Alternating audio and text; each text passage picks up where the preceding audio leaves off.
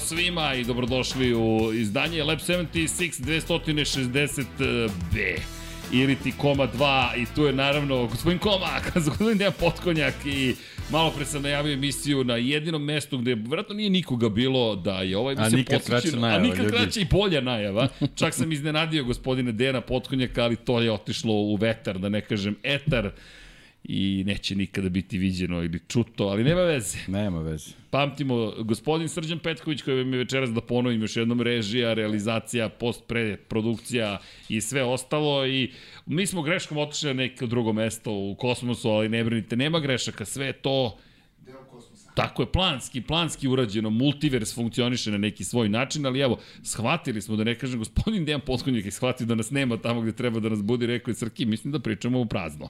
A da ne bismo to činili, možda da pogledamo još jednom da li smo sve uradili kako treba. Recimo da smo većinu stvari uradili kako treba, ali ne baš i tamo gde emitujemo. Sad je to sve sređeno, tako da znate, i kamera je zakočena, tako da je sve u redu.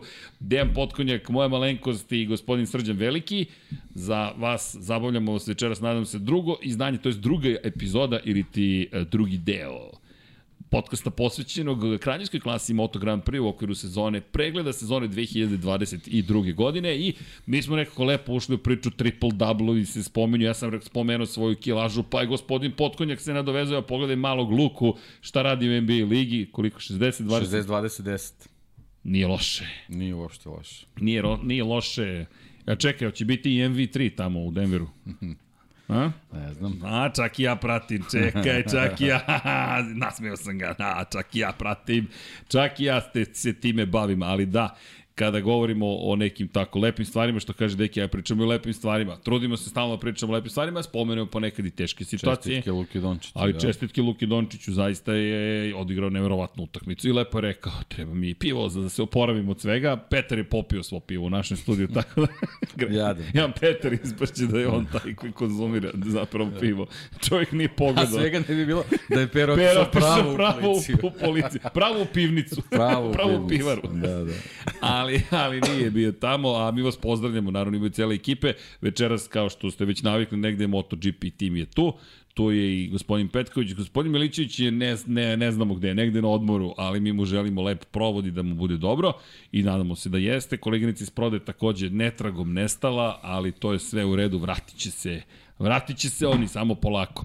Vanja već stiže u petak za 99 jardi. Šta ti je posvećenost? A znaš da neki gostuje?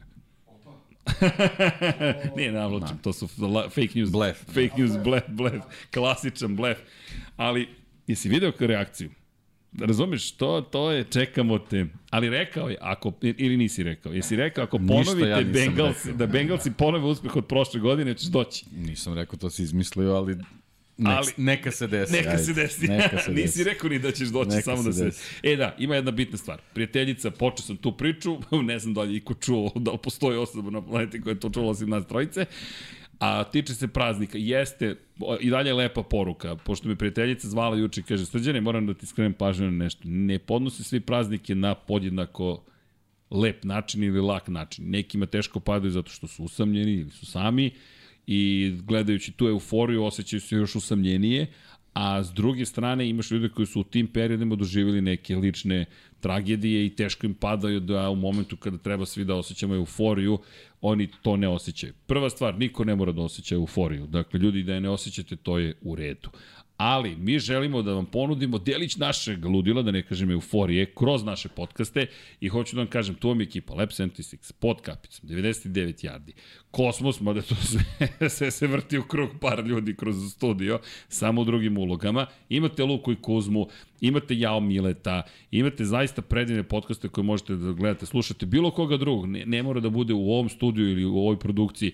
Ako volite tenis, slušajte više Go. Koliko volite razgovore sa ljudima koji su zaista postavili neke ozbiljne stvari u okviru društva, slušajte Agilaste, idite i po, pogledajte još neke podcaste, sad da ne imenujem sve, ali verujte, ima ih i uživajte, to je pojenta, mi ćemo se Infinity truditi, tako da nikad niste sami sa nama, ili makar se ja nadam da se ne osjećate usamljeno, slušajte šta imamo da pričamo, ne zato što je možda pametno ili zabavno, već zato što pa nije tako loše, kažu ljudi imaju, Dejan ima upuštajući glas.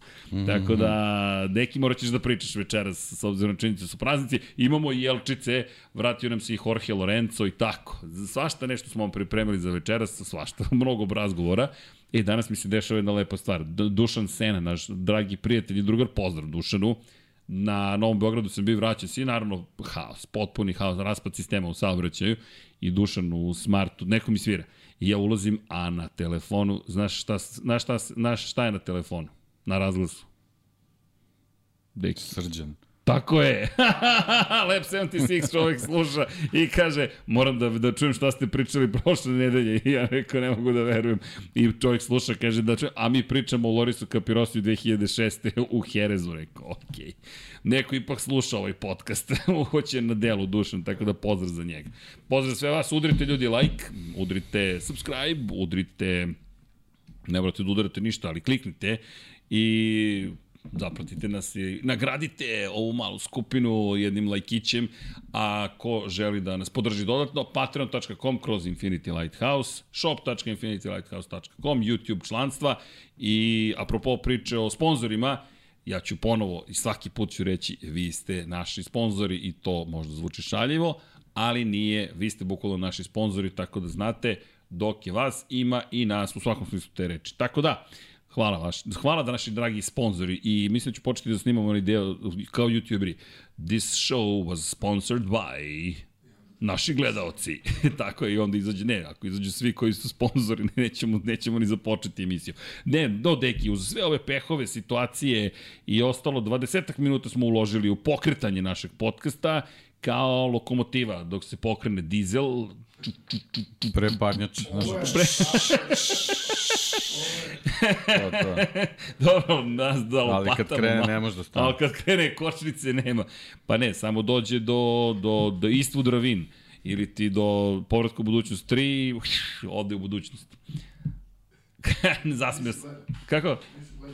Pa u petak idemo u budućnost, ali tako? U petak idemo u budućnost, tako da, je, tako da, je. Ekipa okay. se, e, znaš, šta radiš u 16 časova u petak?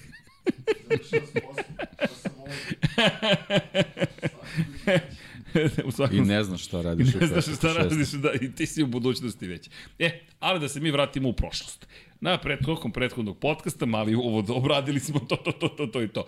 Ko želi da čuje šta smo pričali prošlog puta, jedno tri i po sata i više, i obradili prvi deo sezone Moto Grand Prix 2020. Neka pogleda Lab 76, broj, koji to beše bio? 257. Jel tako, prošle nedelje je išao Moto Grand Prix, pa onda išlo Formula 1. Okrenuli smo zbog Paje, ako se dobro sećam. Pogledajte Lab 76 u svakom slučaju posvećen Moto Grand Prix i sezoni koja je iza nas. Mi smo se potrudili da je analiziramo, juče smo se lepo zabavili. E, dobili smo pohvale, hvala za to. Pozdrav našem Patreonu koji je rekao gledao sam Sky Sport od sati 10 minuta za celu sezonu, najbolji ste samo nastavite. Kod nas 9 laganih sati za pregled sezone Formula 1, ali temeljno to uradimo tako da ćemo se potruditi isto to da učinimo i kada je nastavak sezone, to je analize sezone u 2022. šampionske za Francesca Peka Banjaju i onome svemu što se događalo od velike nagrade Holandije pa na ovamo. Završili smo priču u Nemačkoj. Peko Banja je pao, pobedu je odneo Fabio Quartararo, činilo se da je sve manje više završeno i da je u suštini Fabio Quartararo ušao u jednu veliku pa rekao bih završnicu i da se sve manje više svodi na to da odbrani svoju prvu poziciju u šampionatu sveta. Međutim, kao što znate, a ukoliko ne znate, mi ćemo sve to da obradimo, to se na kraju sezone ipak nije dogodilo. Desilo se da je zapravo ogromnu prednost koju ima u odnosu na Peka Banjaju, koji je u tom momentu bio na poziciji 6 u šampionatu, od 91 poena izgubio zajedno sa ekipom, fabričkom ekipom Yamahe i naravno proizvođačem Yamahom koja već 20 godina kao što stoji u podnaslovu. Sad sam ispojilo ovo podcast potpuno. Stvarno? Pa da. U stvari, ne, zaboravite šta sam rekao. Dakle, idemo u Holandiju. ne, znaš, kao, to ti kao u Marvel filmovima sada. Trailer kada pogledaš, odgleda si cijel film, a onda posle ideš da platiš za kokice i Coca-Cola. I... će da snima prvi deo. On je rekao treći, četvrti, sad snima prvi. Aha. Ja sam rekao treći, četvrti, sad ću da snimam prvi, da. A zamislite tek šta vas čeka kad dođe vreme za Moto3 i Moto2. To bismo mogli isto da snimamo, deki. Sad dolazi Jar Jar tek. On nije bio ni ozbiljnim delovima. A da, koji film je pokvario Zvezdane ratove? ok, no, da se vratimo, dakle, velika nagrada Nemačke je završena i to je bukvalno, kada kažemo bukvalno, bukvalno polovina sezone. Dakle, to je deseta trka godine bila. U tom momentu Fabio Quartararo je u jednom sjajnom nizu dobrih rezultata tri puta za redom na pobedničkom postolju, dve pobede, jedno drugo mesto. Pre toga jeste bio četvrti kod kuće, ali i drugi i pobedio Portugaliji. Generalno, dolazak sa, posle prve četiri runde preko Kenske u Evropu je bio prilično dobar za Fabio Quartarara. Činilo se da na stazi na kojoj je slavio sezonu pre nema razloga da ne nastavi taj niz ili makar niz dobrih uspeha ako ne pobeda. I tako smo i stigli u Asen. Pred ozbiljnu publiku, preko 100.000 ljudi na dan trke i dan danas u Asenu možete da očekujete ogromnu posećenost. Veliku posvećenost motociklizmu, ne zove se slučajno to katedrala motosporta, zaista pravi hram trkanja za dvotočkaše. I do pojave Maxa Verstappena u Formuli 1 i njegovih šampionskih titula, pre toga pobeda prvo, pa i način na koji je osvojio publiku, Holandija je bila bukvalno zemlja motociklizma. Fo, o Formuli 1 se nije pričalo uopšte, Max je to promenio, međutim to ne znači da su zaboravili motociklizam ili tu ljubav prema motociklizmu. I za razliku od nekih staza koje su prethodile Nemačkoj, gde smo imali 200.000 ljudi, pa i ovde kada sve saberemo, stvari su izgledale prilično povoljno iz perspektive i celog šampionata. Nekako to je ta atmosfera na koju smo navikli. Holandija nije razočarala. Međutim, šta se dešavalo u kontekstu samih rezultata, kada smo stigli u Holandiju, rekao bih da nisu stvari bile neočekivane toliko u kvalifikacijama. Kada pogledaš kvalifikacije, Francesco Banja je na poziciji broj 1, Međutim, na poziciji broj 2, vrlo zanimljivo, Fabio Quartararo. Posle mnogo trka u kojima se mučio u kvalifikacijama, povrh svega što se desilo, i padova i prednosti, on je na poziciji 2, Jorge Martin je bio treći, Marko Beceki Novajlija koji voli brze staze četvrti, sjajan rezultat na Ducatiju, Marko Beceki dakle predvodio u, prvom, u drugom startnom redu Aleša Espargara i Jacka Millera i Joan Zarko, Miguel Oliveira, Alex Rins u trećem redu. Četvrti startni red, to je prvih 12, Brad Binder, Maverick Vinales, Takaki Nakagami, Honda jedna jedina, Mark Marquez je u tom momentu na operaciji, to je oporavku posle operacije, koja je dobro prošla. Tu smo već počeli da dobijemo vesti da je dobro prošla četvrta operacija desne ruke Marka Markeza i da je na putu da se oporavi. Naravno, pod velikim znakom pitanja šta to znači iz perspektive karijere. Ali, kada je reč o fokusu na šampionat, jedna je Maha u prvom startnom redu, Fabio Quartarara. Što se tiče Ducatija, Banjaja prvi, Martin treći, Beceki četvrti, Jack Miller šesti, Joan Zarko sedmi, pet Ducatija među vodećih 12. Onda je okej okay da kažeš i gde su da. ostali Yamahe bile. Uh, nigde. To jest, nisu ni uspeli da dođu zapravo do Q2 dela kvalifikacija.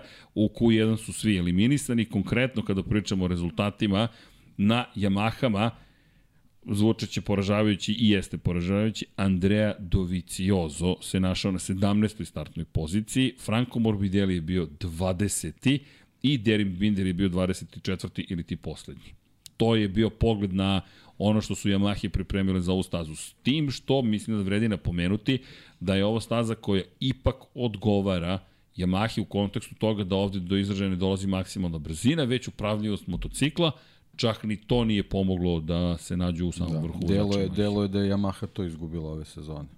Da, zapravo tako je, da, da je izgubila čak i to i kada pogledaš koliko su zaostajali za vodećima, bilo je pričali smo, neprijatno. Pričali smo ovaj, uh, kroz tu neku analizu, ali, ali i tokom sezone da, da je utisak da je Suzuki to izgubio, pokušavajući da dobije na snazi motora, međutim rezultati vozača Yamahe, ne računajući Fabija Quartarara, posebno u prvom delu sezone, pokazalo da ipak Yamaha ta koja je neodustajući od svog koncepta nešto pokušala drugačije da uradi i možda je te neke svoje adute ovaj, ne, ne, ne mogu da kažem izgubila, nego jednostavno oni su, oni su a, postali manji u odnosu na te neke nedostatke koji su se koji su se posebno ispoljili na, na određenim stazama, Asen kada se pogleda učinak svih ostalih vozača, stvarno bio katastrofalan posle kvalifikacije. Da, kada pogledamo, inače, uh, a kada pogledamo, znaš šta meni smeta u celoj toj priči? Uh, Yamaha konstantno kroz celu priču uh, se vraćamo jedno na jedno te isto. A to je kao stara pokvarena ploča. Kao stara, iz 2004. još uvijek mi pričamo o Yamahi na isti način. Meni deki potpuno to ne shvatljivo. Ja ne, ne, zovem kako 18 godina kasnije mi smo i dalje na istom mestu. Pa zato što o, o, mislim da ne, ne samo u Yamahi, uh, generalno, uh, kao da ljudi nisu svesni da je došla potpuno nova era u, u Moto Grand Prix i ti, i ti neki stari koncepti, te neke stare filozofije ovaj, unapređivanja i razvoja motocikla jednostavno ne piju vodu. Sad se sve dešava mnogo, mnogo brže i, i, i neke, neke odluke moraju mnogo radikalnije da se donesu. E sad jedini je problem što u, u, u vrhunskom sportu kakav je Moto Grand Prix, ako, ako želiš da kažem preko noći da da napraviš neke promene to stvarno puno košta. Ja mislim da da japanski proizvođači to nikako nisu spremni da rade. Mislim da je to da je to glavni problem. Ok, pošto kada pogledamo kada pogledamo priču, ja moram ti priznati kad sam pisao i pod naslov, razmišljam o svemu što smo pričali, opet se vraćam, nekako sam se umorio od, od, od te priče. Ne smijem ne zamisliti kako je vozačima Yamaha, ako se ponovi ista situacija ove godine. Inače, Karl Kračlo je već najavio kada bude dobio probni motocikl ove godine, reći će da li to i čemu vredi ili ne bez lake na jeziku. I mislim da im je to preko potrebno da ne bude komentar na nivou ovo je moj posao da pohvalim poslodavca i mislim da je Karl Kračov po tom pitanju izvrstan izbor kao jedan vrlo vrlo, neću reći brblji, rečiti britanac koji ima jasan stav po tom pitanju i reći ću šta mislim i to je to. Ja jedino mislim da, da ovaj, ne, ne samo Yamaha, generalno sve ekipe ovaj, moraju da se e, drugačije okrenu ka novoj sezoni i da a, nekako prihvate činjenicu da kad i, i u startu sezone budu primetili da možda nešto ne funkcioniše kako treba, a, to ne shvate kao smak sveta i da je sve gotovo, zato što će sledeća sezona biti izuzetno, izuzetno dugačka, tako da a, kakve god recimo ocene Kala Karšto bila bile u smislu da ajde sada da da da pretpostavimo da kaže da da motocikl ništa ne valja i da ne funkcioniše, ne znam, ovo ili ono, jednostavno to nije nikakav kraj, nego jednostavno samo treba da se da se tome posveti, da probaju te ovaj eh, nedostatke da isprave, a sve zbog toga upravo ovu analizu radimo kako je kako su Ducati i Peko Banjaja tokom sezone uspeli da dođe onoga šta im je potrebno za titulu. Da, i zapravo treba nekako, to, to si lepo rekao, tokom sezone kao da nismo dovoljno hvalili zapravo trud koji su uložili i jedan i drugi, da bi došli uopšte u situaciju da se na kraju okite šampionskim perijem zasluženo, jer nekako se podrazumevalo, a Ducati je bolji ili kompletniji ili šta god, ima ih mnogo i tako dalje. Međutim, činjenica je da kada pogledaš Ducati je spreman i da rizikuje i da se menja i da se prilagođava i da nešto učini ne bi li se pomerio. Ali mislim da si se lepo dotakao suštine kada budemo videli i u nastavku, ja mi, nažalost, bojim se da ćemo gledati još japanskih proizvođača koji se muče, to jest Yamaha sada ima samo dva motocikla za 2023. Honda ima četiri, ali mi ne deluje više kao da smo uopšte u toj situaciji da moramo da, da možemo da podrazumevamo učešće japanskih proizvođača. Pa, veliki je, veliki je problem i to je u stvari možda i, i glavni strah što smo i kroz Formulu 1 videli, mada nije, nije isto. Nije, Honda, nije. Honda u Formulu 1 i Moto Grand Prix nije ista priča, ali nekako Honda o, kao, kao da, da je nestrpljivija. Yamaha je tu i verujem da će na ovaj ili onaj način ostajati u šampionatu, a, a ovaj Honda je ta koja, koja onako može da bude nestrpljivo da kažem da, da, da, da čelnici izgube živce i da se tu naprave neki, neki možda koraci koji nam se nikako neće svideti, ali, ali ovaj, moram da sačekamo 23. i da, da, da, da oni pre svega vide da li kreću u pravom smeru čekamo, ali kada je reč o, o i tom o odlukama, inače sada se u poslednje vreme povela priča da li će ponovo, ljudi, priča o tome da li će preći na V motore ili neće preći na V motore, je stara 13-14 godina, ponovit ću, neverovatno, ali istinito, u knjizi sve njegove trke Valentino Rossi, bukvalno imate segment i o tome da se priča tada da li treba da pređu na V motore ili ne. U momentu kada se muče, Yamaha kada se muči, diskusija se već povela da li su pogrešili što su ostali verni toj tehnologiji i zaključak je da će u, u, u roku od 2 do 3 godine, dakle pre 13 godina, svi preći na V motore. Nije se desilo, naprotiv, Suzuki je sa V motora otišao na redni motor, suprotno, čak je Takeo Yokoyama svojevremeno za Hondu rekao, to mu je to se sećam te izjave, rekao je, još nismo, pre, da nismo prešli na redne postavljene četvorocilindraše, još. I sad, i onda je rekao, izvinjam se, možda sam rekao previše, sad počinje da se vrti točkić, čekaj da li to Honda planira smeru, suprot, u suprotnom smeru da se kreće, zvuči neverovatno. Ali čisto izvini Kako god sad. bilo moraju jednostavno da, da, da preseku što pre to i da budu spremni da, da ulože mnogo veća sredstva nego što, što su to do sad radili da bi što pre osvojili tehnologiju kakav god ona bila u budućnosti. Jednostavno Ducati je sad već toliko odmakao da da oni moraju, ako žele da, da ostanu tu u šampionatu i ako žele da budu konkurentni pre svega zbog svojih marketinških nastupa, ovaj, moraju što pre da, da, da preseku, ali jednostavno ovaj način funkcionisanja koji je možda mogao da, da prođe pre 20 godina, sada jednostavno više ne pije vodu, posebno što uz Ducati imaš i, i KTM i Apriliju koja takođe nadolazi. Japanci jednostavno u ovoj novoj priči kao da se ne snalazi, moraju, moraju podhitno da, da, se umiju hladnom vodom i da, da, da, da sednu i da vide šta, šta je činiti, jer ovako ne može. Pa već ovaj rezultat govori u prilogu u velikoj meri kvalifikacija tome da stvari ne funkcionišu dobro za, za, za japanske proizvođače i kada pogledaš zapravo i, i ko je sve bio u Q2 delu kvalifikacije, John Mir se nije probio u Q2 delu kvalifikacije na Suzuki. Da, to je nekako Alex, bio standard u, u drugom delu sezone pa pogotovo. I, i, i prošle sezone. Rins je uspeo. U stvari, uspeo. pretprošle sezone i prošle, ovo sad već pričamo sad prošle o, o prošle sezone. Završena da. sezona, tako je. I jedna Honda, jedna Yamaha i jedan Suzuki u vodećih 12. Jako malo.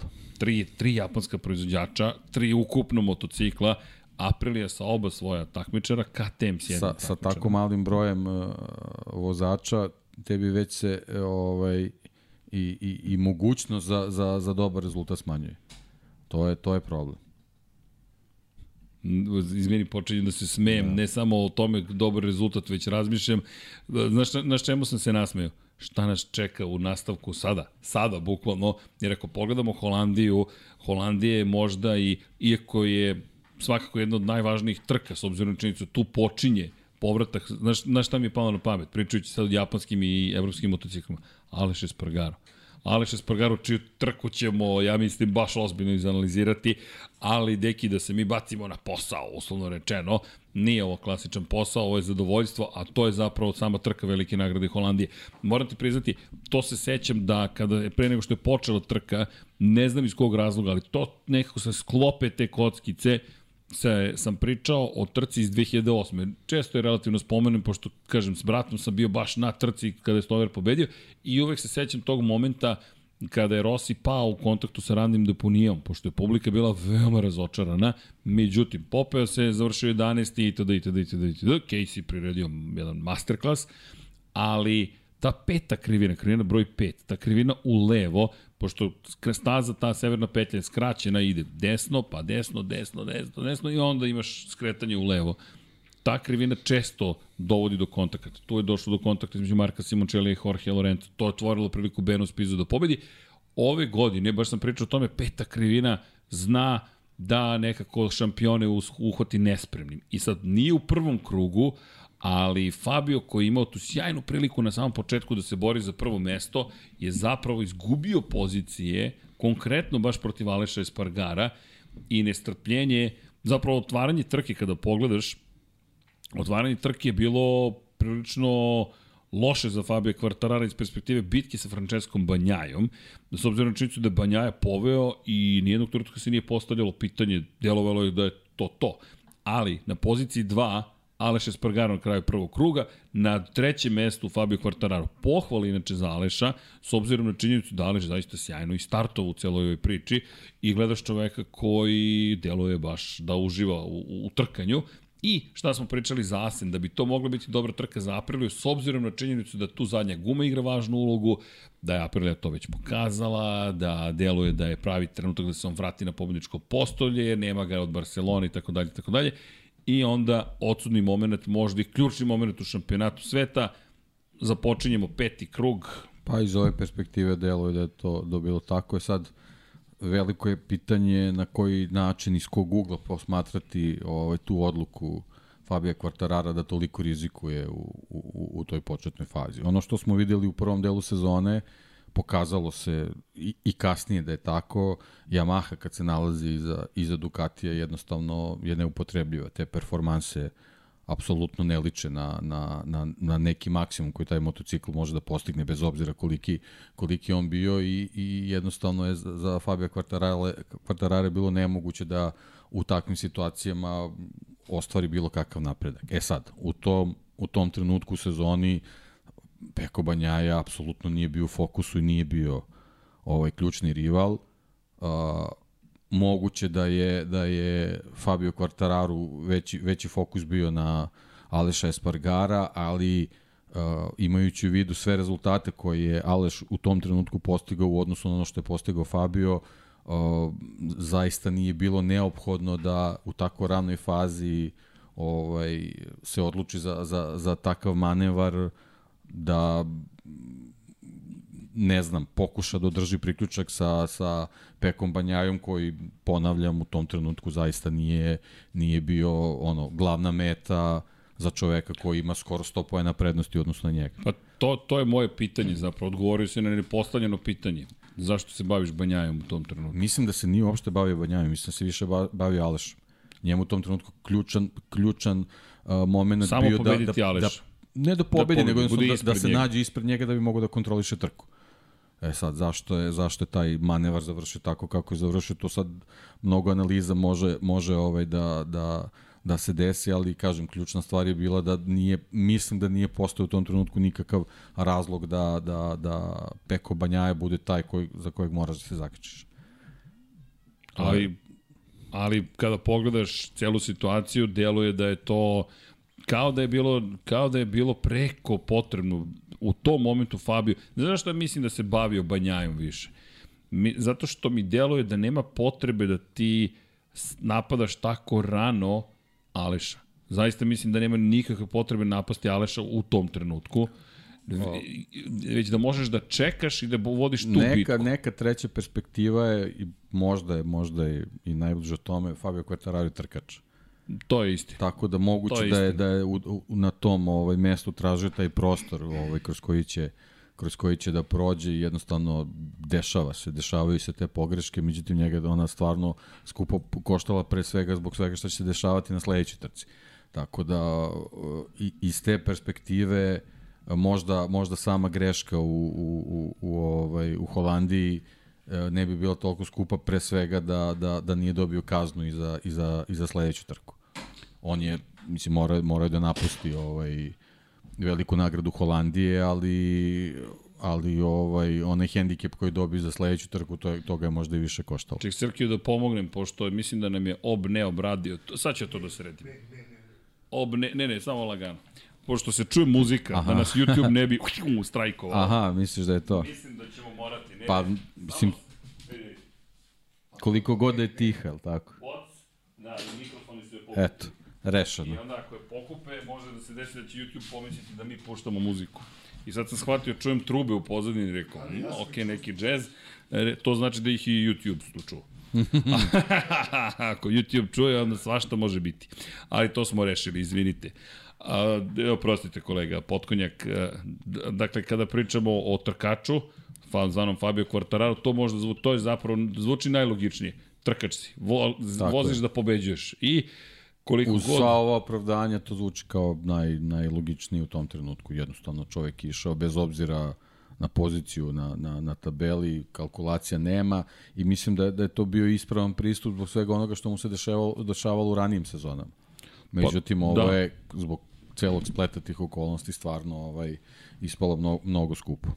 Da, na kraju se to pretvorilo u početak tragedije. U početak kraja zapravo, jer mi kada budemo sada pogledali, ovo je moment u kojem Peko Banjaja zapravo ulazi jedan neverovatan niz, niz koji je zapravo, ali niz koji se slutio, meni ono što je fascinantno bilo, tad se sećam da smo analizirali trke koje dolaze, trke koje su Red Bull Ring, ne moram ni da pogledam, Aragon, dakle Red Bull Ring koji odgovara Ducatiju, uprko s uvođenju šikane, Aragon gde je pobedio prvi put u karijeri sezonu pre i dolazimo u Mizano, dakle to su tri trke na kojima ti si favorit. Obrnio, kreni favorit i tvoj motocikl je favorizovan na Red Bull ringu. U Aragonu si pobedio Marka Markeza, ni manje ni više u direktnom duelu. I imaš naravno tu priču o Mizanu. Dakle, i, da, Silverstone, da ne zaboravim pre toga. Silverstone gde, koja je brza staza, koja odgovara Pritom, Ducati odgovara i Yamahi, ali Ducati tamo može da se razmaše koliko hoće. Velika, široka, pravljena za Formulu 1, ne za motocikli i to je bukvalno staza rođena za Ducati makar je to bio moj utisak. Zapravo, Aragon je došao poslednji u tom nizu, je li tako? Tako je. I tamo je pre, zapravo... Pre Azije. Pre Azije i zapravo tu ga je pobedio Enea Bastianini. Enea koji nije ušao u Q2, inače u Holandiji, gde je samo još jednom potvrdio da nije još uvek godina za njegovu borbu za titulu. Ne možeš da se boriš tako što ćeš pobeđivati u nekim nizovima, da, onda često su imali dole. problema da, da, da napreduju kroz, kroz kvalifikacije i onda ga je to kasnije koštalo kroz trke, ono što smo pričali, te neke njegove nestrpljivosti zato što je bio na nižim pozicijama na startu trke nego, nego što, što su bile njegove ambicije i onda je a, neki, neki napredak kroz, kroz, kroz karavan a, a, jednostavno upropaštavao zato što je u nekom trenutku dolazilo do neke nestrpljivosti i do, do nekog manevra koji možda u tom trenutku nije, nije ovaj, trebalo da, da se dogodi, ali generalno ovaj, dosta trka je bilo gde, gde je pokazao da je, da je pre svega uh, kadar za tu, tu strategiju da, da u stvari do, do željene pozicije napreduje kroz, kroz trku. E sad, to je ono na čemu on mora da napreduje za sledeću sezonu, znači poželjno je da, da, da se nađe u, u ovaj, prva dva, tri startna reda da bi, da bi na taj način njegova taktika i strategija mogla da funkcioniše. I A mislim, moramo da ga, da ga i dalje spominjemo, zato što će on i dalje igrati tu neku ulogu ovaj, u, u raspletu sezona. Pa da, zapravo svako igrao veću ili manju, međutim njegova je bila prilično važna, rekao bih, pogotovo što nas je što je doprino tome da sezona bude mnogo zanimljivija nego što je ko očekivao iz, iz te perspektive. Ni da nismo očekivali zanimljivu sezonu, ali pogotovo kad uzmemo obzir bitke za, za zapravo za, za ugovore. Jedan od potpisa jeste ugovori, ugovori, ugovori i negde smo mi već u Muđelu počeli da slutimo promenu stvari. Ono što smo počeli takođe da čujemo jeste da će se možda pojaviti neki novi proizvođač, na kraju se ispostavilo da je to gas gas zapravo. Miguel Oliveira je bio pod znakom pitanja gde će, šta će, kako će, znali smo da ga u KTM u tom momentu ne želi, ako je opet u Q2 delu kvalifikacije Miguel bio veoma brz. Ali to je kako pogledamo logički, logički, nije, čak nije, ne mogu kažem da logički, to je više emotivno prvi deo sezone. To je 11. trka koja se međutim održava neposredno posle trke u Nemačkoj i potpuno drugačije raspoloženje kada se završila ta trka i kada smo otišli na letnju pauzu. Fabio inače bio mnogo opušten po završetku trke u Asenu. I iz perspektive nekoga ko vodi u šampionatu i dalje nije postavljao neko preveliko pitanje. Ono što se više postavilo kao pitanje jeste bila ta kazna koja mu sledi u Silverstonu i otvaranje mogućnosti moje mišljenje kao što si rekao, Alešu Espargaru zapravo. Jer Aleš je taj koji je zapravo nadoknadio poene uprkos činjenici da ga izgurao sa staze. Jednostavno Fabio ga izgurao sa staze, ali kada pogledaš, bez poena prvi put u sezoni je ostao Fabio tokom ove trke, a Aleš je osvojio 13 poena. Da bi u trkanju direktnom osvojio 13 poena više od Fabio Kvartarara, morao bi da pobedi zapravo, a da Fabio bude na poziciji 4. Da, to je tada bi nadoknao 12 poena. Dakle, iz perspektive trke, veoma dobra trka za Aleša Espargar i briljantni krugovi. Odvezao je jednu od najboljih trka koje smo videli cele sezone. Napravit ćemo sad najzad i to možemo. Ajde, to možemo da, da, da, da kažemo. Da uradimo majicu, dakle, koja će biti u vremenima koje su u nizu, kroz celu trku, jer to izgleda briljantno, zaista. I da, Aleš, da, smo izgovorili posle tog vikenda, ali Aleš, ono što je važnije, se spustio ispod jedne pobjede za ostatka. 34 poena je bio za ostatak pred Holandiju, sada je bio 21 poen. Međutim, kao što si rekao, ključni rival, Francesco Banja, 66 poena i dalje za ostatke. I dalje da. je to mnogo. Pa ispostavlja se iz današnje perspektive da je ta trka u Velikoj Britaniji bila jako važna i za Fabija Kvartarara, ali i za Aleša Espargara. Posle zbog njegovog izdanja iz prethodne sezone, gde smo, gde smo čekali ovaj, tu neku, neku senzaciju vezano za Apriliju i, i upravo zbog toga smo čekali da, da možda ovaj Velika Britanija bude uh, bude staza gde će on stići do druge pobede. Sa, sa njegovom drugom pobedom i, i plasmanom koje je Fabio ostvario u, u Velikoj Britaniji, ozbiljno bi se zakuvala situacija između njih dvojicu u borbi za titulu, a, a, a Peko Banjaja samim tim da je, da je Aleš uspio da pobedi Peko ne bi, on, on bi dalje imao taj neki, neki veliki zaostatak koji, koji ga još ne bi kvalifikovao da se nađe u borbi za titulu. Međutim, ispostavit će se da su u Britaniji i Fabio i Aleš kiksnuli i Peku omogućili da, da napravi ogroman korak u, u hvatanju priključka. Aleš koji u celoj priči bio heroj, to, to ono što, što želim da napomenem, heroj svih ljubitelja motociklizma, četvrtom pozicijom i manevrom u završnici trke. Dakle, bukvalno i nekako, peka, pazi, ali pazi Peka Banjaj, Peka Banjaj je zabeležio pobedu koja je bila toliko jasna i čista da... da pa da, ono, stari Moto Grand Prix. Bukvalno. Stara, dakle, stara kraljevska klasa, stvari. Izašao je prvi, i završio prvi bez, to jest bez greške. Dobro, taj incident pomogao je. Je pomogao da, da, da se odvoji, ali, je ali ovaj, treba voziti u tom ritmu i dalje, tako da ovaj, nema, nema tu šta da se, da se ovaj, zameri za, za, za, za taj rezultat i, i, i tu razliku koju je napravio. Kada pogledaš zapravo u, u trci u Holandiji kako izgledala situacija, Peko Banja je bio na jednom nestvarnom nivou. Zašto kažem nestvarnom? Ako pogledate analizu krug po krug zapravo, kako su se stvari odvijeli, na kraju prvog kruga on imao 7 desetinki prednosti. Aleš Espargaro je uspeo to da, da, da negde vrati na 4 desetinke i zatim imaju gotovo identične rezultate. 1.32.988 vozi Peko, 1.32.963 vozi Aleš, U četvrtom krugu 1.33.024 vozi Peko, Aleš vozi 1.33.020, pri čemu je Fabio na 6 desetinki za ostatka. I sad, kada kreće... I zato je bilo, izvini, zato je bilo važno da, očigledno, za, za Fabije da se nađe ispred Aleša, da njemu razbije taj, taj tempo. Aleš koji izgledao kao da nigde ne žuri zapravo kao da njemu odgovara ta situacija. Ali šta hoću da kažem kod Pekovog, kod Pekovog tempa? Pekov tempo je u nastavku 1.32.930 već jedan sekund prednosti ima odnosu na Marka Beceke kada izleću pratioci. Marko u jednom momentu uspeo da smanji, za smanji razliku, međutim, gde je nevjerovatnost za mene Peka Banjaje? Kako odmiču krugovi, njegov tempo se ne menja. I Marko se držao, držao, držao do momenta kada gume počinju da čine svoje. I do 13. kruga, do polovine trke, sve to izgledalo prilično dobro za Marka Beceke. Međutim, bukvalno kao po komandi, 12. krug 1.32.6 i 1.32.9 voze njih dvojica, 1.32.8 13. krug, 1.32.9 14. 1.32.6 15. krug, u tri kruga prednost oskočila na 1,7 sekundi. I onda počinje lagano kontrola situacije. 16. 17 po potrebi malo spusti ukoliko se približi do negde Beceki i ta sposobnost zapravo da ti održavaš tempo, to ono što si juče pričao, za primjer, za Mihaela Šumahira, često to spominješ i spominjemo zajedno, neću reći da si nas zarazio, ali svakako podsjetio na taj moment, treba mi taj i taj krug. Ta dobit ćeš taj i taj krug. Ali ono što je u motociklizmu drugačije, vi nemate tu vrstu komunikacije.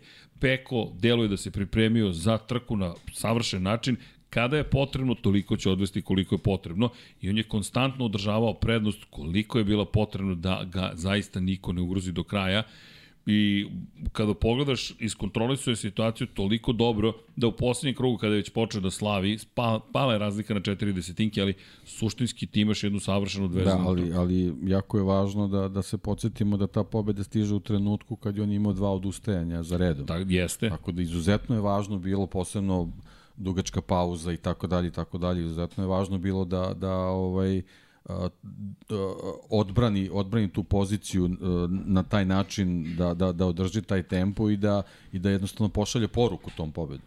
Tako da bilo je tu pritisaka i, i, i prema njemu, sasvim sigurno, bez obzira što, što smo pričali da, da je možda rasterećeni zato što je ogromna razlika i tako dalje, i tako dalje, nema šta da izgubi, ali, ali mislim da je, da je mu izuzetno važno bilo da, da u Asenu ovaj, ostvari pobedu na taj način kako to radio. Verujem da, da je u garaži bilo ono u finišu napeto, napeto veoma, ali on jednostavno napeto. bio je ovaj bio je rešen da na taj način ovaj u velikom stilu stigne do do pobede i to je uh, jedan veliki plus uh, ka Peku Banjaji.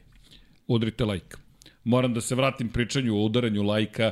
Like, like, like, like, like. Moramo da YouTube i dalje forsiramo algoritam. Znam, znam, dosadan sam, ali navikli ste za ove dve i po godine like. Dakle, like, moram da ponavljam, posle svake trke like, ali nismo ni završili trku, like.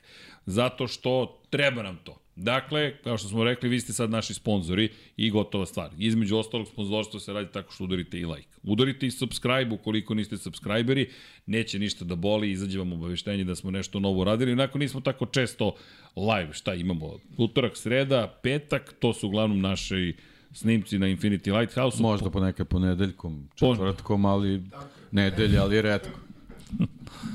Imam osjećaj da je ovo novogodišnja šala na moj račun. Dobro, ponekad se desi kosmos i pod kapicom, ali to je sve u redu. Bože moj. Da, u stvari kap, pod kapicom je četvrtkom, dobro. ok, izvinjam se. Dobro, imamo utorak, sreda, četvrtak, petak i to nije toliko strašno. I kako? Svega ima, dakle, piječni dane ćemo da ubacimo uskoro i tako da ćemo pokriti subotu i nedelju. Ali šta hoću da kažem, like, zato što ukoliko vam se dopada ovo što radimo, nam to treba. Treba malo da poguramo, zato što, jel te, YouTube to voli, a mi smo na YouTube-u između ostaloga. Ukoliko ovo slušate pa ne zamerite što ponavljam, pogledajte i uživo, a i poslušajte na podcastima. Elem, Ali kad pogledaš ovu trku, kažem ti, mene odušelja to što se tiče Banjaje, koliko je to kontrolisana trka. Nije prednost otišla kao sa Stonerom te 2008. na 10-12 sekundi, ali Stoner nikad nije razmišljao o tome. Njemu uglavnom nije bio plan udržavam prednost. Ne, ja ću da vozim najbrže što najbrže ja mogu. Najbrže što mo može da se dobro osjeća. Tako je, to tako je, je. To je na tom Ducati bilo jako važno. Tako je. I to je Stoner u, nije u svakoj trci to radio, ali kada je došao taj dan da se osjeća baš dobro, onda smo gledali neke neverovatne stvari. Ali Banjaja, gotovo savršena trka iz te perspektive. Ne, ne može da se poredi sa električnom trkom koju je odvezao, za, za strašujuće brzom trkom koju je odvezao Aleš Espargaro i mi prosto, mora, ja moram da se vratim ti vremenima, pošto ti njegovi krugovi su zaista toliko bili fascinantni. I sad, samo da podsjetimo, u petom krugu Fabio Quartararo u petoj krivini, prvoj u levo pokušao da da se probi napred. Ajmo da svedemo na to. Pa, ali sad, Ajde. sad kad si spomenuo Aleša, možda je bilo Ne, ne, ne nezgodno je tako nezgodno da se izgovori, znam, znam, ali znam. treba izgovoriti. Možda mu je bilo pametnije da pusti Aleša i Peka da se bore za pobedu. E, vraćamo se na Fabija Trkača. Zbog, da, zbog, zbog tempa koji ima Aleš, ali vraćamo se na Fabija Trkača. To e. jednostavno nije u njegovoj krvi i to mora da se prihvati. Ali znaš šta možda još isto je uticalo na njega? Marko Beceki nije uopšte bio toliko daleko ako pogledaš Marko Beceki i dalje negde tu visio. Ali opet pričamo, pričamo o situaciju u šampionatu, njemu Marko Beceki nije rival. Nije rival, a i pitanje da verovatno možeš da pretpostaviš da neće jedini rival je Aleš Espargaro koji možda želi pobedu protiv Peka Banjaje i pustiš da vidiš kako će ta situacija se reši, ti znači u nekom najgorem slučaju možeš četvrti da budeš. Znaš, to je sasvim okej okay, Znaš ko bi ih pustio? Znaš ko bi ih pustio? Šta misliš? Eno ga na Jelci. Deda.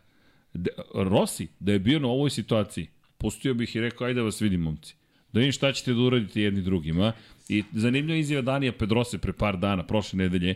Kaže, Rossi nije trkao da bude brži od vas, već da vas uspori. Tako je. I, ali to, to je... Da ti razbi ritam. Potpuno da ti razbi ritam i da ti, čak i ukoliko si možda teoretski brži od njega, nećeš biti brži. Ne, nećeš biti brži. Ali to je isto... protiv Rosije si mogao da voziš Tarabe kao Aleš Espargar. Bukvalno. Teško. Teško, jer on će se pojaviti.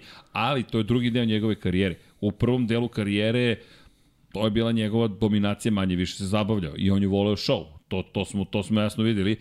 Ali mislim da je da ovde da si u pravu da bi ovo bila baš ta Rosijevska trka u drugom, drugoj fazi karijere Ček da vidim, aha, vas dvojica ste iz jednačenog da. tempa. Ajde da vidim, momci, ko će prvi da povuče potez, pa ću na osnovu toga dalje da, da gradim svoju priču. Ali generalno i bez obzira što je bilo drugačije, ja zbog eto, te, te neke slike koje imamo Fabio, apsolutno ga ne krivim za, ne, pa, za tu situaciju. Zašto bi ga krivio? Pa pokušao je. Pri čemu ja se ni dalje ne slažem sa kaznom koju je dobio za Silverstone. I dalje tako. smatram da to izmišljena kazna i da su uveli ozbiljan paradoks. Već, da, sad ne paradoks, priča, presedan da. da su uveli u celo, u celo, tako, celo šampionat. Tako. Ali doći ćemo do nje. Međutim, on pravi grešku u toj petoj krivini, ulazi, sklapa mu se prednji kraj, pada, zakačio međutim Aleša Espargara koji nastavio pravo malo ratarski, se vratio na stazu i krenuo u jednu nevjerojatnu trku. Pri čemu Aleš izgubio mnogo vremena u tom krugu. Kada pogledaš Alešovu analizu njegovih krugova, dakle prvih, prv, prvi ne računamo 32-8, 2-9, 3-0, 1-41-0.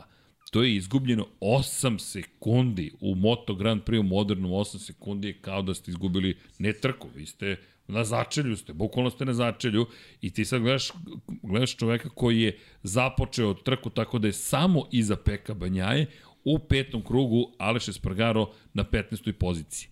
Na 15. poziciji ispred njega Alex Rins, Alex Marquez, Enea Bastianini, Joan Mir, Fabio Di Gianantonio, Joan Zarco, Miguel Oliveira, Jack Miller, Takaki Nakagami, Maverick Vinales, Brad Binder, Jorge Martin, Marko Beceki i Francesco Banjaje. I kreće ludi ritam Aleša Espargara, samo ću pokušati brzo, 1.32.7, pa 33.3, koliko se seća, to je bilo preticanje i to je bilo onako žustro. 20, 32 9, 2 9, 2 6, 2 8, 2 5, 33 1, 32 6, najbrži krug, 1 32 5, pa 3 1, 2 7, 2 9, 2 5, 2 6, 2 8, 2 6, 2 5, 2 7, 2 8 i poslednji krug uz preticanje istovremeno i zvanično potez, to je preticanje godine, Breda Bindera i Jacka Millera pretiče u čuvenoj šikani u Asenu i dolazi na poziciju broj 4 savršena nagrada bi bio plasman na postojanje, ali neko drugi imao jednu romantičnu, cikličnu priču. Maverick Vinales koji je poslednji put bio na pobedi. Vojvođanin. Na jednoj, da. Ako je ravnica. Ravničar. Ravničar. Ako je ravnica, ako je... Da, on iz okoline Subotice, momak. Ali Ako je ravno, Maverick Vinales će biti brz. Inače, bio je treći na Yamahi sezonu pre i to je bio poslednji plasman na pobedničku postavi za Mavericka Vinalesa i sad se pojavlja napravili prvi put u karijeri na pobedničkom postavi na poziciji broj 3. I, i poluvidljiva trka zahvaljujući Alešu Espargaru. Inače, Aleš, kog je psovao Jack Miller na kraju trke, E, ne, Breda Binder je psovao Jack Millera. Brad koji kaže, što mene psuješ, pa nisam te ja pretekao, onda si obojicu preteka. Pričem uvijek iskreni Binder i naravno prilično jasni Jack Miller, koji nije bio uopšte srećen šta se desilo, ali zaista fantastičan potez, pre čemu ti pretečeš dva veoma agresivna da. vozača. Pa sve šta se dešavalo na toj trci upravo to i pokazivalo da je Aleš imao fantastičan tempo i da je jednostavno možda najpametnija strategija iz ugla Fabija Kvartarara lider u šampionatu sa ogromnom prednosti bilo da, da pusti dvojicu vozača sa mnogo boljim tempom da jednostavno vidi šta će se desiti tokom trke. E, moram nešto ti kažem, imam utisak da, će, da, da, treba da, mu, da treba da dobije nadimak Aleš Espargaro. Ali Espargaro. Jer cela sezona je na Ali. Ali desilo se ovo, desilo se ono, desilo se ovo, desilo se ono. Inače, Marko Beceki na ovoj trci završio na poziciji broj 2, što je fantastičan rezultat za debitanta, radosti nikad kraja. Baš su slavili u ekipi VR46, Na trećem mestu, kao što smo rekli, Maverick Vinales. Dakle, Ducati, Ducati i Aprilia, tri evropska motocikla na pobedničkom postolju. I Ducati koji je mogao da bude vrlo zadovoljan po završetku te trke. Čini mi se da je, da je najbolji azijski motocikl bio Mir na osme poziciji. Iako ima lošu, loše kvalifikacije, ako se dobro. Mm, vrlo moguće, mm. neki nema me držati za reč, čekaj da vidim. Ducati, Ducati, Aprilia, Aprilia, KTM, Ducati, Ducati, Suzuki, osmo mesto, Eto, John Mir, bravo. Da. To je najbolje plasirani to japanski sam, To sam pratio zato što je bio jako loš na, na, kvalifikacijama i uopšte nije bila loša trka za njega. Da, pre čemu 8,1 sekundu iza pobednika je završio. Inače, Maverick Vinales je bio 1,2 sekunde iza pobednika, a Aleš Espargaro 2,5 sekunde. 2,5 sekunde si ti na kraju iza pobednika. Ti si Nadok... A samo si u krugu 8 sekundi izgubio. 8 sekundi. Samo u jednom si... krugu, da. I ti nadoknadiš 5,5 sekundi. Ajde da kažemo 4,5, pošto jednu sekundu potrošio u da. proslavi da. Francesco Banjaje. Opet je fenomenalan tempo. Opet, ko zna, ali, još jedno ali, da li bi Aleš imao taj tempo da je ostao u trci? To isto je pitanje vere, jer kad te nosi taj bes pa, to je, drugačije. to je Fabio treba da proveri a ne, e, to, to, a to, ne to, da, to, to, a ne da pusti... Ne, on je jednostavno išao na to da, da stvari drži u svojim rukama i to je potpuno opravdano i po meni nema nikoga, niko razloga, niti on sam da se ljuti na sebe, a sad ono što kažeš, a idemo sad na to, ta kazna koja je došla za sledeću trku je možda ovaj Pa, začinila je malo, stvari malo previše. Netflix, ali dobro. Pa da, inače Ducati je posle Holandije došao na 74 poena prednosti u šampionatu konstruktora. Znaš što smo zaboravili da spomenemo u Nemačkoj? A nije mala stvar. Honda je prvi put Tako je. u 40 godina imala trku u kojoj nije osvojila ni jedan jedini poen. Apropo priče o japonskim i evropskim proizvođačima, Nemačka je prva trka u kojoj Honda, ponovit ću, od 83. godine nije osvojila poen. Kada kažem poen, da ni jedan Hondin motocikl nije bio među vodećih 15. To se nije desilo. Da, sumoran dan. Sumoran nema, dan. Nema, nema šta se ulepšava situacija. katastrofalan. Inače, da. Honda koja je na poslednju poziciju u šampionatu konstruktora, inače, ekipa koja je sada već četvrtu trku za redom, to je proizvođač, koji je četvrtu trku za redom najgore plasirani proizvođač. Honda je bila osma u Italiji, Honda je bila deseta u Kataloniji, bez plasmana među vodećih 15 u Nemačkoj i na poziciji broj 12 u Holandiji. Katastrofa za katastrofu. Jedno, za, malo i, za malo i tu da ne bude bodova. Za, desilo se ponovo, ukoliko me sećanje dobro služi. Aprilia je inače vodeća u šampionatu timova u momentu kada se završava velika nagrada Holandije. Da, da, pa dobro, Kako? o, ogromna količina bodova. Franco Morbidelli ovu trku nije završio, nije završio Fabio Quartararo. Prvi put Manster Yamaha ostaje bez bodova. Ducati Lenovo nadoknađuje, izjednačio se sa Monster Energy Yamahom, ali Aprilia Racing sa 29 pojena iz ove trke zahvaljujući tom uspehu Maverika Vinjalesa na trećem mestu je bio, dolazi do prve pozicije u šampionatu timova. Kraj prvog dela sezone u tom momentu kalendarski, kada posmatramo, je i pa, tekako bio... Da, ne možemo kažemo da je savršen, ali mislim da je daleko iza iznad svih očekivanja koji su mogli da imaju aprilu na početku godine. I Aleš koji je smanjio razliku odnosu na kvartara. Tako je. I, o, I odlazimo na pauzu. I to je to, idemo na pauzu, pošto smo sat jedan uložili u prvu trku, ali standardno za, za, za letanje, ne brini Srki. Tako i sinoć bilo, sve Tako okej. i sinoć, sve nema okej. ništa bre.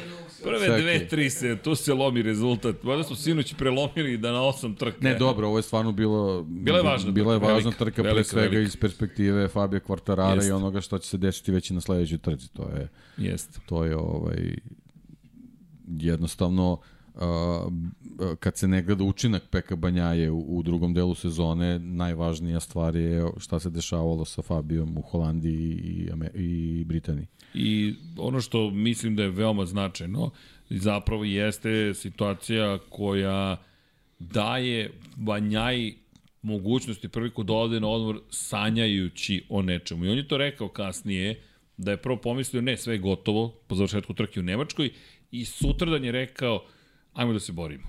Ajmo da se borimo i ti sada samo 7 dana kasnije dolaziš do pobede u momentu kad anulira se praktično velika nagrada Nemačke. De facto se anulira. Tako je.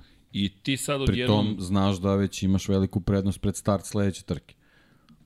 I-. Zašto, zašto ne probati? Za, jer Fabio je bio ekspresno kažnjen već u Holandiji i on je ceo odmor morao da razmišlja o tome da ga čeka zapravo kazna dugoga kruga kada dođe velika nagrada Velike Britanije. Ono što je bitno napomenuti za dugi krugove, od momenta kada se istakne zastava da je istaknut, to je da ste dobili dugi krug, kaznu dugog kruga, imate tri kruga da je završite. Što u slučaju Fabio Quartarara je zapravo četvrti, to jest pet, četvrti ili peti krug, ističu na kraju prvog kruga i imaš sad tri kruga da ti odrediš kaznu, da. što znači na samom startu, tamo gde si najranjiviji, gde se boriš za poziciju koja ti dozvoljava da budeš ispred ostalih takmičara, gotovo sigurno to nećeš imati. Pri tom je stazda brza. Veoma brza. Jeste ravna, ali brza i odgovara, ono što je rekao bih, na, ne samo Ducati, odgovara i Yamahi. Zašto mislim da je to važno? Zato što je to propuštena prilika. Zato što je to bukvalno propuštena prilika. Inače, kada već pričamo o brzini kada pričamo o ravnici, otišli smo na ravnicu i naravno šta mislite, ko je opet je uživao u ravnici? ko je uživao? Pa verovatno neki Ducati. Ma Maverick Vinales. Jao, ne pratiš mi fabulu radnje zbivanja događaja. Ne pratiš Fabije radnje. Fabije. E da, malo pre nismo rekli, planiramo majicu Lapsus 76. Za, za, ko bude od nas imao najveći Lapsus, u prvoj emisiji u sledećoj godini mora da nosi Lapsus 76 majicu. Kao kaznu. Ali dobro. Nema ovde kazni, samo... Da, dobro, ali ovaj, kad već pričamo o, o Britaniji, ok, spomenu si Vinjales, ali ipak veća priča treba da bude Aleš. Aleš, Aleš je najveća priča, je, njegov pad u treningu. Tako je, to, to je još jedna važna situacija za sezonu. Ali i Espargaro. Da, da, da. Ali, još jedno Ali je došlo. Pazi koliko Alija on ima u tom momentu. Ali ovo je, ove, ove dve trke su, mislim, tokom čitave sezone najveći uspon i najveći pad. Mislim, ovde pa, doslov, pa, doslovce bio pad, ali, ali, da. ovaj, ali, ali, ali, ali. Uz sve, sve amplitude, ovo je baš bilo onako, od, od, od zvezda, bukvalno, do, posle jedne fenomenalne trke, ti još, ono, trka nije ni počela, već i Kažem ti, već ali znaš da nje neće biti, biti ništa. Da. Vidi, niz imao. Pa, za poče, prva stvar, On je pobedio u Argentini. Dakle, cela sezona deluje prilično dobro. Pobedio se Argentini. Da, ajde prve dve trke, znači da ne računamo, nego krenio od Argentine, da. Pobedio se Argentini. Ideš u Ameriku što ti je najlošije staze. Tu smo pokolebani, 11. pozicija na kraju trke, međutim, Portugalija treći, Španija treći, Francuska treći, Italija treći, Katalonija treba da budeš na poziciji broj 2. Ali ni peto Kreć... mesto nije loše. Peto mesto nije da, loše. Da. Četvrti si u Nemačkoj gde ti ne odgovaraju uslovi, a pričali smo o tome da pred početak sezone da je četvrto mesto i dalje dobar rezultat za Aprilio, dolaziš u Holandiju, četvrti si i imaš situaciju u kojoj zapravo nadoknađuješ pozicije u šampionatu, to je nadoknađuješ poene u odnosu na Fabio Quartarara. Ali, moram da ubacim sad Alije. Imaš Ali u Kataloniji, imaš Ali u Nemačkoj, imaš Ali u Holandiji i ti dolaziš u Veliku Britaniju gde opet očekujemo sjajan rezultat, ali ovoga puta pad i to baš ružan, brz pad, Bilo je veliko pitanje da li će voziti. Ja sam bio skeptičan da, da, su, da, da, da, da će uopšte dobiti dozvolu. Potres mozga je vrlo ozbiljna stvar. Međutim, nekako kao da još uvek to olako shvatamo, makar u trkanju. Jeste, ali znaš kako, iz ove perspektive, ajde, računajući podijum u Aragonu, ja mislim da se ono tog pada nije sasvim oporavio do kraja sezona. Da. Mislim da je to bukvalno zakucuje sebi sezonu s tim padom i, i to je u principu bilo to. Pa- Dešavalo se tu ovaj još neki drugi stvari, poteškoća s motociklom, ali generalno on posle tog pada više nije bio onaj Aleš kojeg smo imali na početku pa, sezona. Samo u Aragonu i to spletom okolnosti je došao da, zapravo do pobjedničkog postolja, ali e, odsustvo konzistentnosti koje je do tog momenta posjedova, ali mislim da je to bio negde i mm, deo sezone, neću reći baš deo sezone, ali mislim da je to pravi pokazatelj zapravo onoga što možemo očekivati od Aleša pravi šampioni mogu da izdrže celu sezonu na tom nivou. Ja ne kažem da sledeće godine Aleš neće imati konstantno visok nivo. Da li će to biti slično ovome? Jedino što će već biti godinu dana stariji. Jeste i još jedna stvar, dolaze neki novi da, klinci. I to, ali u, u njegovu odbranu vezano za sezonu koja je upravo završena, ni ekipa nije bila spremna da izgura nije. čitavu sezonu.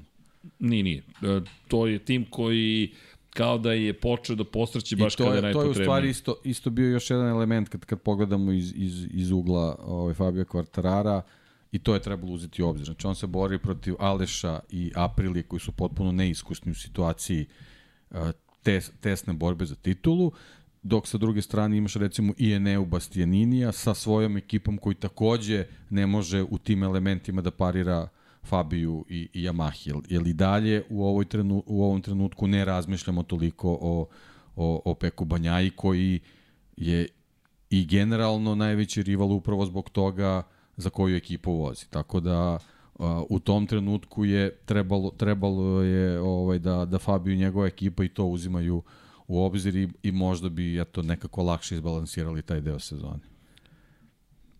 Mislim da si savršeno opisao zapravo razliku imaš tim koji ne zna kako da se snađe u toj situaciji, imaš Ducati koji je 10 poslednjih godina u potpunosti posvetio samo jednom cilju i koji... I skupe škole imao.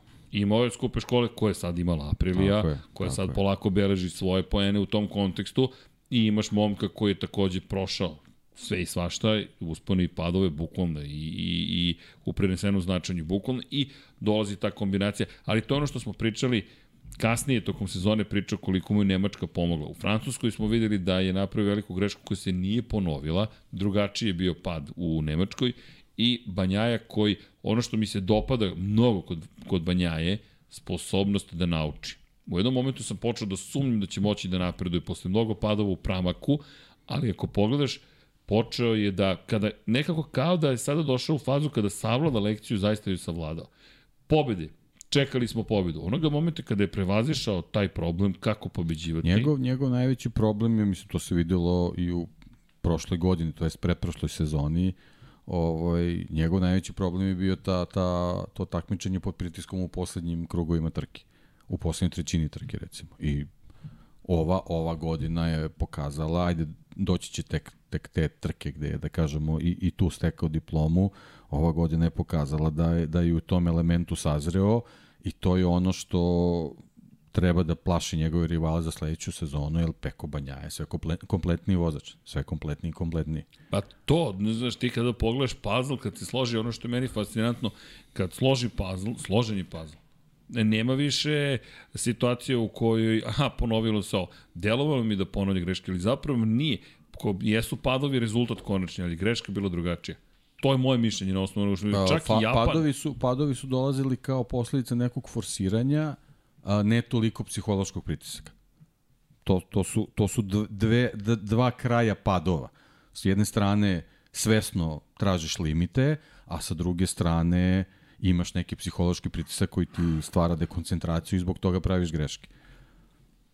Tako da to je to je, kako bih rekao, to je stvar koja, koja pokazuje da, da smo dobili mnogo drugač, drugačijeg u stvari Peka Banjaju. Ne, nije to sad velika razlika, ali, ali to su neke nijanse koje njega čini boljim, Peka Banjaju kojeg smo imali do 2021. godine. I sećamo se u finišu sezone šta se dešavalo. To se ove godine nije ponovilo. I savršen, savršen moment da ti... Ali izvini, u tom Dobro. trenutku kad je bila trka i Holandija i Britanija, mi to još nismo znali. Još nismo mogli da budemo sigurni da je to tako. Da, ali smo već tada počeli da slutimo ali već da... tako počelo da se zagreva, situacija je postala onako mnogo zbiljnija. Ali pogledaj kako se vrata otvaraju. Posebno posle pada Aleša Tako je, Espargaro. kako se vrata otvaraju. Aleš Espargaro pada, samo eliminacija. Fabio Quartararo pada, samo eliminacija u Asenu i kao da polako, kao da su u tom momentu otvorili jedna vrlo lepa vrata. Pričajemo uz kaznu dugog kruga koju je povukao sa sobom Fabio Quartararo, dolazimo do, do toga da Peko zapravo ima šansu da da već u Britaniji svima jasno stavi do znanja ljudi, a ovaj šampionat će biti malo drugačiji nego što ste mislili. što u Britaniji dobija uh, glavne konkurente za pobedu na toj stazi su ljudi koji ne igraju nikakvu posebnu ulogu u tom trenutku u šampionatu. Deki, 42 poena je obrisa u dve trke. Tako je. 42 poena, ovo je ključni moment u šampionatu. Mi kada smo stigli, bukvalno u Austriju, već smo pričali o tome, sećam se toga da smo analizirali. Sećam se da sam ga pitao, ok, Austrija, Mizano, Aragon, jesu to trke za titulu? I, i, i odgovor mi se mnogo dopao. Vidiš ga da je da razmišlja o tome, ali da radi na sebi i odgovor je bio, o, u početku odgovor je bio idemo trku po trku. I to ono što mi se svidelo, vidiš da ne, radi ne, to na je, sebi. To je pravilan pristup. To je jedini je, pravilan pristup. Je, ne možeš ti da se boriš u Aragonu, a još nisi ni započeo trku na Red Bull ringu. Tvoj posao je da se skoncentrišeš na prvi sledeći trening. Trening broj 1, šta radimo na ovom treningu? Testiramo balans, radimo ovo, radimo ovo, radimo, ok. Tvoj program je da uradiš to, to, to, to, to i to. Dobro. Trening broj 2, tvoj program je da uradiš to, to, to i to. Trening broj 3, itd., itd., itd ali mnogo se, mnogo se lepo videlo da i tekako razmišljaju o borbi za titulu, jer pazi, ti si došao na 49 pojena za ostatak. I dalje je to dosta, ali čekaj sada, mi sada pričamo o osam trka pre kraja. Ovde zaključujemo, pričat ćemo o velikoj nagradi Britanije, šta se sve velike Britanije, šta se desilo, ali Peko Banjaja, kada pogledaš kraj trke, kada pogledaš gde je bio Peko, Peko pritom nije poveo, Peko nije kao furija izleteo ko u Maleziji na prvu poziciju pa se pojavio odjednom. Naprotiv, Peko je morao da radi tokom ove trke. I opet se videlo koliki njegov napredak u tom da, kontekstu. Da, dobro, ali tu i konfiguracija staze ovaj, Pomaže. na, početku trke ne dozvoljava baš da ti možeš da se, da se lansiraš. A ne, to da, ali da. hoću da kažem, pomaže ti da budeš dovoljno blizu, da Absolutno, pratiš i da, da čekaš da, to. Ali, ali jednostavno nemaš, nemaš mogućnost za slingshot. Da za par... Da. Za whole shot u stvari. Teško. Da, da, da. Videli smo šta može da se desi, pogotovo kada... I, i u jednoj i drugoj konfiguraciji prva krivina u desno relativno brzo stiže. Yes. I ti nemaš tu mnogo opcija. Ali mnogo jače kočenje u Maleziji, tako da, da mogu da, Jest. da, da ovaj, urade to što su što i naumiju, ali duži je put, ali jače kočenje u Maleziji. U, u pravu si zato što jednostavno ta ta konfiguracija Britanije ti dozvoljava da tokom tog kruga praviš progresiju koja će te dovesti do istog rezultata. Da. I, jer ti to što je možda čak i malo rasterećenije. Staza je ogromna. Recimo, da. Silverstone je ogroman, fizički je ogroman, sušta suprotno Saxonringa. Prosto Silverstone je enormna staza. Zvezdica je došla potpuno oduševljena sa prethodni jedan na trajku, naša koleginica, kaže, srđane, znaš koliki je Silverstone? A ti uzmeš i izmeriš dijagonala od jednog ćoška do drugog i zapravo sletno poletna pista iz drugog svetskog rata. I kažeš, ok, to je baš razdaljina koju treba da se pređe. I ti na tom mestu imaš prostora da, da planiraš. I planirao je, kada pogledaš, peti je bio u kvalifikacijama. Ono što je mene oduševilo, jeste Fabio krug u kvalifikacijama. Fabio je bio četvrti. Fabio je izvukao iz Yamahe šta je mogao, ali se vraćamo na tu stara dobra ista Yamaha, dobra, 20 godina, imaš krug ako si sam. Ako nisi sam, čuvaj se. A ispred tebe su Ducati, Aprilia Ducati, iza tebe Ducati, Aprilia Ducati. Ti si u potpunom sandviču Aprilia Ducati. Inače... Pa ne samo to, nego si svestan da u jednom trenutku moraš da skreneš na, na dugi krug i tebe i, jedino pol pozicija vadi da možeš da, da, da smanjiš štetu. A ne možeš da pozicijom. Da, zapravo, to, vidiš, to, to je pogled, da, da, da, to, da. to je drugi pogled. Sve to super srđane, ali, Tako je. ali, šta ti znači četvrta pozicija? Moraš da Ništa. pustiš gas i da ih propustiš sve, to je kao da si da se slete u šljunak. Pri čemu? Posebno na Silverstonu koji je tako brz. Startno je bio odličan, je bio drugi. da je duži krug, bez obzira u tom trenutku ovaj, gde se nalazi. Dao je sve od sebe. Pazi, jeste, on je bio jeste, drugi, ne, ne. drugi, drugi, drugi. Iza Joana Zarka, Zarko koji Uh, ta trka, znam da je zabolila mnoge navijače Žana Zarka, znam da je dosta bilo ubeđeno, to je ta trka, to je ta pobjeda, to je taj trenutak do petog kruga i onda je bilo opet bum. Opet prednji kraj, opet pad i od pada na začelje i to je kraj. Ali Fabio, pazi sad tu tek ironiju, da je da nije bilo kazne dugog kruga, Fabio bi uz Zarkov pad preuzeo prvu poziciju i druga trka bi bila. Potpuno druga trka. Potpuno druga trka. To mi, to mi uopšte tada nije palo na pamet, moram ti priznati, što nisam se bavio pa na taj način. Pa nije ko, ko je tad razmišljao na taj način. Ali ti sada kada da. pogledaš da Dimo du kaznu dugog kruga, on nasleđuje prvu poziciju. Iza njega u tom trenutku je Jack Miller. Ko kaže da Fabio ne bi rekao, ok, to je sad trenutak za mene da ja nestanem kao u Portugalu i da, da ne dozvolim da uopšte Ducati ugroze. No, nije se desilo. Jack je preuzeo poziciju broj 2, sjajni Alex Rins. Inače, Alex Rins je bio briljantan na startu. Dobro, Alex Rins jednako Silverstone. bukvalno, bukvalno. I ono što je bilo nevjerovatno, njih dvojica su inače John Mir i Alex Rins jedva ušli u Q2 deo kvalifikacije. I bili su loši, 11. i 12. Međutim, kraj prvog kruga Alex Rins je na poziciji broj 5.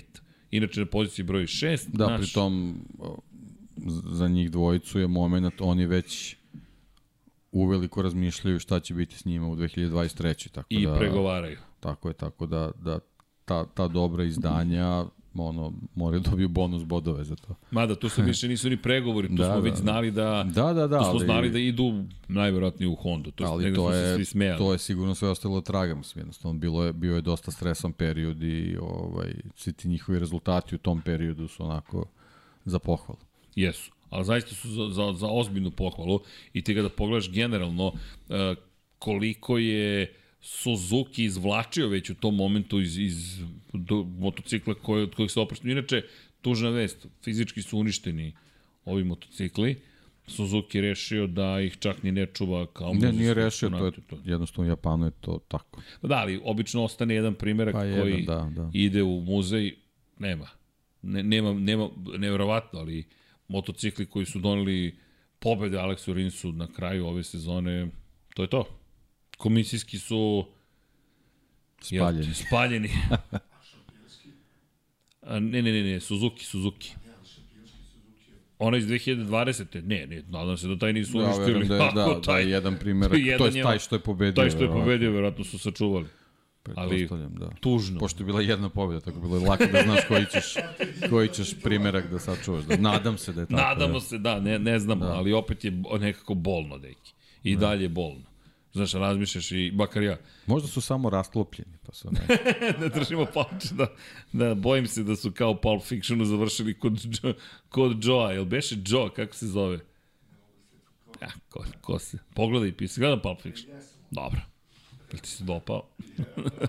Nije, uh, kako Mr. Wolf dolazi sa Mr. čerkom Winston od... Wolf dolazi, možda je se zove, davno nije je to bilo. Joe. Ne 30 godina skoro. Skoro 30 godina. Da, ne sjećam se. Ali u svakom slučaju, nažalost, Suzuki više ne postoje. Ali Alex Rins ovde i nekako činilo se da je Alex Rins ovde bi možda mogao da se bori za, za pobedu. U jednom momentu smo ga imali na samom vrhu, probio se Alex Rins do prve tokom, pozicije. tokom 22. bez obzira s kakvim se problemima Suzuki susretao, a i vozači sa, sa Suzukijem, ovaj, stvarno je pokazao da neke staze na koje mu zaista leže, apsolutno nije bitno na kom je motociklu, tako da meni je to što se tiče Aleksa Rinsa ovaj, ohrabrujuće vezano za sledeću godinu, bez obzira kakva će Honda da bude. Ja verujem da će, da će on možda biti u stanju da, da, da napravi neke, neke ovaj, dobre rezultate. Samo se, samo se nadam da će, da će Honda nešto da, da napravi, ali ovaj, čitamo tu sad opet, to je ono što smo pričali, ne moramo svemu da verujemo ovaj, u ovaj, pauzi između sezona, ali ovaj, mo, ne, ne znam, jednostavno nismo, ne, ne možemo da budemo sigurni da, da li će Honda biti na pravom putu što se tiče razvoja za 23.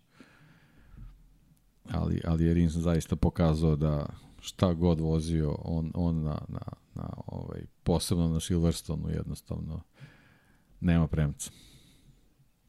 Da, razmišljam o tome što si sad rekao, šta će zapravo biti uopšte sa Hondom.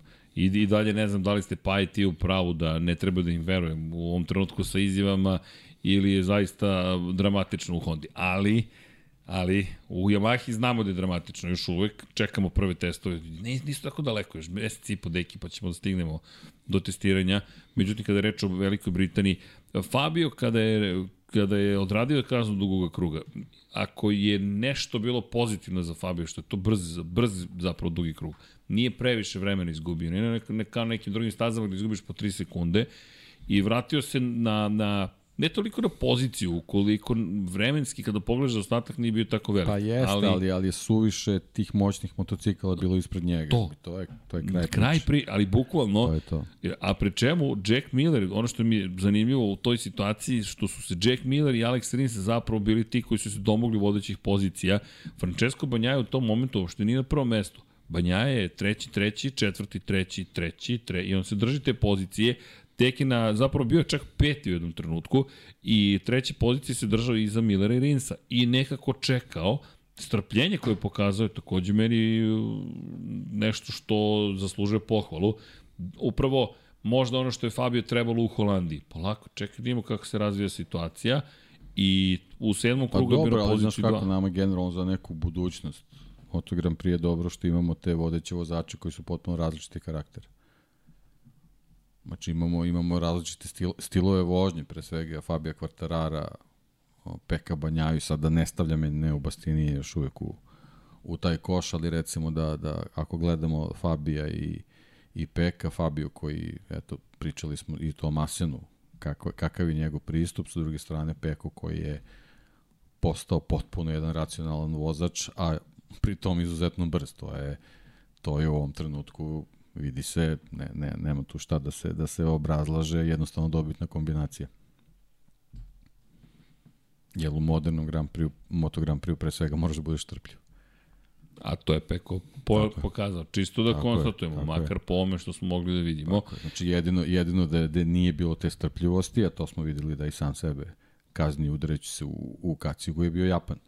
Da, to je na kraju, zapravo bio strpljiv do kraja trke. Pa da li? I onda taj moment... Taj, znači, ne sme sebe dozvoliti te momente, to je to. Ali ja i dalje Jel mislim to, to onda da je nije, to... nije peko.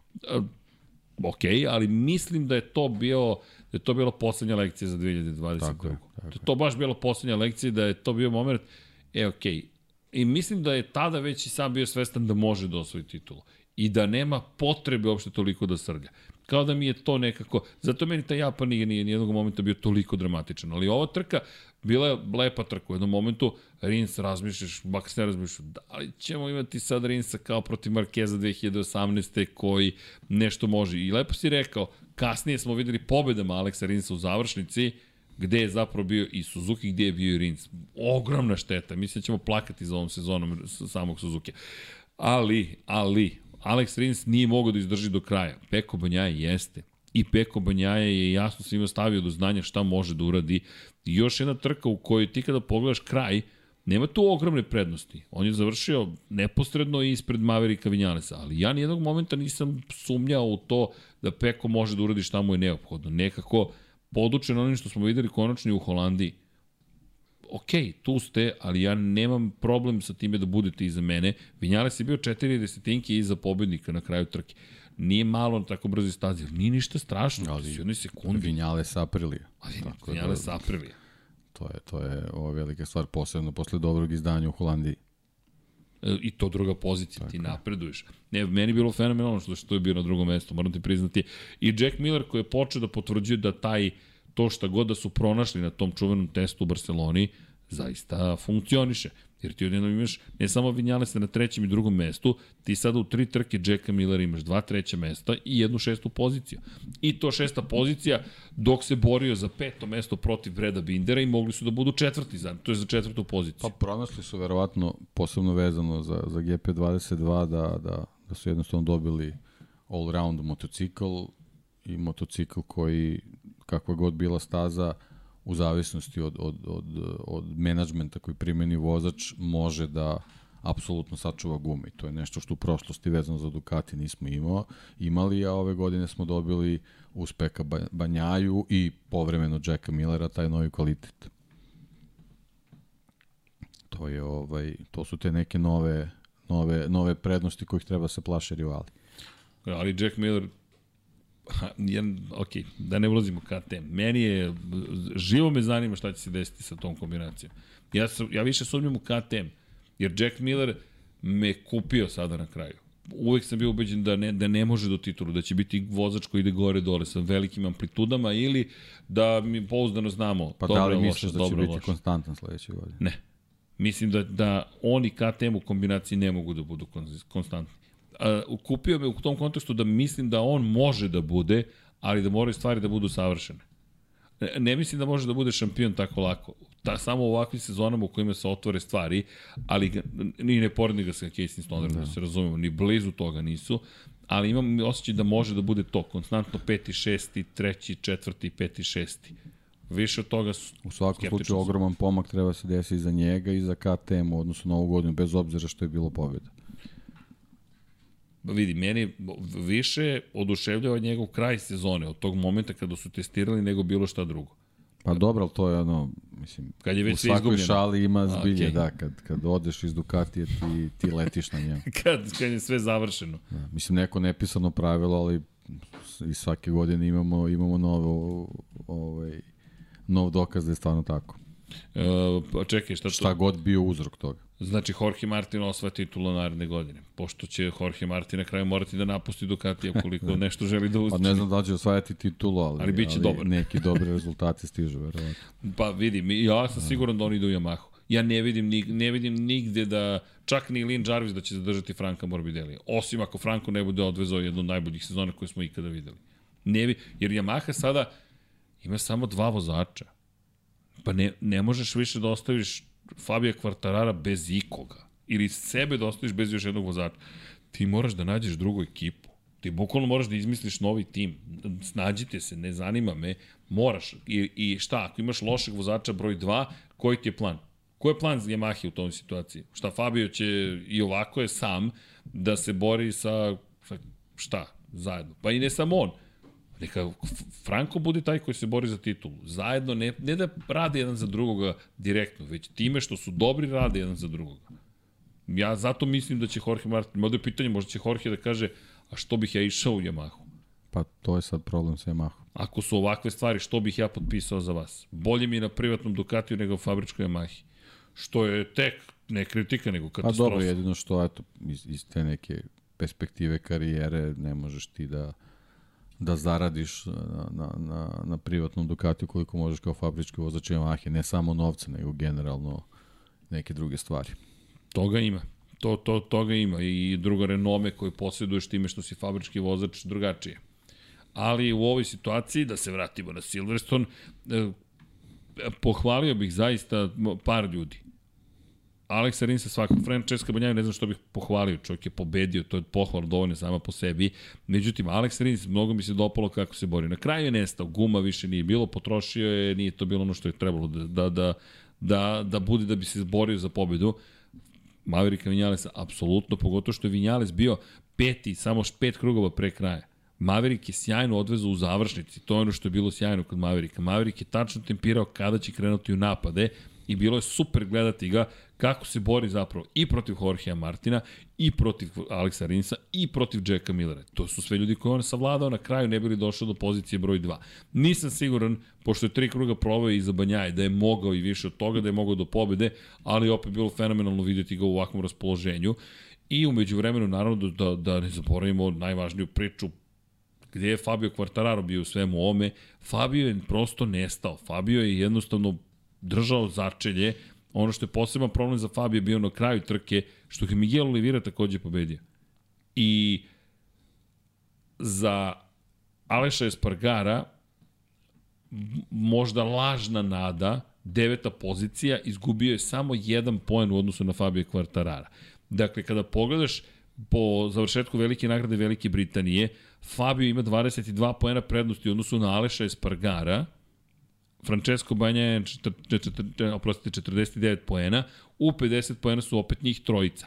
Međutim, Aleš Espargaro obrnio kreni nekako ipak ostaje u igri na devetoj poziciji. Međutim, utisak svakako je da je to krajnje problematično, ali opet, ajmo da vidimo i dalje da li tu postoji neka šansa i naravno Banjaja koji beleži drugu pobedu za redom. Drugo od četiri kako će se ispostaviti i sada dolazimo do velike nagrade Austrije. Odlazimo na stazu koja je promenjena, posle onog incidenta koji smo imali dve godine ranije, mislim da je moralo da bude promenjena. Ok, nedostaje nam taj uspon, ali konačno Fabio Quartararo je pokazao kako može da se pretiče u toj šikani i ono je jedno od lepših preticanja takođe. Pa, jedno od lepših preticanja i uh, preticanje koje u stvari pokazalo da on, on sa tom Yamahom nema puno izbora. Jednostavno svaka prilika koja se pokaže za, za preticanje, ono mora da iskoristi, jer postoji velika mogućnost da sledeće neće biti.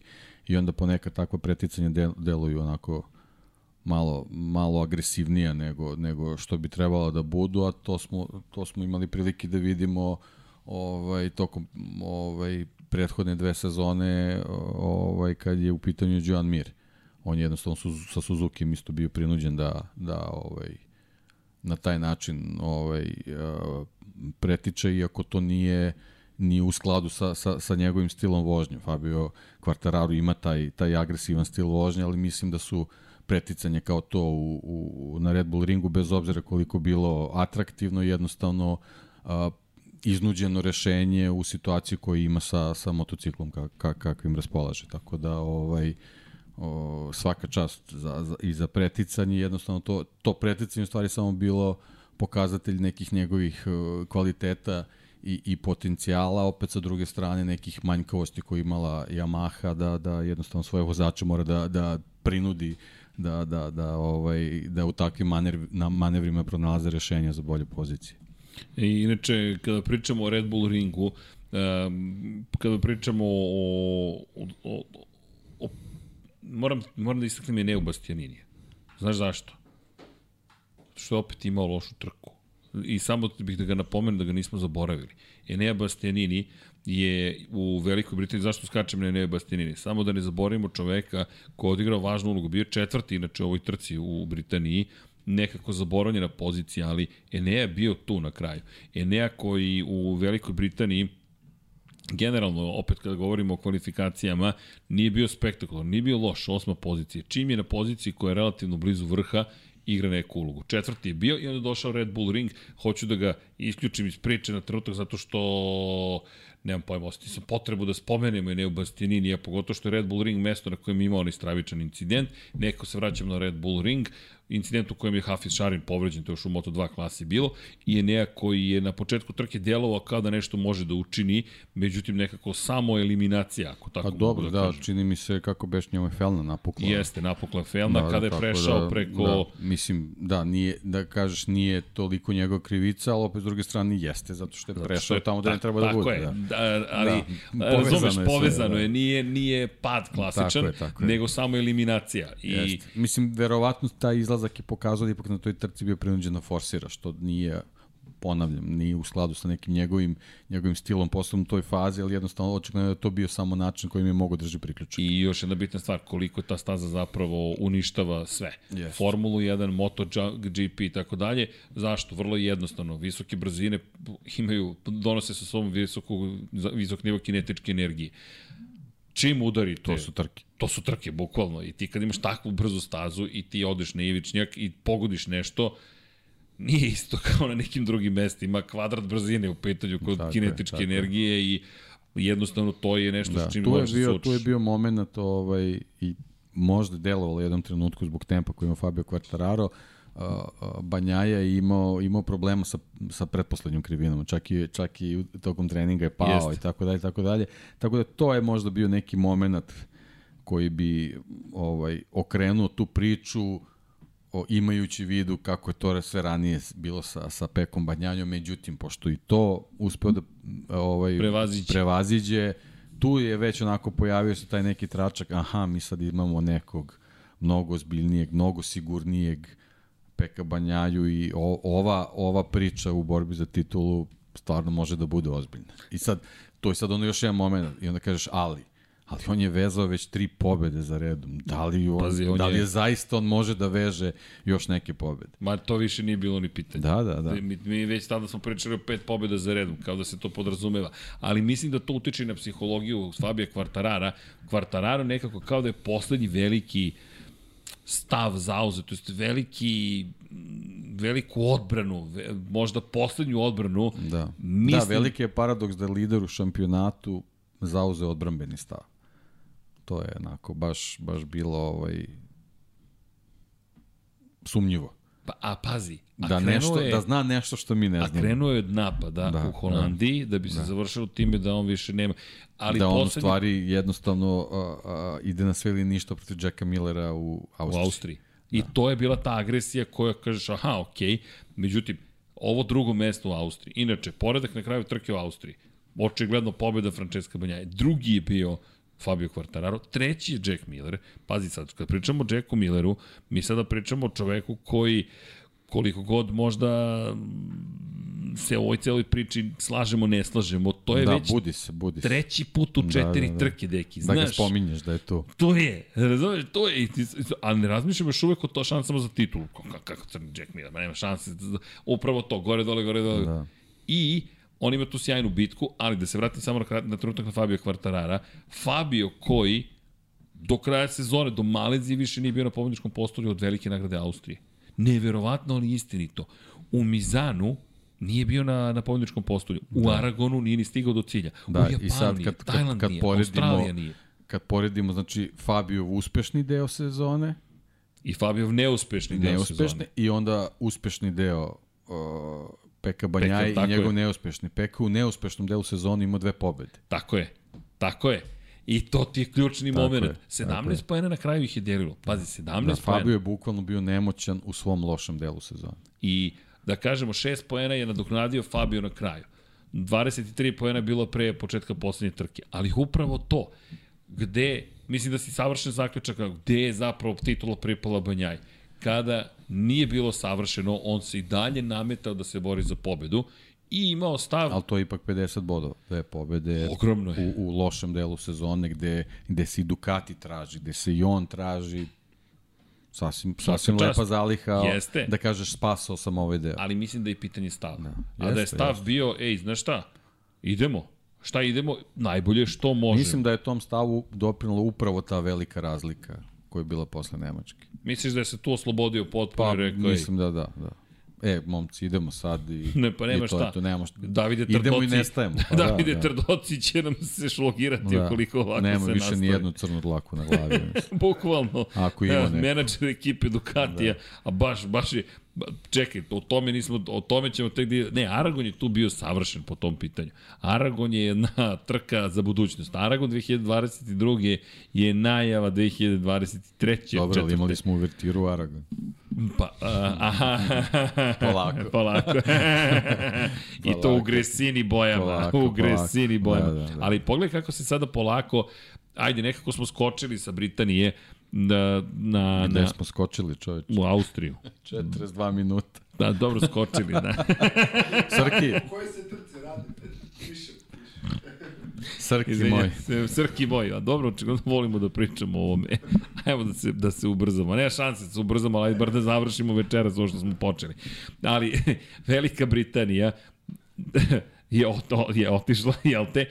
A što se tiče Austrije, moram samo još jednu stvar da ubacim u celu priču. Austrija je, zapamtite, Austriju 2022. takođe. E, vidi, ovo je istorijska zapravo sezona Moto Grand Prix kada razmislim malo bolje.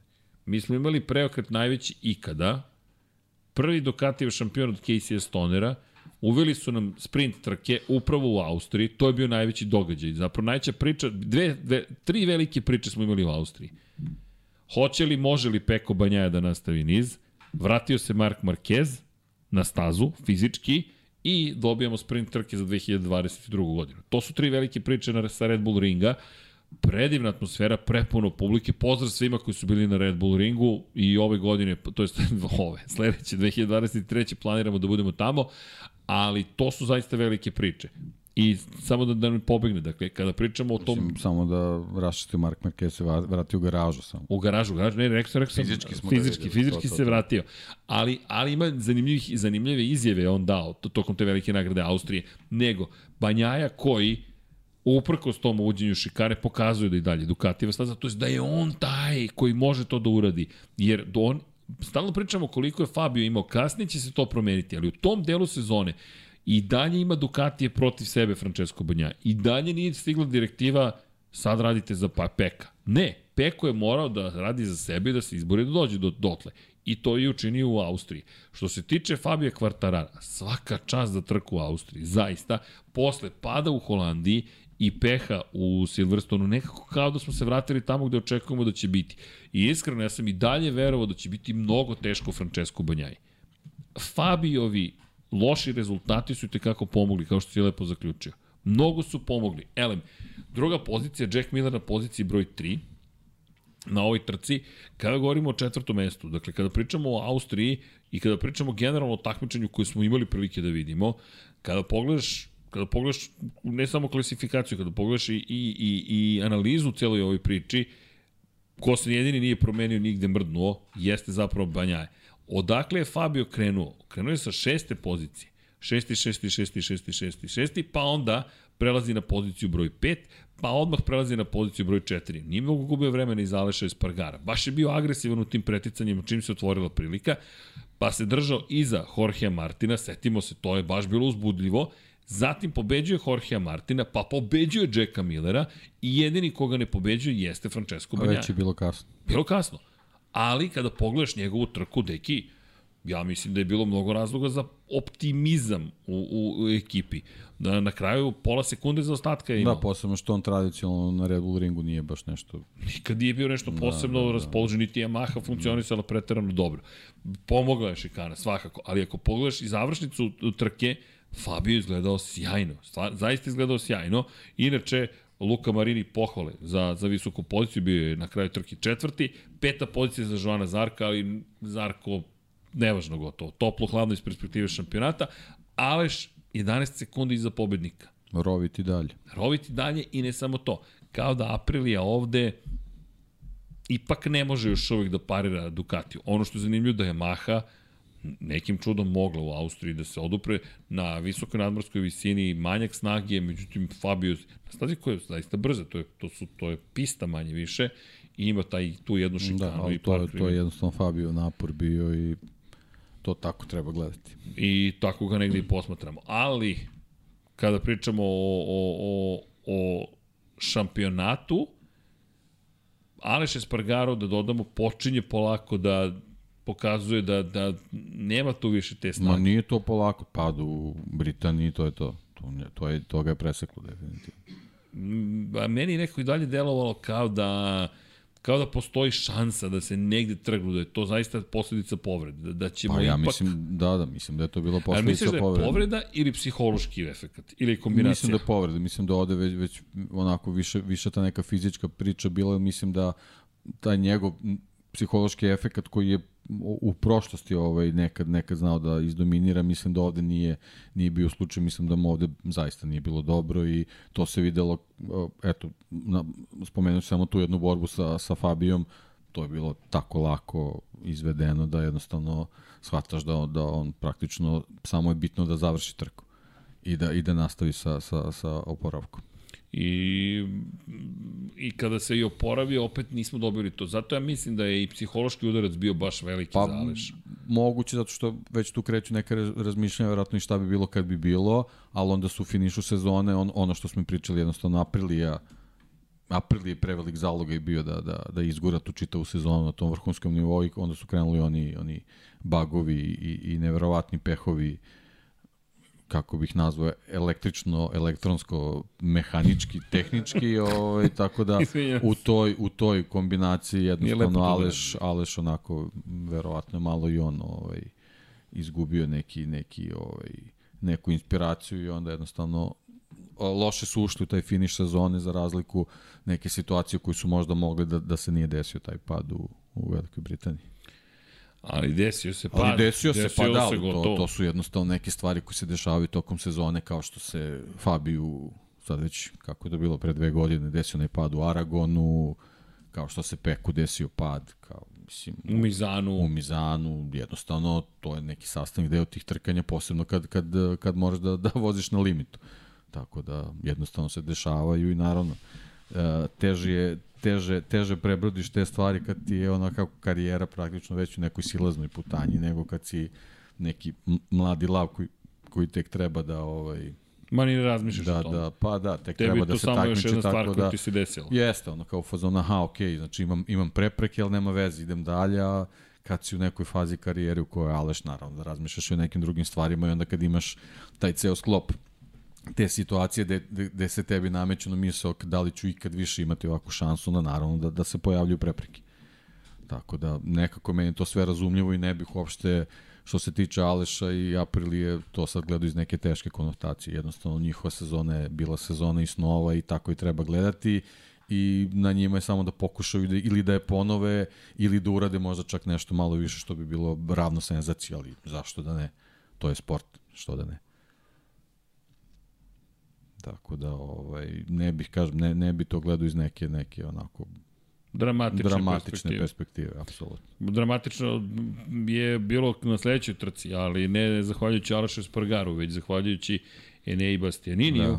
i Francesco Banjani. Da, ja sam ja sam tu možda očekivao ovaj pošto Fabio je tu znao da da iznenadi na, na ponekad na, na toj stazi, ali jednostavno kad se pojave raspoloženi italijani, mislim da svi drugi ovaj, teško da mogu nešto tu da. E, kada pričamo o, kada pričamo o uzbuđenjima, da, rekli smo, ok, italijani su odigrali svoje, ali uzbudljivo je bilo u kvalifikacijama iz perspektive upravo te bitke. Osmu poziciju zauzeo Fabio Quartararo i moram ti priznati da jeste bilo veoma neprijatno iznenađenje. Jeste, meni je onako baš bilo... Jer ne mogu da pričamo o brzini na ovoj stazi. Ovde maksimalne brzine ne prelaze 300 km na čas. Mi ovde ne pričamo o nečemu gde bi Ducati trebalo toliko da dođe do izražaja. Međutim, kada pogledaš rezultate kvalifikacija Ducati, Ducati, samo da vidim da li sam dobro znao. Da, Jack Miller pol pozicija, Francesco Banjaje drugi, Enea Bastianini treći, Marko Biceki četvrti, Ducati, Ducati, Ducati, Ducati, Aprilia u rukama Maverick Vinjalesa peta, Joan Zarko, Luka Marinera, Ducati ima šesti i sedmi i onda dolazi Fabio Quartararo na osmoj poziciji. Male su razlike, 3,5 desetinke za ostatak Fabio Quartarara, ali to je već previše u, u 2022. godini. Aleš je bio na, deset, na devetom mestu, Olivira 10. 11. i Franco Morbidelli najzad dobar dan za Morbidelija i Alex Rins na poziciji broj 12. Međutim, njihovi zaostaci su bili Kao znaš, 11. super je. A, Srki. kako, kako izbalansira se, vidi? pa dobro, napredak je. Jest, Vidi. Izuzet. da, da, dobro. Morao sam da probam, Ne, čekaj, ne, u krajnjem okej, slučaju, okej. nešto da kažem pozitivno za čoveka, za, zaista nedostaje nešto, ali, ok, činjenica, si 11. A na osmoj poziciji je Fabio Quartararo. Dek, izmeni, zasmeo Znaš, si me. kao Fabio je loš, ali je zato je Franki strava na svoje staze. nisam rekao da je strava, nego da se pojavio. Ne, ne, čekaj, kao evo me, ćao. Naš četvrti red. tu. I to bi bilo ceo opis zapravo što se tiče Dekija, cele priče. Inače, u svemu ovome Enea Bastiani se pojavljuje u bojama motocikla Fausta Gresinija, u čast Fausta Gresinija i to je bilo mnogo lepo vidjeti Bilo zapravo. bilo je lepo retro i bilo boje. je jasno da je to ogroman motiv. Jeste. I baš je bio zagrizao. Na, Nema naš, šta, pa nema šta, da, da, to je, tu, tu se videlo da neće baš biti obična trka. Sećaš Davida Trdocija? Kako, kakvi pogledi? Šta, šta, šta radi ovaj? šta radi ovaj? Bukvalno šta radi? Da, Bori se što, za što pobedu. je tu već priča da Peko Banjaja treba da se bori za titulu Jeste, i tu da, se već polako da pojavljuju. ne bi bilo lepo da mu odmažu. Pojavljuju se pojavljuju se hm, naznake da Ducati počinje da veruje da mogu da osvoje titulu i da su spremni da urade sve što u njihovoj moći, uključujući da iskoriste tih osam motocikala. Posebno u saznanje da ide Aragon, koji apsolutno ne leže Fabio Quartararo. I odgovara nikad, savršeno nikad. Ducatiju. Da, da apsolutno da. niko nikada Potvrđeno. ništa. ništa da, da, da. Potvrdilo se. Ne, Aragon mu je Da, da, da. da. katastrofalna stav. Ne, jedina stvar koju je rekao za kalendar, za, kalendar za 2023. kad su ga pitali komentar, nema Aragon. Ne bi se kladio. Ne bi se Ne bi kladio. se kladio, to je skladio bi se možda. Da, da, da, da, ja mislim da će Aragona biti na njegovu žalost gotovo sigurno. Mislim, ja sam ubeđen Šteta da... što nećemo ovaj, Ići u Indiju, verovatno verovatno. ostvariti kalendar, ali to je već nekako onako u ovim godinama postalo normalno da, da, da se tako neka trka. Ono kao, aj pa dobro, šalili smo se, neće biti. E, ali ovo je bilo fenomenalno da, trkanje. Da. U Italiji, na stazi Mizano, na mestu na kojem vole da voze, podsjećanja radi, ovo je druga sezona takmičenja za Eneo Bastianinija bila. U prvoj sezoni na Ducatiju iz 2019. Dakle, dve godine starom u tom trenutku, za Avintiju, on je u oba navrata, u obe trke u Mizanu bio na pobedničkom postolju. Kao debitant, dakle, to je staza gde je on, manje više govorimo da je rođen, da ga je majka iznedrila bukvalno u krivini broj 8 otprilike i ostavila ga da poraste u motociklistu, to tako izgleda i zaista je bio fenomenalan. I opet je bio fenomenalan, s tim što im je Jack Miller otvorio vrata, Jack je poveo, u krivini 4 je rekao Ducati, Ducati. da, da, nisam ja Ducati. da, ali je tipično bilo za Pa Ducati tipično, vozač. da, Da. Bukvalno, prednji kraj. kad bi uzeo sad onako slike iz ranijih godina da slažeš jedno na drugu, ne bi znao ko je ne bi znao ko pa je. da. Ne, ne, uvek isto, ali bukvalno uvek isto. I Jack koji odmah Leva napušta. noga gore. Baš je surovo, jeste. Pa jeste, ali to je to. Jednostavno, ovaj, u nekim situacijama se ispolji te, te, ovaj, te neki ne znam kako bih to rekao, ne znam šta da kažem da je nedostatak, jednostavno to je priroda tog motocikla, ali ovaj kažem opet da, da, da se vratim ipak je ove godine taj GP22 pokazao da može da bude all round motocikl. Pa, ali deki, gde je izgubio taj all-round motocikl? Ja ne vidim da je igde išta izgubio taj Ducati. Ja ne mogu da mu nađem zaista suštinski manu, da mu nađem najveća mana mu što imam ih mnogo i što će jedni drugima da odmažu. Pa da, to E, je to je To je najveća mara koju ja vidim. Čak i na tehničkom nivou, oni imaju isto probleme kada se nađu jedni za drugih, otprilike. pa ne toliko. Ali ne toliko, ne da, toliko, to smo pričali ne prošli toliko, put, ne da, toliko. da, ne Čak ni tu toliko. nema zapravo mane. Nema tu mane. A ko je da, mana? Da. Pa ne znam, Nema. eto, taj, taj prednji kraj pokaže svoju čudu nekoj, nekoj Ponekad. situaciji, ali to je, to je na vozačima u, da u pripremi za trku uvide gde može to da se desi. Peko je očigledno i to savladao. Kompletan vozač postaje. Tako je, tako je. I ima titulu. I nosio je broj 1 na motokrosu. I za fotografisanje. Da. I za, fo... jesi vidio sa fotografisanje, Naravno. nosio je broj 1. Lepo je, lepo je kad ti zalepi taj broj. Bautista i on su došli, ja, mi, ja sam ubeđen da će Ducati zaista zlatnim slovima da ispiše taj broj 1 na, na, na, na, na motociklu ove godine. Sledeći. Ja bih volao. Ja. Ti i ja bismo voleli. Tako je. E, baš pričamo dosta pa kakve to veze ima šta piše? Pa ne znam, meni ima. Kad prođe neko vreme, shvatiš da, da ima. Ja mislim znači, da... Ja mislim onu majicu tamo što smo stavili na ćošak stola da je Sa broj brojem 1. 1 piše Suzuki. Da. Pa manje više si sve objasnio. Ali zaista. Pa Suzuki neće skorije vreme da, da, da, da je osvoji, nažalost, ali bukvalno neće skorije vreme. Pričamo o majici koju ne, da. možda četvorku ako izabereš će se videti. Evo, broj 36. Ali...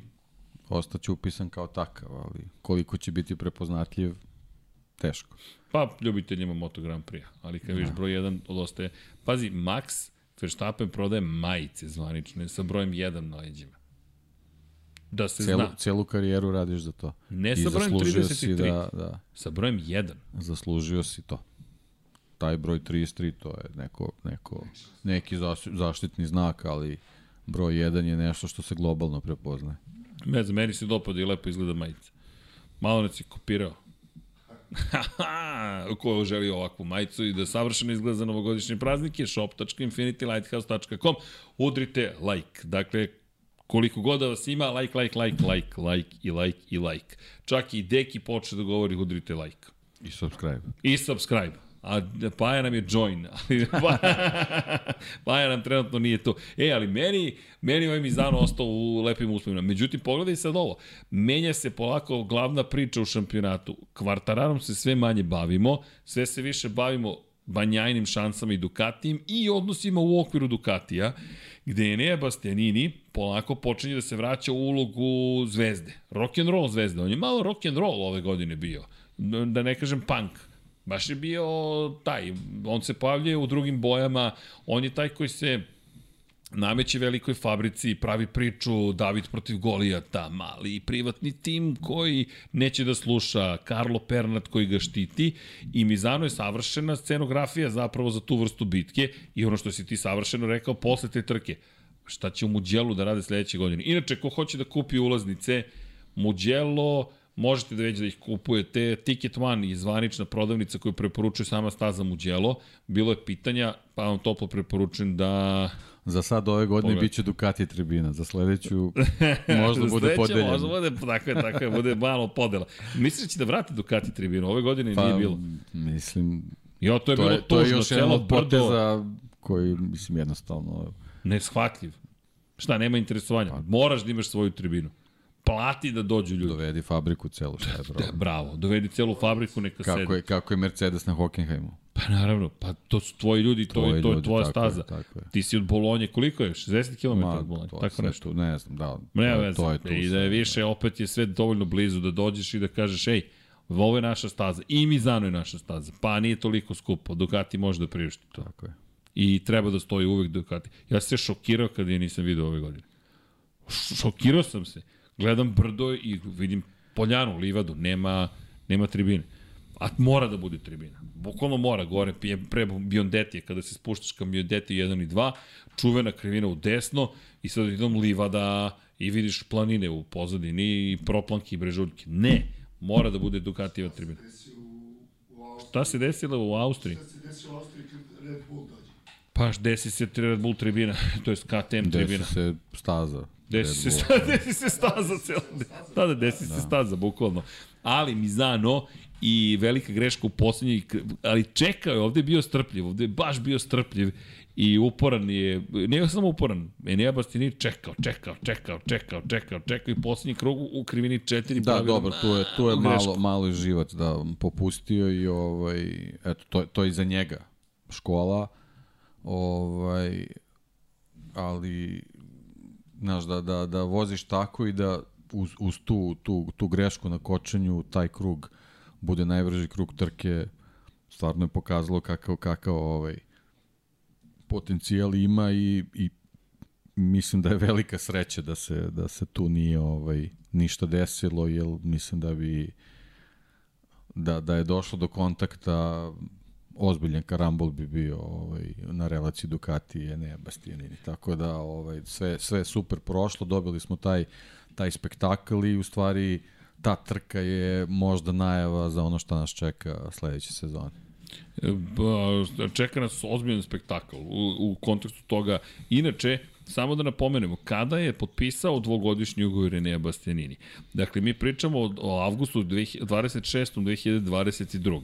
Kada pričamo o kalendaru za ovu sezonu, kada pričamo generalno o trkama u Mizanu, to se desilo posle. Mi već znamo da je Enea Bastianini sledeće godine u garaži, fabričkoj garaži Ducatija. Dakle, u tom trutku je već rešena stvar.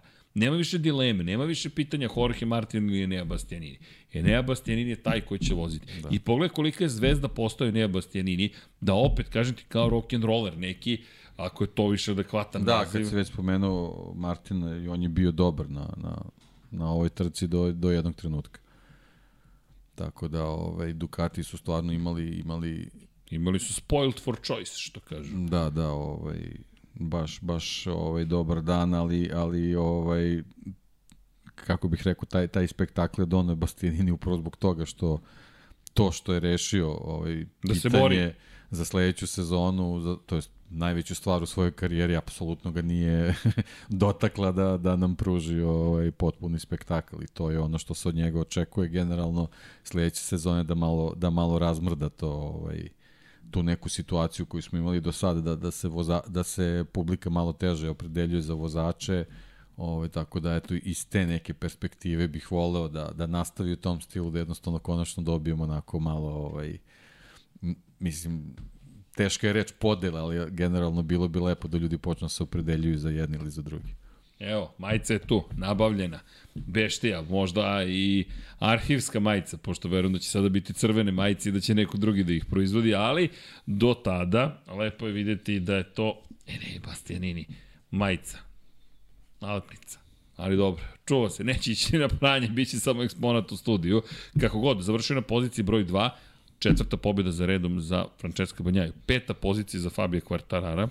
U ovoj trci suštinski ga nismo videli i to jeste bilo veliko iznenađenje. Pa generalno nije Baš. mogao više da očekuje zbog tih razboloženih vozača uz Jorge Martina koji je pao, pa I Luka nastavio. Marini koji je četvrti Luka, bio. Luka Marini koji je, koji je tu ovaj, sad već vezao dve, dve dobre trke za, za redom ovaj, i pokazao da i on polako ovaj, kako ti ovdje kažeš, otključava taj, taj Ducati i da, da ovaj, sve te neke priče o njegovom talentu nisu onako uzaludne, nego da će zaista biti jedan od bitnih faktora u, u sezonama koje dolaze.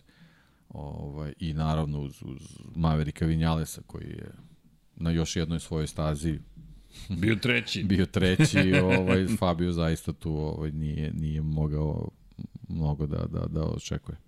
E, Fabio... Što mu nikako nije što na ruku, naravno. Ne, ba, ba, Fabio se, ali delovo je prvi put frustrirano posle duže vremena.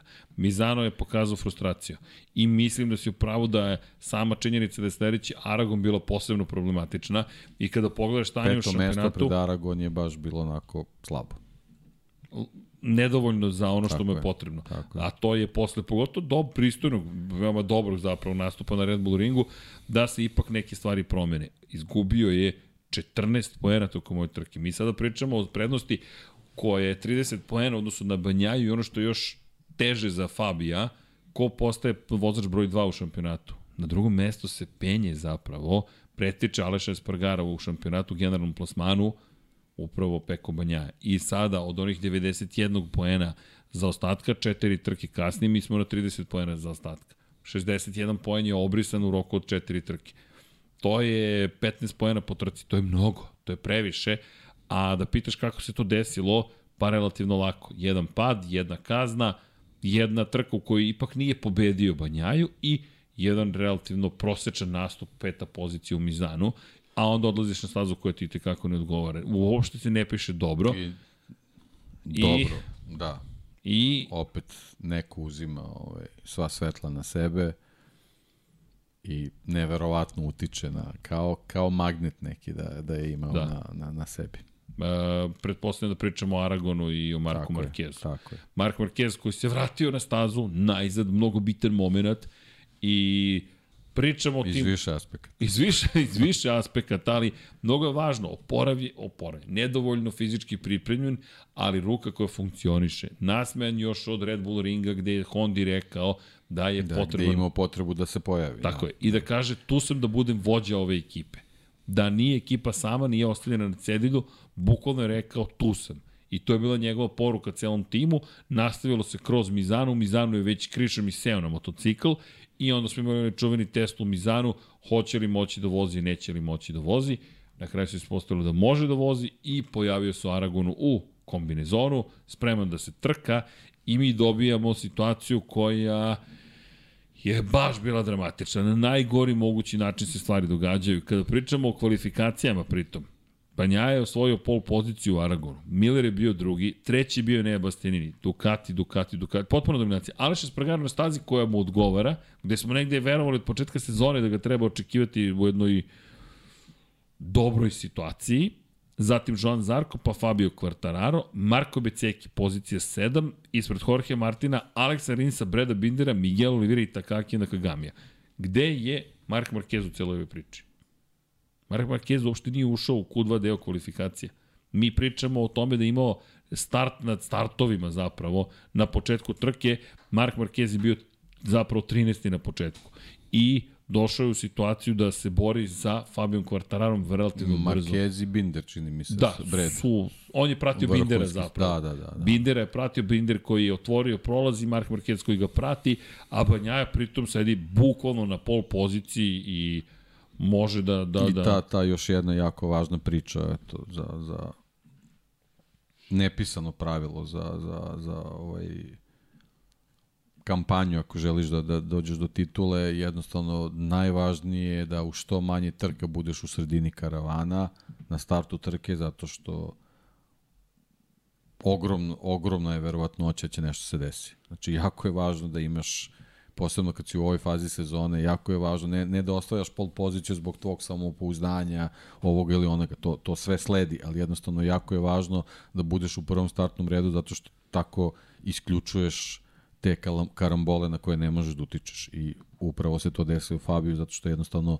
bio nemoćan da, da, ovaj, da zabeleži bolju startnu poziciju. Da, inače Fabio u tom momentu zaista deluje kao vozač koji je spreman ponovo da rizikuje, meni makar tako izgledalo, baš zato što je to staza koja nije njegova omiljena staza. Ali mislim da je to kombinacija upravo sa ovim što si ti rekao, a to je da imaš da si u situaciji gde, gde moraš da vodiš računa da ne budeš na takvoj poziciji gde si u sred svih događanja, a s druge strane moraš da budeš agresivan, ne bi li ipak zaustavio na neki način ono što se dešava, to je da Banjaja briše tvoju prednost da, kao pritom, gumicu. Pritom, pročitao si poredak neverovatna situacija da ti opet moraš kroz Ducatija se probijaš da bi došao do njega. Jer on praktično ima e, Banjaja ima između sebe i Fabija štit bukvalno štit od Ducatija koji ti, ti moraš da, da, da probiješ, da utrošiš ogromnu energiju, a tek onda da ti prestoji borba sa, sa Banjajom koji je ovaj, u situaciji da može i da vodi računa i o gumama i, i da vodi računa gde su rivali na stazi, da apsolutno kontroliše trku, a ti za to vreme od, od bukvalno od, od, od, od, od, od pola, polaska u trku moraš da, da, da forsiraš. I to je ono što je, što je bilo, to smo već spomenuli, izuzetno nezgodna situacija da Fabio Quartarara da, da, da u trenutku kad, kad je lider u šampionatu, on mora da, da, da ove, izuzima neku, neku situaciju kao da, on, da je on taj koji ide na sve ili ništa. I onda, I onda dođeš peh. na stazu koja ti apsolutno ne, ne odgovara ili, ili ti je baksuzna ili kako god i onda se dešava to, to što se dešava i, i i ti si praktično poput Aleša u, u Velikoj Britaniji sledeće dve trke praktično dodatno eliminisan i onda ti se u stvari ponavlja uh, Asen. Ti, ti imaš dve dve ovaj jako nesrećne situacije koje se ne odražavaju samo na jednu trku, već i, i na i na ako ne ajde na dve, onda bar, bar na sledeću trku i to je ogromna količina bodova u borbi protiv čoveka koji u neverovatnom naletu gde, gde bukvalno mu sve ide od ruke. 120 poena od Holandije, zajedno sa Holandijem, zaključno sa Aragonom za Banjaju. S druge strane, Fabio Quartararo, jedno drugo mesto, jedno peto mesto, jedno osmo mesto, dve nezavršene trke, 39 pojena ukupno. 39 pojena, ti si 81 pojen izgubio u te četiri trke, tih pet trka, na 10 pojena pada razlika na kraju trke. Pri čemu Aleš Espargaro, koji je najzad ponovo na pobjedničkom postolju, sada nadoknađuje 16 bodova odnosu na tebe. Sad je na 17 poena Aleš Espargaro. Aleš kod jednom nalazi neki novi život u celoj priči. Pričali smo o, tom, o Aragonu da mu prija i na kraju iskoristio svaku svoju šansu. Nije mogao za pobedu, a pobednik je bio Enea Bastianini koji sad beleži četvrtu pobedu te godine, koji se jednom vraća u taj pobednički krug i koji ima sjajan niz zapravo. Enea ima četvrto mesto u Velikoj Britaniji, ok, pad, to jest grešku koju je napravio u, na Red Bull ringu, ta greška, pogledajte u grešku na Red Bull ringu, da se nije desila ta greška, možda bi bio opet četvrti, u tom momentu Bastianini je 48 poena iza Kvartarara, iza Kvartarara, dakle 38 iza Francesca Banjaje. Sa, na primjer, četvrtim mestom ti imaš 12 poena dodatnih, ti si na 36 u odnosu na Fabija. To je već potpuno druga priča. Pesma, mnogo je velika ta greška koja se desila na Red Bull ringu.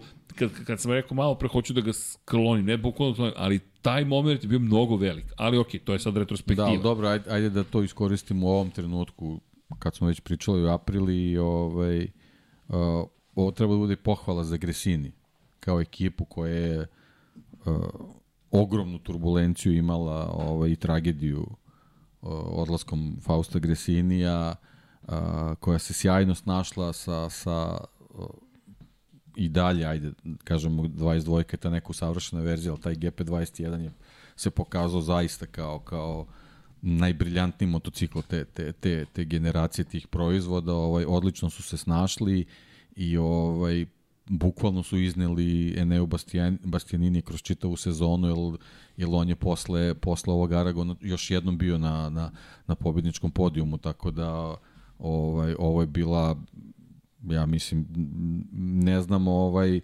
da li će neka, neka ekipa na tom nivou uskoro moći da, da, da ponovi ovo što je, što je Gresini uradio. Pa Gresini čak sam pitanje da li može da uradi nešto slično. To je kombinacija Bastianini-Gresini. Zaista mislim da je kombinacija. Jeste, ali, ali trebalo je pripremiti taj motocikl. Naravno, imali su oni podatke, sve, sve to stoji ali jednostavno tako mala ekipa da, da bude tako spremna Ma deki, u, tom, u tom delu sezone. Ma deki, ovo, da, ovo da, nema da. nikakvog smisla da. da se mi uopšte pričamo i ne i Bastianiniju da u Aragonu dolazi kao neko ko se nešto pita. Da. da, Ducati mu je dao podršku, dao mu je krila, dao mu je nove delove, aerodinamiku, ali i dalje ono što ti stalno ponavljaš, posmatrajte Moto2 kategoriju koliko je tu važna ekipa da biste razumeli i Moto Grand Prix. Ako nemaš ekipu, pogotovo u tom kup takmičenju de facto, a u Moto Grand Prix smo došli do malih razlika po, u pitanju vremena, da, da toliko su male razlike, nismo kup takmičenja, ali kao da jesmo. Ekipa igra ogromnu ulogu. I ti sad imaš Gresini koji je pro, prošao turbulencije, pobede, pobede, pobede, padovi, pobede, padovi, svašta nešto, angažman vozača, pri čemu je nejako i na pola sezone ga na pitanje da li misliš da treba da se ostaje dugo u istoj ekipi ili da se dalje, rekao svake godine treba menjati. To je njegova izjava iz sezone i negde signal menjaće se, menja se i on pobeđuje, pri čemu ima podršku tima Nijednog momenta Nadija Padovani nije rekla nemoj pobediš fabrički Ducati. Ne, i to je ono, eto, ovaj, o čemu smo pričali i što, što ja naravno pozdravljam, ona, ona čuvena naša priča iz Brazila i Formula 1. Sport uvek mora bude na prvom mestu. Znači, meni, meni je okej okay varijanta da, da neko nekom kaže on, on se bori za titulu, nemoj da mu zagorčava život. Ali da, ako je neko u prilici da pobedi, da mu ti tu pobedu da uzimaš, ja to ne, jednostavno ne mogu da... Ne, ne samo pobedu, nego, nego generalno kad se neko bori za, za, za neku poziciju, neki plasman, da, da mu ti to timskom naredbom, naredbom oduzimaš, ja to ja nikad neću, nikad neću ovaj, ovaj podržati, ali, ali razumem. Znači, razumem modern sport, tako da ovaj ovo sve što je što je Neo uradio pre svega u Mizanu i Aragonu, to to je pre svega sport. I doći ćemo, mada mi sad nameštaš lopticu na Tajland i na Zarka, ali dobro. Razumem, ne treba zagorčati, ali opet to, to, to bi možda mogla biti poslednja šansa za Zarka da dođe do pobjede. No, no, doći ćemo do tamo. Ali opet fenomenalno trkanje u Aragonu, to ono što je bilo lepo videti. Čisto trkanje, samo da napomenem. I Davide Trdoci koji bukvalno ne može da veruje da njihov vozač je neko koji je rešio da se bori za pobedu i da je to to, manje više. I Karlo Pernat koji mu proža dovoljno velika leđa da, da je nema može da kaže, sorry, neću ni da se bavim time Tako i, je. i fenomenalno što su se trkali i fenomenalno što smo to dobili što nije... I fenomenalno što, što, što Banjaja nije poklekao. Da, i što nije ništa ni, ni, ni, ni smatrao da nije u redu sa trkanjem koje se desi. Ti ako u pet trka uzmeš 120 bodova, ne, ne znam šta, šta, šta je tu sporno. Pritom si na prethodnoj trci dobio taj duel.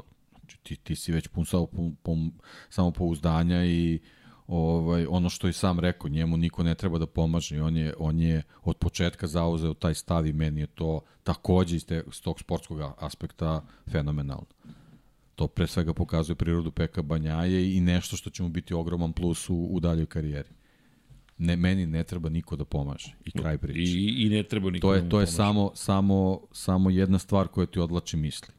Da razmišljaš o tome ko će ti pomaže. Nemaš tako da ti pomaže. Ti, ti, ti si tu, najbolji si na najboljem motociklu, imaš svoj fokus i, i drži se njega i to je to. I vidi sad, pet trka pre kraja mi dođe smo na 17 pojena razlike između vodeće trojice, pri čemu negde štrči Enea Bastianini 48 i Jack Miller je na 77 pojena, ali da, da, li, ja, da li si pomislio u momentu da bi Jack mogao da ima i teoretsku šansu da se bori za titul. Ma, ja u ovom trenutku zaista ni ne razmišljam više nije u kome osim o vodećoj trojici i možda uz neku sreću Bastianiniju. Međutim, zanimljivo da se Jack pojavio, ali doći ćemo sada upravo da, do, Bastianini, do Bastianini nekako zbog tih amplituda koji imao sa tim ovaj, lošim plasmanima u, u Nemačkoj i, i Holandiji i onda odustajanjem u Austriji, jednostavno je nastavio ovaj, da ima taj, tu, tu, tu ovaj, amplitudu rezultata, što ovaj, ponovili smo više puta, taj modern Moto Grand Prix jednostavno ne trpi, tako da je bilo nekako očekivano da, da, da se nastavi ta, ta, ta amplituda na, na, na taj način, tako da ovo je bilo stvarno teško, teško pomisliti da, da baš takva senzacija može se desiti. Ja, pogledaj razlike između vodeće dvojice, Banjaja, inače, zanimljivo, prvi krug na poziciji broj 20 završio Brad Binder. 77.000 tinki iza Francesca Banjaja. Brad Binder koji ne bi neko način trebalo da učestvuje negde ovde u ozbiljnoj priči, ovo pričamo o Aragonu, pa dve da. desetinke. Pa dobro, da i kad smo Ara, Aragon i prvi krug i mislim moramo da, da dotaknemo taj incident između moramo. Marka i, i Fabi, ali jednostavno i iz ove perspektive to je i trkački incident i, i neka situacija koja je nesrećan ovaj, splet okolnosti, ne, nesrećan splet okolnosti ovaj, ali iz tog nekog ugla uh, bio izuzetno koban za, za, za Fabija Kvartarara, za, za, za nastavak ovaj, borbe za titulu, pošto mislim, to ipak bila ozbiljna povreda ovaj, kako bih rekao, no, ostao je bez dela kože, Ma, mislim, stvarno je... Pa evo, ovaj, menja proizvođača jest, Kacige, jest, menja proizvođača Aldela i baš tako. Baš je bilo onako ovaj, i bolno i, i psihički i fizički, tako da ovaj, ozbiljne tragove ostavilo na, na, na, na sledećim trkama. Što se tiče Mark Markeza, ono što smo i pričali, uh, on kad se bude vratio na stazu, vratit će se isključivo kao stari Mark Marquez i, i to je, to je ovaj incident i pokazao. Jednostavno čovek koji je na tako lošoj startnoj poziciji, koji dalje rekonvalescenta, da već kroz, kroz prve dve krivine hita kao vodeći ima to na, na motociklu, takom kako je, to je stvarno ovaj, pokazatelj njegove vozačke veličine.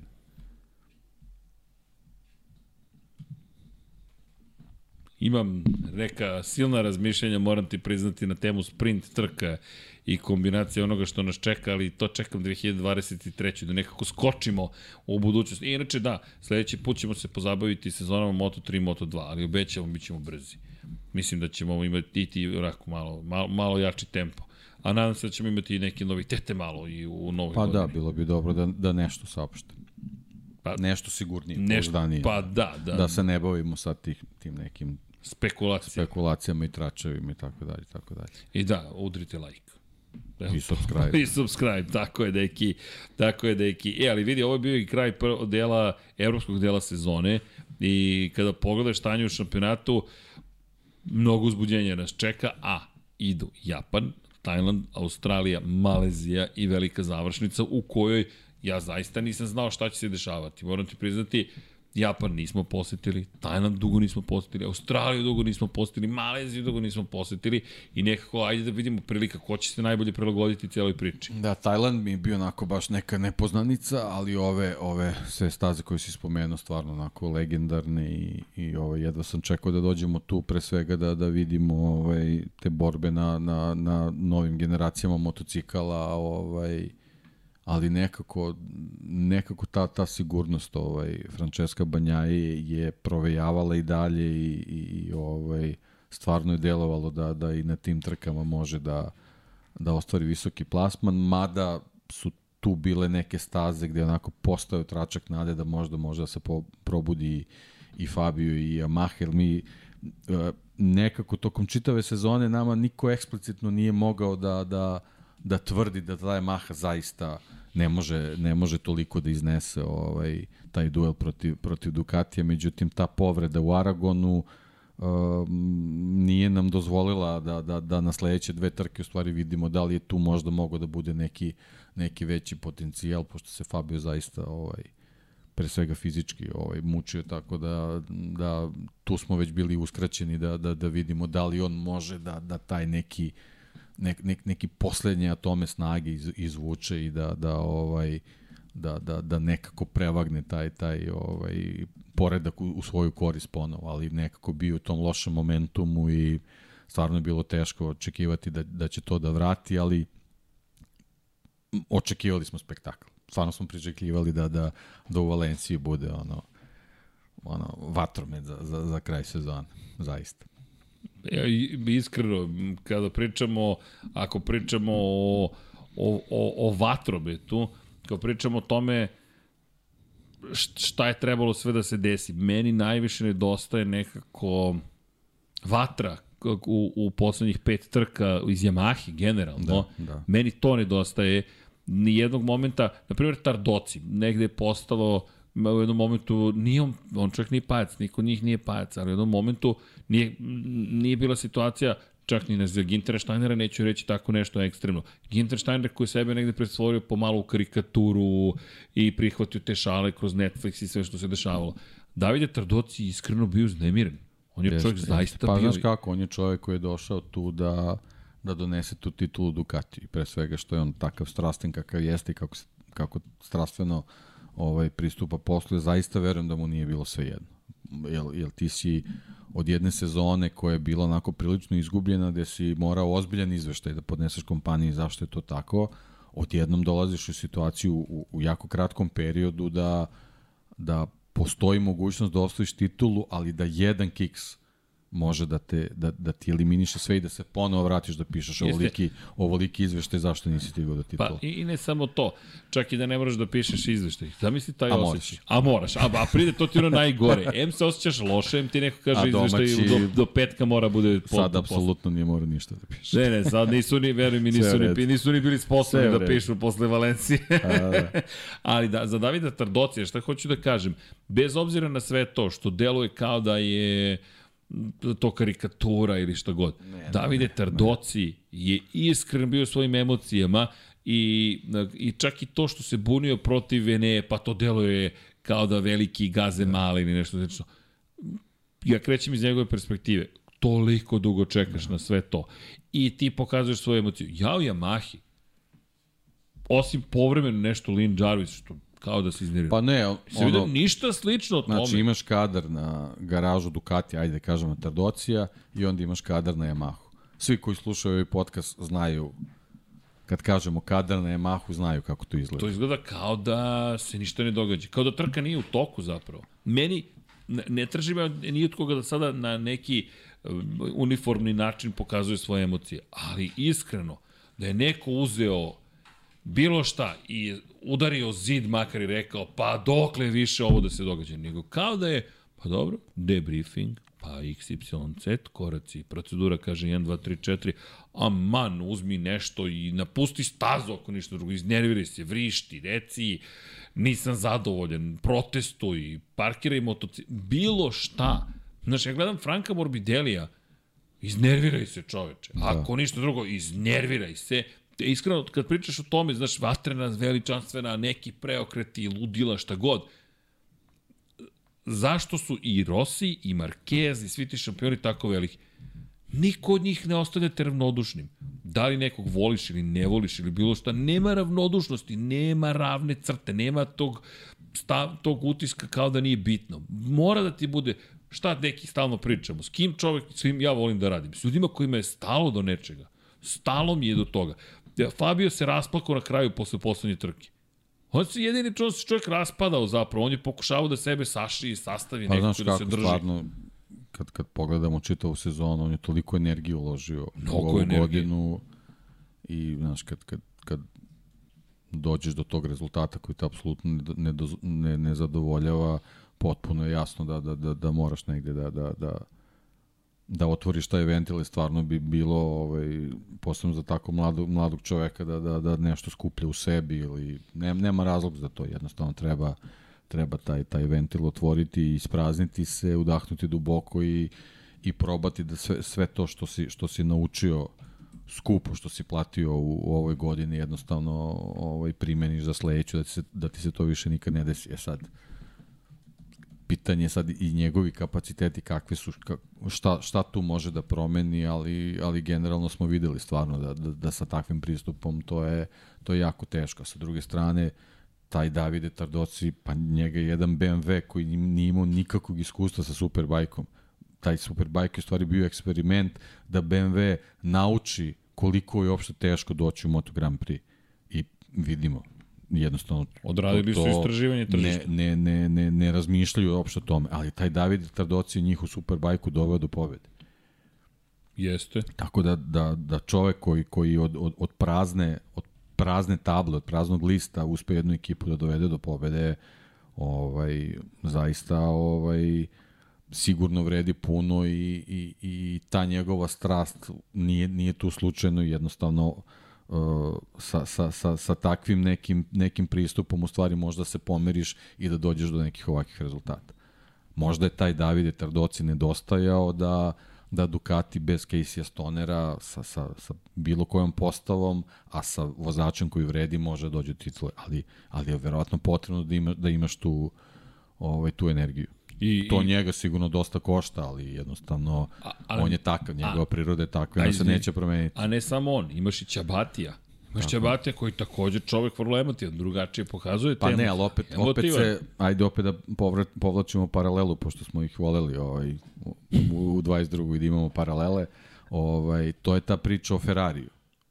Ti u Ferrariju pričaš o Matiju Binotu, ovde pričaš o Ćabatiju, o Tardociju, o Dalinji. Mnogo je ljudi tu u koji Ducatiju stoji, da bi uspeo stoji Ducati. iza, iza Francesca Banjaja. Ne može, može Dalinja da napravi remek delo na dva točka ali ne vredi ako nemaš ljude koji će da nose čitavu priču. Casey Stoner se pojavljivo u garaži. Od, od trenutka od prošle godine kad se Casey Stoner pojavio, to je Stvari krenulo neko, ne, znači mora jednostavno moraš da imaš ekipu. Ali, ali zato ti moraš kažem, da Yamaha meni deluje kao da ima vozača ima dobre tehničare, šta god, ako želiš da gledaš inženjeri, niko tu nije loš, ali za ovo, za taj milisekund... Za taj milisekund te, te, treba neko ko će da dođe da ih, da ih prodrma sve. Bukvalno da ih prodrma da kaže... Uključujući vozača, ti imaš Morbidelija koji jednostavno, to je jednostavno takav životni stil ima, on, on je momak imao je, imao je razne životne tragedije i sve to stoji, ali ti jednostavno njega kad vidiš, apsolutno te nije jasno šta njega može da pomeri šta njega, šta njega može da, da, da, da zapali, da, da, da on, da on lupi šakom ko stoji kaže čekajte da vi vidite u stvari ko, ko sam ko ja. Ko sam ja. Da vidite bukvalno ko sam ja. Ne na nivou znaš ti ko sam znači, ja. Znači jedini, kaže, jedini ljudi, Diablo u Yamahi je El Diablo i to je to. A treba ti par treba ti par koji će da razmrdaju stvari. Treba, treba ti, opet, ne treba ti Lin Jarvis, treba ti Lin Jarvis, ali treba ti još dvoje, troje ljudi. E, vidi, kada, kada pričamo o analizi, znaš, znaš idemo ti, dok tako... Je, dok je Rossi bio u Yamahi, to je isto bilo, ali Rossi imao i Učija, i svoj deo garaže, i, imao i Davida Brivija. I Davida Brivija. Imao i Brivija. Tako I je, znači nije, to. nije, to, nije to bilo tako ali malo. Ali moram nešto još da ti kažem, znaš šta je još Rossi imao? Imao je Jorge Lorenza. Jorge Lorenzo, koliko god je smetao Rosiju, je uneo potpun haos u tu ekipu. Jer ta strana ekipe je takođe htela da pobedi tog istog Rosija i obrnuto. To je Yamahu dovelo na vrh. Dakle, koliko god je dominantan bio 2015. Kada pogledaš, to je ne Dream Team, to su Ayrton Senna i Alan Prost. ti imaš dva ne, ne, neverovatno, spektakularna vozača pod istim krovom. Preciznost koju je zahtevala Yamaha i od jednog i od drugog, jedan od drugog koji su šta su zahtevali, ti da bi pobedio tih godina, ti moraš da budeš na najvišem mogućem nivou. I apropo, ako se setimo, Graciano Rossi je rekao za 2008. da je to bila najsrećnija godina za Valentina Rossija. To je moment kada on izabrao Bridgestone, drugačije su stvari tako. I 2009. odbranio titulu, ali najmanje pobjede ikada ima u šampionskoj sezoni. I, kada pogledaš Yamahu, nezaustavljiva sila u tom momentu, ni Casey na Ducatiju nije mogao ništa da uradi. Jednostavno ne. Honda, Dani Pedrosa, kao nevidljiv. Kao nevidljiv u toj situaciji. Honda je morala da otme Casey da bi se vratila u vrh. Ti u tom momentu imaš potpunu dominaciju. Ta ista Yamaha, kod 20 godina ne menja motocikl, ima dva vozača koji su odvela ceo tim, sve su odveli na najviše ni mogući ja, nivo. Ali opet, došla je nova generacija. Došla je nova no, nova filozofija Moto Grand Prix. Znam, ali mislim I da... Mora da se menja. Ali mislim da neke stvari će uvijek ostati iste. Niko ne može da me ubedi da, da danas se pojavi 20-godišnji Lorenzo i 20-godišnji Rossi, da njihovi zahtevi prema ekipi ne bi bili takvi. Da ne bi došli i rekli, hej, o, mada, u pravu si, da li Fabio može sada da natera ceo tim da, da, da kaže moramo da se menjamo. Meni deluje da, da je se to i u Formuli 1 desilo, da ti za nijansu imaš manji uticaj nego ranije. Da se vozač za nijansu manje pita, to jest da za nijansu manje može da pomeri stvari u ekipi. Jer meni to najviše dosta To jeste, ali mislim da, da posle ove sezone Fabio stvarno nema niko ništa ne može ni da mu Ma zameri, to. da mu skine kapu. Sad. Neka gleda Markeza. Da. Markez je došao u Austriju i rekao ovo je moj tim. Tako je. On došao, nije on došao da se trka, nego došao da kaže Dobro, ljudi, ali ovo ti, je, ekipa. ti sad već imaš i novu generaciju vozača. Imaš, Opet, kao što smo pričali u Formuli 1, znači ti imaš imaš uh, Landa Norrisa, imaš Georgea Russella, imaš Albona, to je ta neka nova generacija, a imaš nekog Maxa Verstappena, uh, Leclera, imaš Maxa Verstappena koji jeste njihova generacija, ali on funkcioniše po starom, po principu. starom principu. Po starom principu. A, princip je ja sam ovde broj 1, ja sam gazda bukvalno ovde i disciplina će biti im apsolutno. Da, ja mogu da opsujem šefa ako treba, ali će... ne, ne zato što ga ne poštujem, nego da ga probudim. Tako je. I, to, A, i ako, ako ekipa to tako shvati, to je dobitna kombinacija. Kome se još u Formuli 1 izvinjavala ekipa ove godine? To je šef ekipe kome se kroz radio obraćao, pored Maxa. Tako je. Samo još Lewisu Hamiltonu. Tako je. I od tog trenutka kad je stiglo izvinjenje, ekipa Ide je krenula ovako. To je Imola, Tako je. Gde, gde, Tako gde je. Toto Wolf kaže, izvinjam se, na, na, na Tako citatu je. kaže, izvini što smo ti dali govno od automobila. Tim rečima, shit car. Tako je. Bukvalno mu kaže, ovo je shit car. Ja ne znam da zamislim u upravnom odboru Mercedesa da neko čuje ne, u samo prenosu... upravni odbor zamisli, zamisli na, na nižim nivoima kakvi su sastanci bili. I, a još jedna stvar. Ali to je to. Ako, ako je sport na tom nivou, jednostavno mora tako. To nema, tako. Moraš nema, da funkcioniš. No hard feelings, jednostavno... Ej, nisi uradio bre posao. Idemo. Man. Ba, ba, ne je. razumem. Ej, a vidi, to je kultura koju Schumacher uveo u Ferrari. Šta? Došli smo ovde da se takmičimo, šta? Pa kao napravio sam bolid. Ma nisi napravio bolid ako nije najbolji na svetu. Ti si napravio prosečnu Kao napravili smo bolid da vi e, ne znate koja guma gde ide. O čemu pričamo? Ne, do... ne, nemoj ni da izlazimo na stazu. Bukvalno, ali, e, to mi je zanimljivo, zato sam se juče pitao isto i pa i tebi isto pitanje. Moraš da imaš bad guy-a. Moraš da imaš nekoga ko je loš momak. Dalinja je očigledno tu ulogu preuzeo u Ducatiju. Niko ne se neće suprotiti Dalinji. Dalinja kad uđe tišina. Sad naravno to ima svoje mane. Dobit će vozača sledeće godine. Ej, vidi, ja mislim da će oni pomeriti Ducati na, na zastrašujući nivo, njih dvojica zajedno. I da, mislim da će biti i kolizije i svega, ali isto tako, mislim da će oštrina koju će da izvuku jedan iz drugog, Banja, jer vidi, Banja je podigao nivo. Možda u ovoj analizi smo previše ušli u trke, ali ajmo da pogledamo okolnosti u kojima Banja mora da funkcioniše. Znaš, njemu se pojavljuje neko ko mu govori, sine, sve je u redu šta ti radiš ove godine, ali znaš ti šta te čeka sledeće godine sa mnom u ekipi? Jer pet dana pre nego što je saopšteno da je potpisao ugovor Bastianini, Bastianini ga pobeđuje u Aragonu. Ima Karla Pernata. Pazi, meni se, meni se dopada gde ovo vodi. Zašto? Ostali da bi stigli taj Ducati, morat će ozbiljno da se pomere. KTM ne vidim da će spavati na, na, na nepostojećim lovorikama. Koje lovorike? Nema ih. Pa da, to te pobede, ajde, mi se sad možemo ovaj deo sezone, Sezone tako ćemo, i da prođemo. Pa tako bih ga mi prošao. Mi smo imali Miguel Oliviru koji je pobeđivao ono što smo pričali. Ne, ne, mi, znači, mi imamo evropski deo sezone i imamo dva van evropska koji su potpuno, potpuno atipični. O, ba- I Nemaš KTM nikakvo pravilo. Se, ajde da kažeš tu snašao, ali to, to nisu Deki, performanse čiste. To je jednostavno ta, to neko umeće vozača, ti povremeni bljeskovi Breda Bindera. ti si genijalan. Potpuno genijalan. Apsolutno jesi kogod se smejao. Pazi, četiri četvrtine mi ovde imamo. Imamo i veliko finale. To ti je peta deonica. Imaš preko okeanski broj 1, Evropa Kvartararo, Evropa Banjaja, preko okeanski 2 i veliko finale Valencija. I ako pogledaš, stabilnost imaš samo u Evropi. Tako je. Šta je simptomatično? Samo moje mišljenje, sve su ovo bile trke koje nismo posećivali prethodnih godina. Izuzetak su Katar i Amerika, ok, ali Katar je noćna trka, početak sezone uvek je čudan Katar.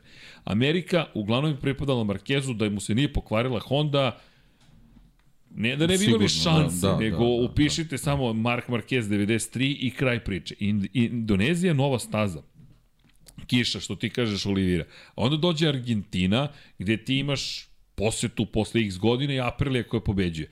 Onda počinjemo Portugal, Španija, Francuska, Italija, Katalonija, Nemačka. Sve su to kvartararove trke. Pobeda, drugo mesto, četvrto mesto, drugo mesto, pobeda, pobeda. Kako god, ok, nije pobedio svugde, ali ko je pobedio? Pobedio je Nea Bastianini i pobedio je Francesco Banjaje.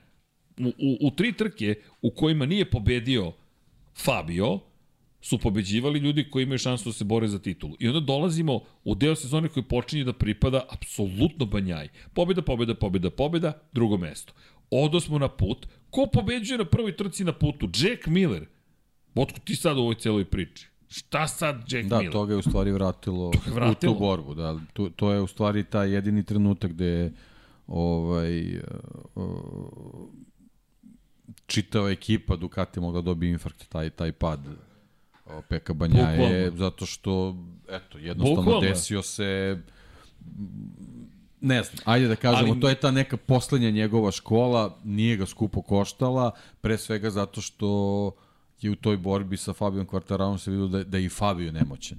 I onda nekako uz pad koji, koji, koji boli zato što stvarno ti unosi nervozu, ti nekako shvataš da, da tvoj rival više jednostavno nema nema čime da ti se suprostavi i da taj tvoj pad čak i ne boli toliko što u stvari ogroman udarac za Yamahu. A pa, Znači ti si osmi, Surov tvoj rival je pao, ali ti se apsolutno znaš koje je nisi, stanje? nisi zadovoljan tim. po završetku trke u, u Japanu. Quartararo je povećao prednost na 18 poena u odnosu na Banjaju. Na 25 u odnosu na Aleša Espargara, 49 u odnosu na Neneu Bastianinija, smanjila se na 60 poena, poena u odnosu na Jacka Millera. Inače, meni je to bila najbizarnija trka svih vremena. Ja, ako da me iko pitao po suvom, u Japanu pobeđuje Jack Miller i sunčanom danu prohladnom, ja bih mu rekao, ti bukvalno ne znaš ništa o Moto Grand Prix. Jedina osoba od koju nisam očekivao da pobedi je Jack Miller. Ma, manje više nije se postavljalo pitanje u jednom momentu. Ali Jack Miller je bio fenomenalan. I to je taj niz. Pazi, ja zaista verujem da je on nešto pronašao u sebi. Da li će to biti trajno stanje, nemam pojma. Ali treći, šesti, treći, treći, pad, to je Mizano pad, iako je završio trku, peti prvi i na Tajlandu je bio drugi u narednoj trci. Pazi sad ovo. Dakle, posle Japana, inače treća pozicija na ovoj trki, da trki, da, umori stilo plave. Na Jorge Martin na ovoj trci i Jorge Martin.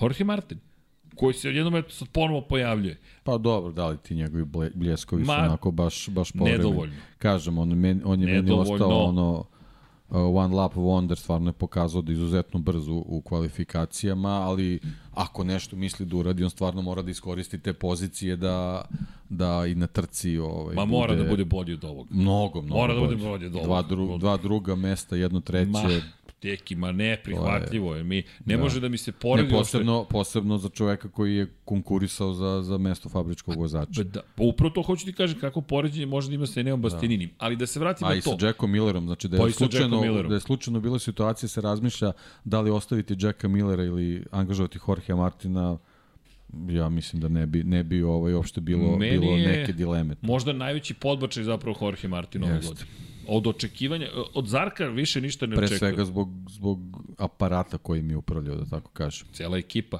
Sve da. zajedno, ti kada pogledaš to mora mnogo bolje. Ali, šta hoću da kažem malo pre za, za, za Bastianini. Bastianini je taj koji, možda je Jack Miller super klubski kolega, ortak, drugar, Pajtos i sve ostalo. Ali Bastianini ti te oštri, moraš da budeš mnogo bolji. S Bastianinijem Banjaja nema prava na, na, na, ne na kiks, nego to je zategnuta jedna atmosfera. Jeste, ali, ali tu je sad Management moramo, ekipe. Ne, ne, moramo prvo da sačekamo taj moment. Moramo prvo da vidimo kako će Šta se Nea. Bastianini snaći, Znači, tako je, tako u je. fabričkom timu. On I nikad, drugo- nikad nije bio u takvoj situaciji. E sad, sve ovo što je pokazao uh, dovodi do toga, ti sad čak kad pogledaš GP2, on nije bio u velikoj ekipi.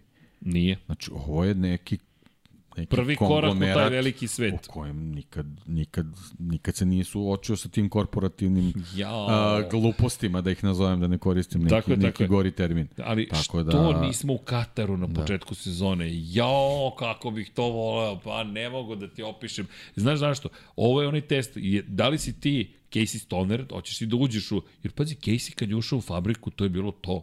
Dobro, jedno što sad baš poređenje. Ne bih ga poredio s Caseyem, samo hoću da Wow. kažem, ti momenti kada uđeš u ekipu, da. to je jedini čovjek za koga ja znam, pored Valentina Rosija, pazi, govorimo o velikanima, i Marka Markeza koji se snašao, dakle, govorim o vanzemaljcima. Lorenzo se snašao u velikom timu, ali to je ta priča. Ko se nije snašao u velikom timu? Andredo Viciozo. Andredo Viciozo se izgubio kad je stigao u Repsol Honda. Čovjek se izgubio, dok se on snašao, dok je pohvatao konce ko šta gde kako i on je rekao, u Scott Hondi sam imao četiri Dobro, parametra da easy menjam. rider, tako da. Baš easy rider. Ali pazi, on je rekao, četiri parametra se menjao na Scott Hondi. Bukvalno četiri. Da. Došao je u fabriku i rekli su mu izvoli motocikl. Pa, Šta menjam? Sve. To je, to je ta zadrška vezan za Eneo Bastianini. On je dobio gotov motocikl ove godine. Jeste, ali zato ti kažem, hoće da bude vanzemaljac ili će da bude... Tako je. To, to Regular- nema, regularni nema, vozač. Nema izbora i zato je ovaj rezultat Peka Banja je dodatno težak Jeste, i jeste. dodal, dodatno Jeste. pozitivan. Mada, sledeća trka na Tajlandu meni dalje i dan danas nervira. Inače, po- pobedio na Tajlandu Miguel Oliveira. Zašto? Zato što je pala kiša. Tako je, da. Tako da. budemo realni. A Jack Miller je bio drugi. Pazi, svaka čast Milleru. Miller 45 pojena. Ej, Miller u ovom trenutku ima 40 pojena za ostatka. Oni Bastianini su na poen razlike i onda dolazi Australija. Kad se, kad se ženio? To je tu negde. Da, bilo, posle tako? Tajlanda. Posle Tajlanda. Posle Tajlanda. Između Tajlanda i Australije imali smo dve nedelje pauze. Da, da, da. I tad je otišao sledećeg vikenda se oženio i, I sledećeg pao. vikenda... Tad je otišao. pao. Tad je pao. A, a, pa vi, vi, ste, vi ste u bračnoj U zajednici. tri trke, u tri trke dva put pao. A, da. Dobro. Dobro, da, to je taj ozbiljan To ne mora smisao. ništa da govori. naravno, na, To je naravno. samo, samo smo ovaj, činjenice složili. Da. E, da, dobro, da, ali jednom je pao, da znate. Ali dobro. Ne, za, sledeće, za sledeće dve trke je jako važno ovaj, taj, taj ponovo odnos između Peka i, i Fabija ili on Fabija sa, sa jednom užasnom trkom na Ne, Tajlandu. Tajland je greška ekipe koja... Ali opet, eto ti, nema da. vatre u ekipi. Se neko iznervirao zbog to, toga. To, to, to, Ma da, ne, samo da. smo dobili saopštenje za javnost zašto se to desilo. Ne zanima me zašto se desilo. I Ne. izvini, samo Japan, Japan, Japan, ne smo zaboravimo Aleš. Aleš Japan. A, Aleš. Kad već pričamo o Kad ekipama. pričamo o ekipama To, to, koji to, to, zaborave to. da mu ugase zapravo To, to, to, podešavanje to, to. motora I to za... je to, umor, završnica sezone, Ne, ne, ne. otišlo se iz Evrope i to, to, to jednostavno ovaj, e, To je e, posao za kako Massima bih rekao, da, znači e, u aprili to još možemo da razumemo, ali Yamaha nikako. Ma ne, Yamaha prihvatljivo. nikako. Posebno što u situaciji gde ti, Znaš- ti si aktivan i dalje ništa, ti nis, Znaš ništa nije šta izgubljeno. je Yamaha zapravo? Će Yamaha da bude Ferrari MotoGP-a? Pa, po broju ljudi koji rukovode pričom, tako izgleda. I novcem. Da. I istorijom. Znaš, to je, iako istorija bi trebalo bude Hondina, ali Honda, zahvaljujući Markezu, ne možemo reći da u poslednjih deceniji nije bila uspešna. Naprotiv. Pa ne, mi ono, kad smo, kad smo stavljali ta neka poređenja, Repsol Hondu smo poredili sa, sa Ferrarijem u smislu kad Pola Espargara, kad smo pričali, Kad angažujete ti dođe, neko, to te kad ti zazvoni tako je, tako je. telefon i zovu ti iz Repsol Honda, Kažeš, ti se pakuješ gde i kreneš. potpisujem? Pa to, gde dolazim? Ma ne, drugo. potpisat ću kasnije, gde, gde da dođem. Gde spavam Potpisat večeras? ću, ne, nije problem. Tako to da, sigurno. To je, Repsol Honda ima, ima uživa i dalje taj status, a ovaj, Yamaha u tom smislu te neke ovaj, organizacije i nekih Pa, propuštenih prilika, to je to. Ali vidi, To vidi. može da bude tako. Era u kojima su vladali Schumacher i Rossi su prevarantske ere. Oni su nas prevarili da Ferrari i Yamaha su bolji nego što jesu. Njih dvojica su nas prevarili. Molim? A to da njih onda, Do njih? da, je li to do njih? Pa znaš kako, Pa, oni to, sad, su to sad stvorili- seže, to sad to sad seže, seže, ne da. mogu ja dalje da pričam, ali recimo da kažem da Wayne Rainey nas je prema, prevario da je Yamaha super. Da je Maha super. Da, oni su toliko bili dobri, ne samo kao vozači, nego kao lideri. Da. Jer oni su, moraš da imaš vođu. Moraš da imaš vođu koji dođe i kaže, idemo, pratite me. Ne. Ne, to je... Ne, Sena je došao je druga u priča. Tim koji je vodio Tiranin, koji da. je bio spreman da pobeđuje. Ali, Koji ti nije dao pehare koje osvojiš. Mislim, Da, da. Šta više da pričaš. čisto da Završi, znaš. siđeš, siđeš sa postolja, on uzme tvoj pehar. Uzme ti pehar, da. ali nije šala. To, to. Ne, ne, ne, ozbiljno. Da. Ron Dennis je sileđija bio. On tako Pa ponašao. dobro, to je bio To- njegov način stav. vođenja ekipe. Ne, je to, to, take it or leave it, ej, ne moraš da potpišeš Opekao, za McLaren. opekao se u duelu Sena, Sena Prost. Jeste. To se više nije ponovilo. Pa, pa Alonso Hamilton, Pa tu je već shvatio da da je vreme odlazi. da ide. Tako je. Da, tad je, Tako tad je. pol, tad je On se otišao. čak nije mnogo ni borio da ostane. Da, da, da, da, ali, ali to je baš bilo, da, da, ali šta hoću kažem, ne vređam čoveka, to je to pro, prosto pročitaj bilo koju knjigu, pa i Adrian Newey kada je opisivao Rona Denisa, pregovori su bili specifični, recimo to tako, podrazumevalo se da ćeš da uradiš šta ti ja kažem, otprilike to je bio neki stav. Ali Ron Dennis nije glup čovek, nije on neko ko je tek tako neki sivonja, ne, on je ekstremno inteligentan, sposoban čovek koji je jedan od najboljih menadžera svih vremena u Formuli 1. Samo je bio tiranin. Samo. To je prosto moraš, pa vidi, hoćeš rezultat u tom periodu, da. on ga je donosio na taj način. Sa tvoj izbor hoćeš da budeš u ek, nežnoj ekipi ili si spreman da se suočiš s čovekom koji je vrlo Si spreman da, da razgovaraš, da usklađuješ tehnička pravila prema sebi. Svašta nešto mora da se radi. Da. Ne možeš ti da budeš neki Ron Dennis u McLarenu i da ćutiš a da ti Williams, ne znam, ili Ferrari menja Tako tehničke je. propise sledeće godine. To, to jednostavno nije moglo da se desi. Ne, ne, ne, bitka, to su, ima klub Pirana, ne znam gde, ti, Da, ti da, imaš da, jednu grupu ljudi, Ali znaš, kad se pojavila RCV Honda, Yamaha je rekla, ok, kao pa dobro. Kao. Pratit ćemo. To, to, da. A onda je Honda, pa, pa vidi, Srki to bolje. Ovaj. Mali Srki. E, to. Bahtira Abdurmanov, 10 evra. Samo da pozdravim super ekipu, želim vam puno zdravlja. Hvala, Hvala Bahtjere. takođe, sve hvala. najbolje. Veliki pozdrav ime cele Hvala. ekipe, hvala. E, naš sponsor Bahtjer Abdurmanov. Jeste. To svaki put ćemo da spomenu. Niste vi članovi Čito ove godine baš je bio aktivan i je hvala zaista. zlatni sponsor. Ali, ljudi, kada pričamo o tome, ja, ja verovatno se neće promeniti, pretpostavljam za života, da će, uvek, da će imati, uvek imati to, ne, to, to, to neko pri, u glavi načina koji su me mama i tata podizali. Kad je reč o parama, mi bez njih ne možemo funkcionirati, ne postojimo, prestaćemo da postojimo. A nama s druge strane niko nije učio da idite pred deca pravite pare nego budite dobri ljudi, radite dobro svoj posao i slične stvari. A mi smo sada mali mega preduzetnici, tako da hvala. Bahter je na više načina, nije pojenta u parama, već je pojenta u tome što ste vi naš sponsor. Hvala. Zaista. I to je to, i udrite like. Ali, da, i, i, i zapravo moram nešto ti kažem. Mi moramo ove analize sezona da gledamo, mislim da smo to u Formuli 1 pogodili način. U suštini, ključne momente, nije bitno više, ne mogu da se vrati više u tu emociju, osim za neke trke, bila desetinka, dve desetinke, hiljaditinke i tako dalje.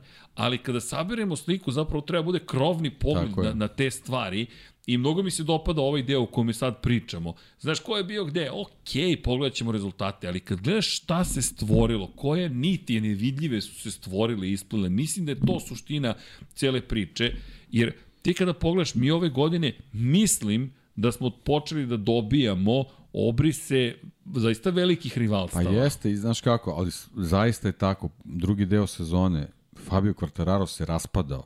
On je čovjek do poslednje sezone se borio da osvoji titulu. Bo, bukvalno. Do poslednje trke, trke sezone. Trke, da. Ali delovalo kao da, ba ne, okej, okay, idemo i tako dalje.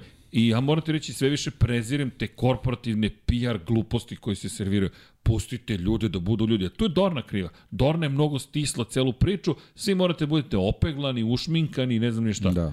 A Zašto? To je, to je paralelno bilo dosta Dorninih nekih aktivnosti i tako dalje i tako dalje, ali opet eto ni krivi ni dužni su ponovo dobili vrhunsku sezonu. Ali zato je Bastianini toliko bitan jer on obara te korporativne situacije. Zašto kažem da je punkir, da je rock and da. roller, šta god za, za, za, za vas mlade ljude. Vidjet ćemo zato što on, on u toj priči neće biti sam. Karlo Pernat je tu i... Karlo je stara, ba, stara baraba. Da. Dakle, baraba bukvalno vipa. Pa, pa dobro, jeste stara je, ali sad kažem, neka nova pravila stižu, vidjet ćemo kako će oni da se da se uklope to, to, to. u tu priču. Vidi, opet, evo u knjizi, dakle, hvala Matt Oaksley i na original knjizi, što nam je doneo kopiju, jednom potpisu, ček da vidim.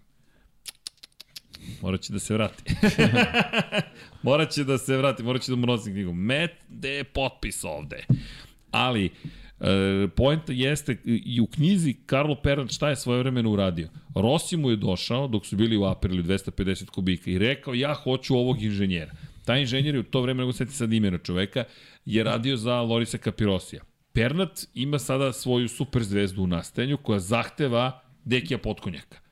I, a Deki radi sa Pajom Živkovićem. I Srki Petković hoće da ima njega. I ti si zvezda u nastajanju koja je došla i rekla, znaš šta, neću. Oću Dekija. A ti se sa Deki radi s Pajom, kako sad? I onda odeš kod Paja i kažeš, znaš nešto sam razmišljao, A, možda bi ti bio bolji onaj drugi tamo, možda bi ti Vanja bio bolji. Vanja mnogo dobro radi ovaj posao. Ne spominješ Dekija, nego ti sad navodiš Lorisa Kapirosija da uzme Vanju, jer ti želiš da obezbediš Dekija za Srkija. Znači, potpuno ludilo, baraba. Sad ne mogu pratiti više.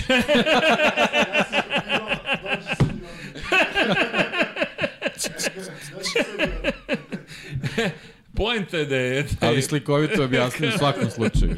Udrite like, subscribe.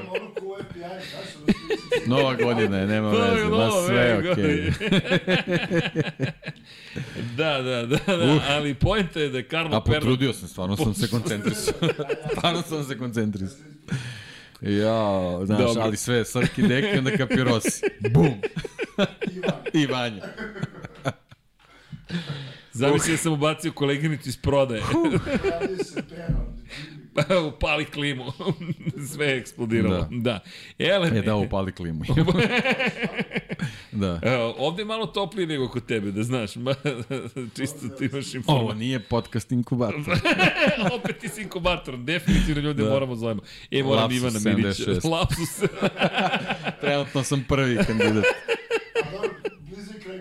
Da. Dobro, sve, sve to... Da. Sve, e, ajde da se vratimo ajde, ajde, na, fokus, finish. fokus, da, da. fokus, fokus, vidi, Tajland, 16 pojena za Banjaju, 16 pojena za Banjaju, bez jednog jedinog pojena u tom trenutku Fabio Quartararo, ekipa koja je potpuno promašila podešavanje motocikla, Diego Gubelini koji je rekao, napravili smo prostu grešku. Prosto je napravljena greška i Možemo da pričamo sad o ogromnoj šteti, ali to zaista ne sme da se desi ne tako ne, ne, ne. Mislim, kao, ja ne mogu da nađem greška da neko kaže, ok, ne, ne, ne, ne. ne. Na, na tu izjavu ne može lajk. Mi ne možemo, ej deki, mi pričamo o čoveku koji ne. brani titulu protiv sile koja je nezaustavljiva gotovo, koja dominira kvalifikacijama, koja dominira trkom osim za prvu poziciju. Samo za prvo mesto pričamo o Miguelu Oliveri koji je u svom elementu. Drugo ali je mesto. nebitan u čitoj priči. Ne, ne, bukvalno je nevažan čovjek. Ali mi pričamo o Jacku Milleru koji je drugi, pričamo o Banjaji koji je treći, pričamo o četvrtoj poziciji i dalje mi je teško da pređem preko toga Joana Zarka. Okej. Okay. Razumem, nemoj da mu otežaš život vaši, ali ti juriš prvu pobedu u karijeri. I dalje mi je to neprihvatljivo. I dalje stojim pri tome da to nije to trkanje. Mora, moje mišljenje, trebalo da napadneš, naravno oprezno, pa man, pa, pa šta sad, svaki napad je rizik, pa rizik i kad se pojavi, izađeš iz kuće. Dakle, pa to je profesionalni vozač Moto Grand Prix, ne pričamo o, o Novajli. Joan Zarko je jedan od najiskusnijih sada vozača. Nije on više onaj momak koji se pojavio, pa hoćemo ga, nećemo ga, mator je nije mator, koji vozi teh trojku, pa vodi u prvoj trci u karijeri, pa pada u Francuskoj. Da, I pritom ta, taj njegov nastup nije, nije na ivici, on je daleko brži, vidi se vidi da je se. daleko brži. Vidi se. I ja s tim imam problem. Da, koštao bi 3 poena Banjaju. Na kraju sezone ne bi to promenilo stvari. Ali koncept, poenta cele priče, ah, kako god. Nisi više trkač. Tako je, nisi više trkač, ali ima još jedna bitna stvar. Yamaha nije dala Kvartararu ni šansu da bude u ovoj trci. Čemu pričamo? Gume. Ma šta gume? To je vaš posao. Vi morate da budete na najvišem nivou. Bukvalno, i ne, mi čak ne pričamo o snazi motora. Ne, to, to šta da pričamo? Da, da li slabi motor? Pa jeste. Pa šta sada radimo? Kvartarale. Da li nisu idealni vremenski uslovi, Tako nema, nema, po, nemaš potrebe da pričaš o snazi motora. Je. I mi sad imamo situaciju koju ti moraš ovo da iskoristiš. U Indoneziji si bio sjajan.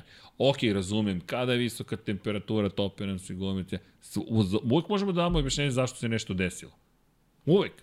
Ali ti kao tim moraš da nađeš rešenje. Pa ne možeš da završiš van vodećih 15.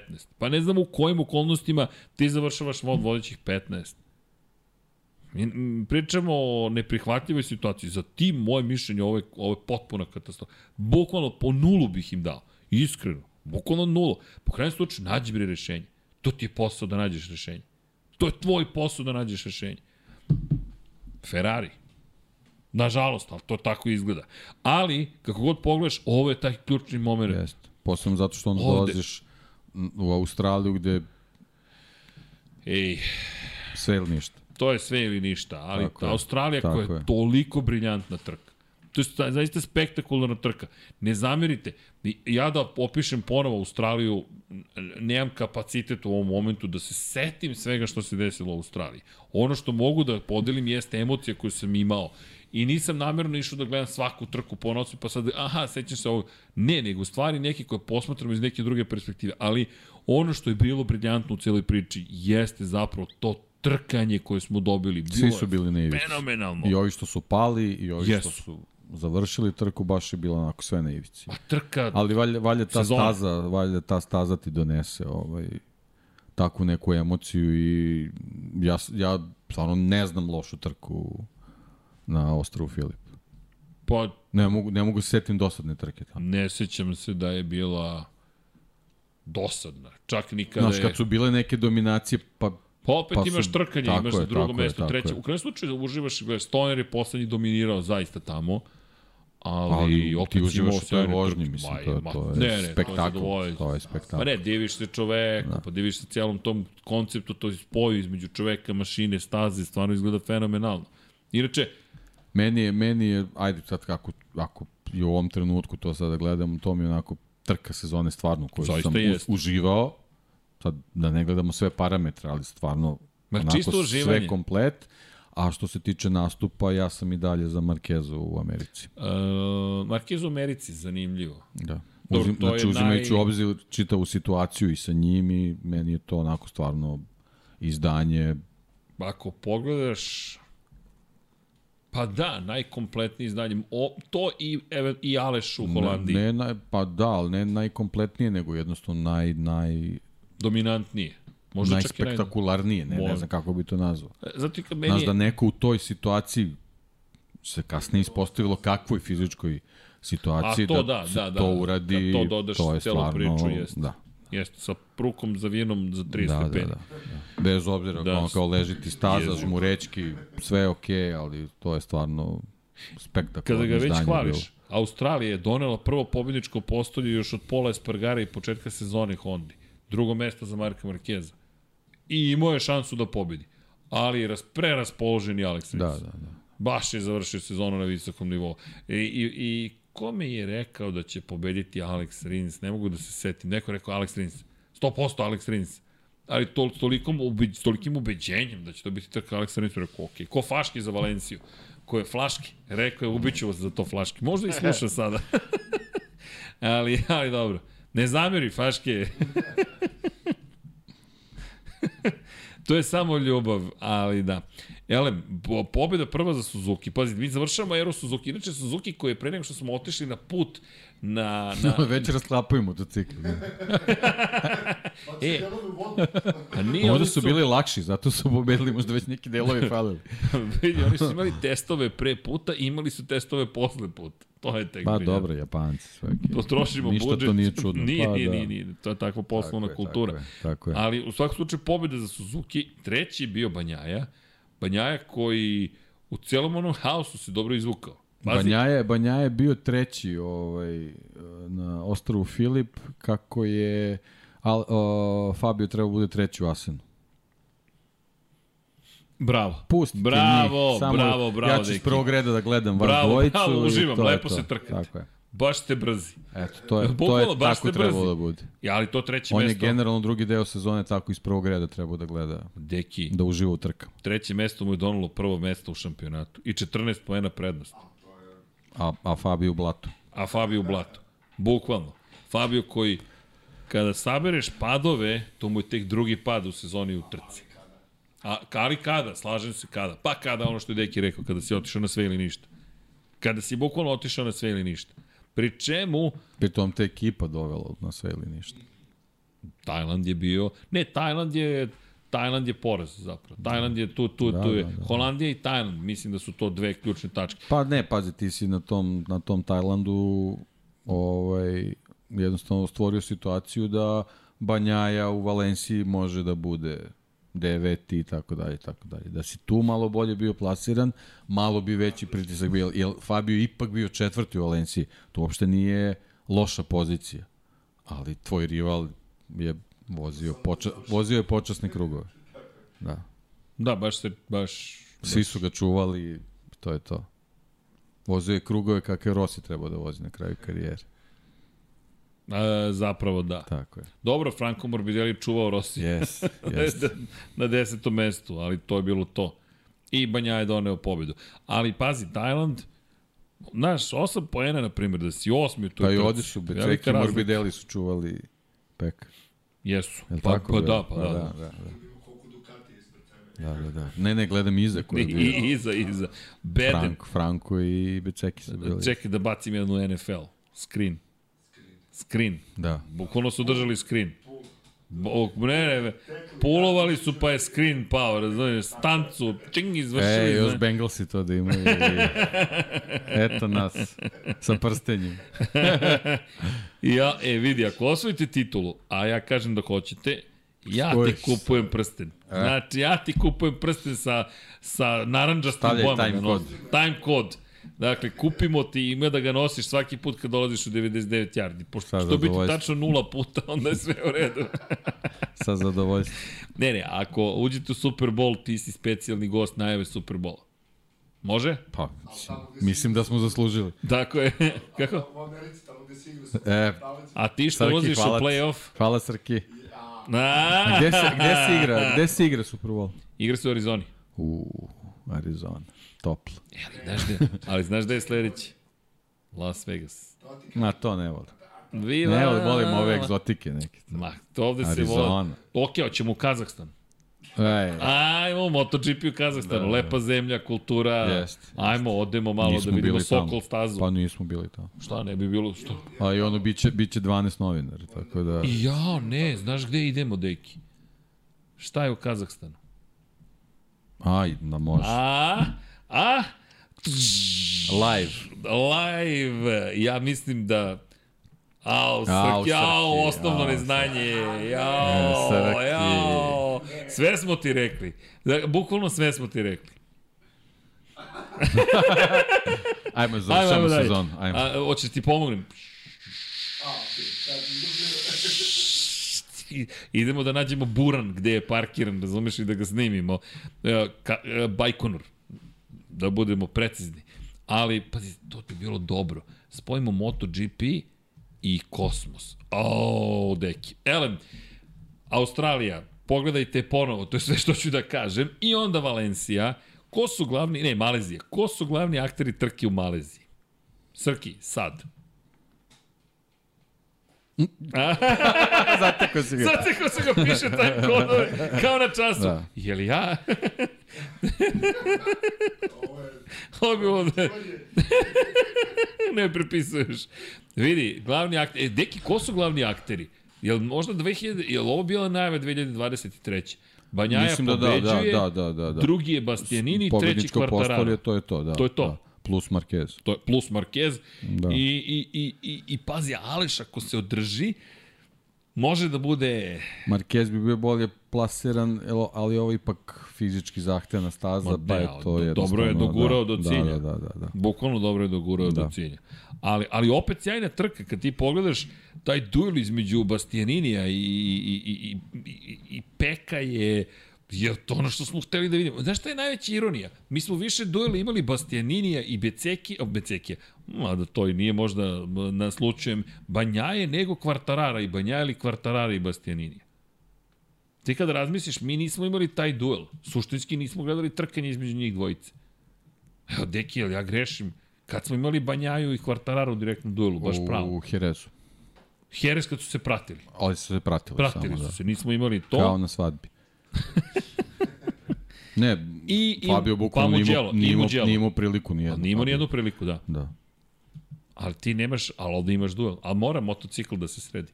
Yamaha mora sredi stvari. Yamaha mora da sredi stvari. Ali Malezija je meni bila super trka. I Quartararo najzad, prvi put od Austrije na pobjedičkom postolju. I taj način na koji se borio tu, ali pazi šta, šta je ironija, on je izgubio vođstvo u šampionatu i zato ne može da se svede samo na ekipu i na motocikl. Zato što sam ubeđen da je vodio u Maleziji da bi drugačije vozio. Ali pošto više nije vodio, e onda sad idemo da vozimo neku dro, potpuno drugu trku. Tako mi deluje. Da. Tako mi deluje. Ali, ali, ali mnogo lepa trka. Zaista mnogo lepa. I Beceki se ozbiljno yes. borio da, da, da se da, da nekako stigne Fabija. Međutim, srećom nije uspeo, zašto kažem srećom?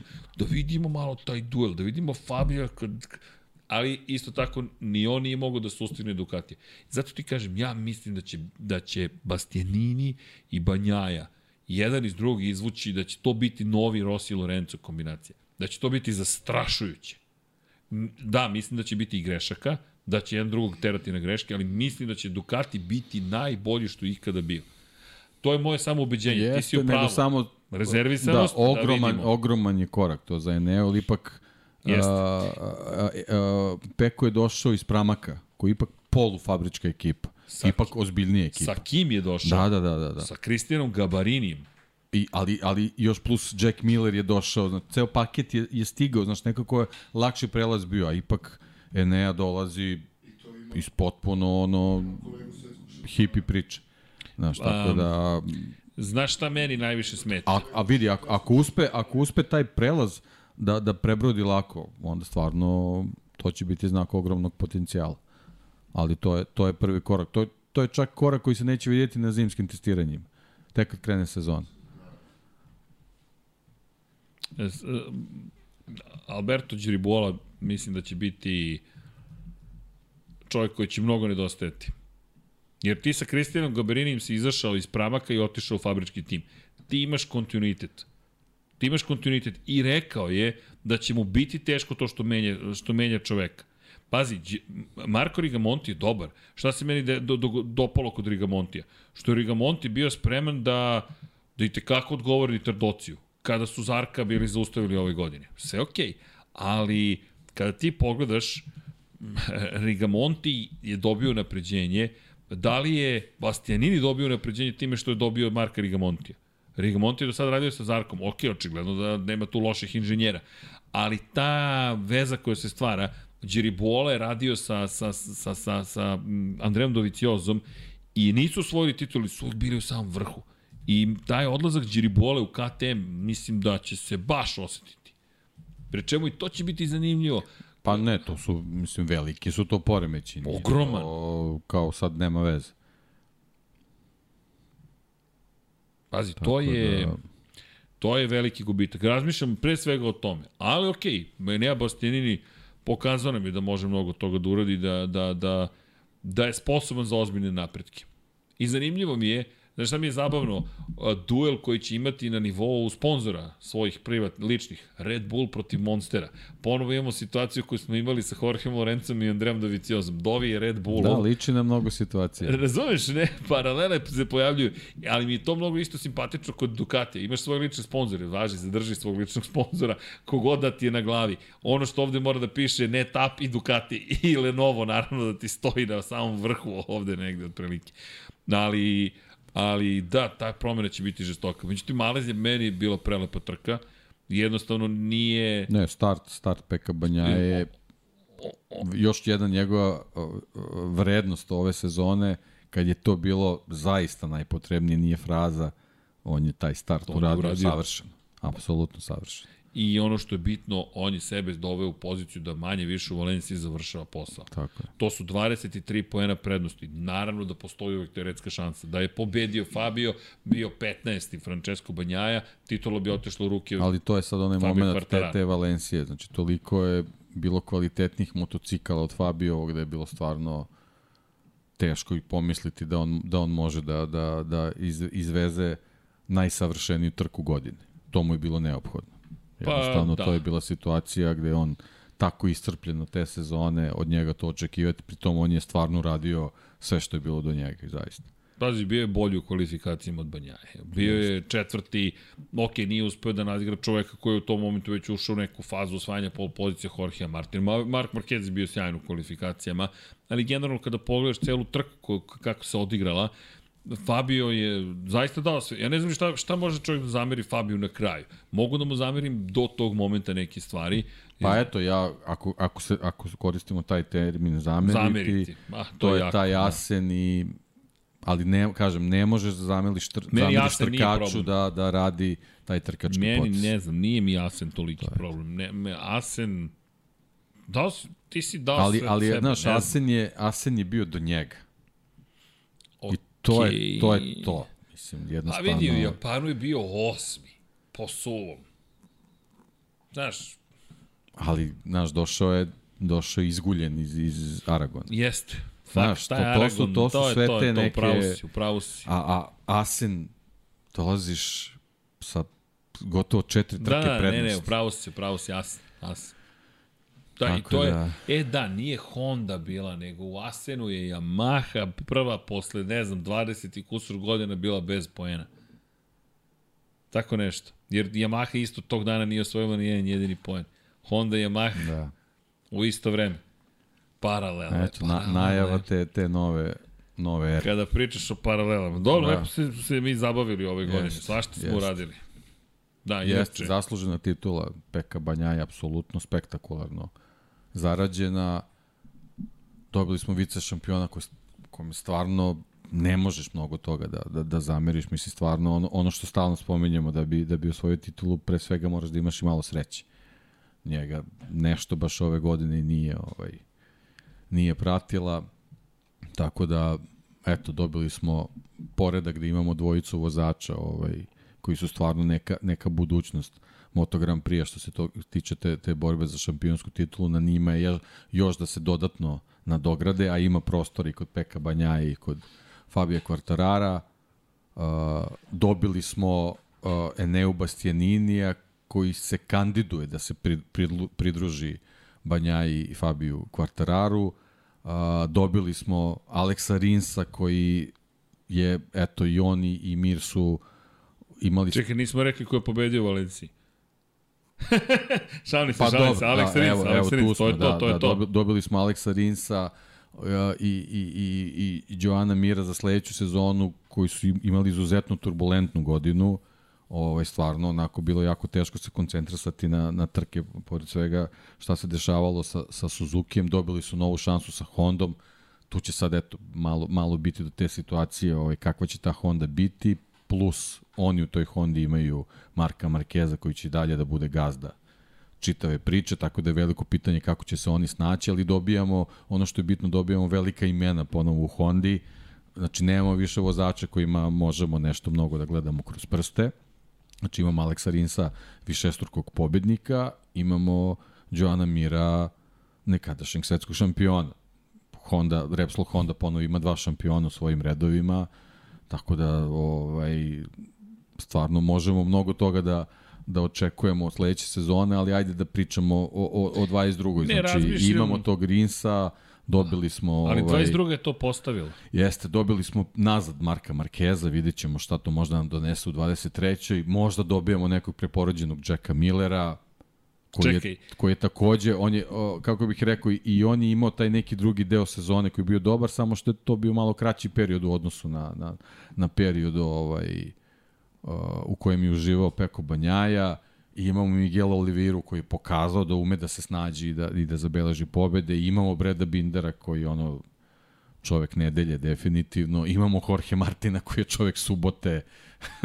Tako da ima tu stvarno stvarno velika velika grupa vozača koji su na razne načine Misliš od... Martin će da pobedi u svakom sprintu? pa dobro, da, to ipak nije jedan krug, ipak ne, malo duže. Dobro, dobro. A, imamo veliku grupu vozača koji su bljesnuli u određenom trenutku sezone, ali stvarno nekako Peko Banjaja i Fabio Quartararo se ipak izdvajaju i bilo bi dobro da ih imamo na, na, na vrhunskim mašinama sledeće godine koji su karakteristikama slični, ali uh, mislim da, da je to i dalje samo želja. Ja, teško je pomisliti da to može se desi, ali ali generalno zašto, zašto ne očekivati, jednostavno vidjet ćemo kad, kad krene ta sledeća sezona, za sada ne idemo toliko daleko, ali, ali generalno kad se podvuče crta, apsolutno zaslužena spektakularna titula, titula Peka Banjaje i, i borba Fabija Kvartarara na kojoj ne može stvarno mnogo toga da mu se zameri. Ne, oni su zaista pobeležili su sezonu i kada govorimo o o nekim situacijama, ajmo prva stvar, šampion. Svaka čast, Francesco Bagnaia. Apsolutno. Bravo.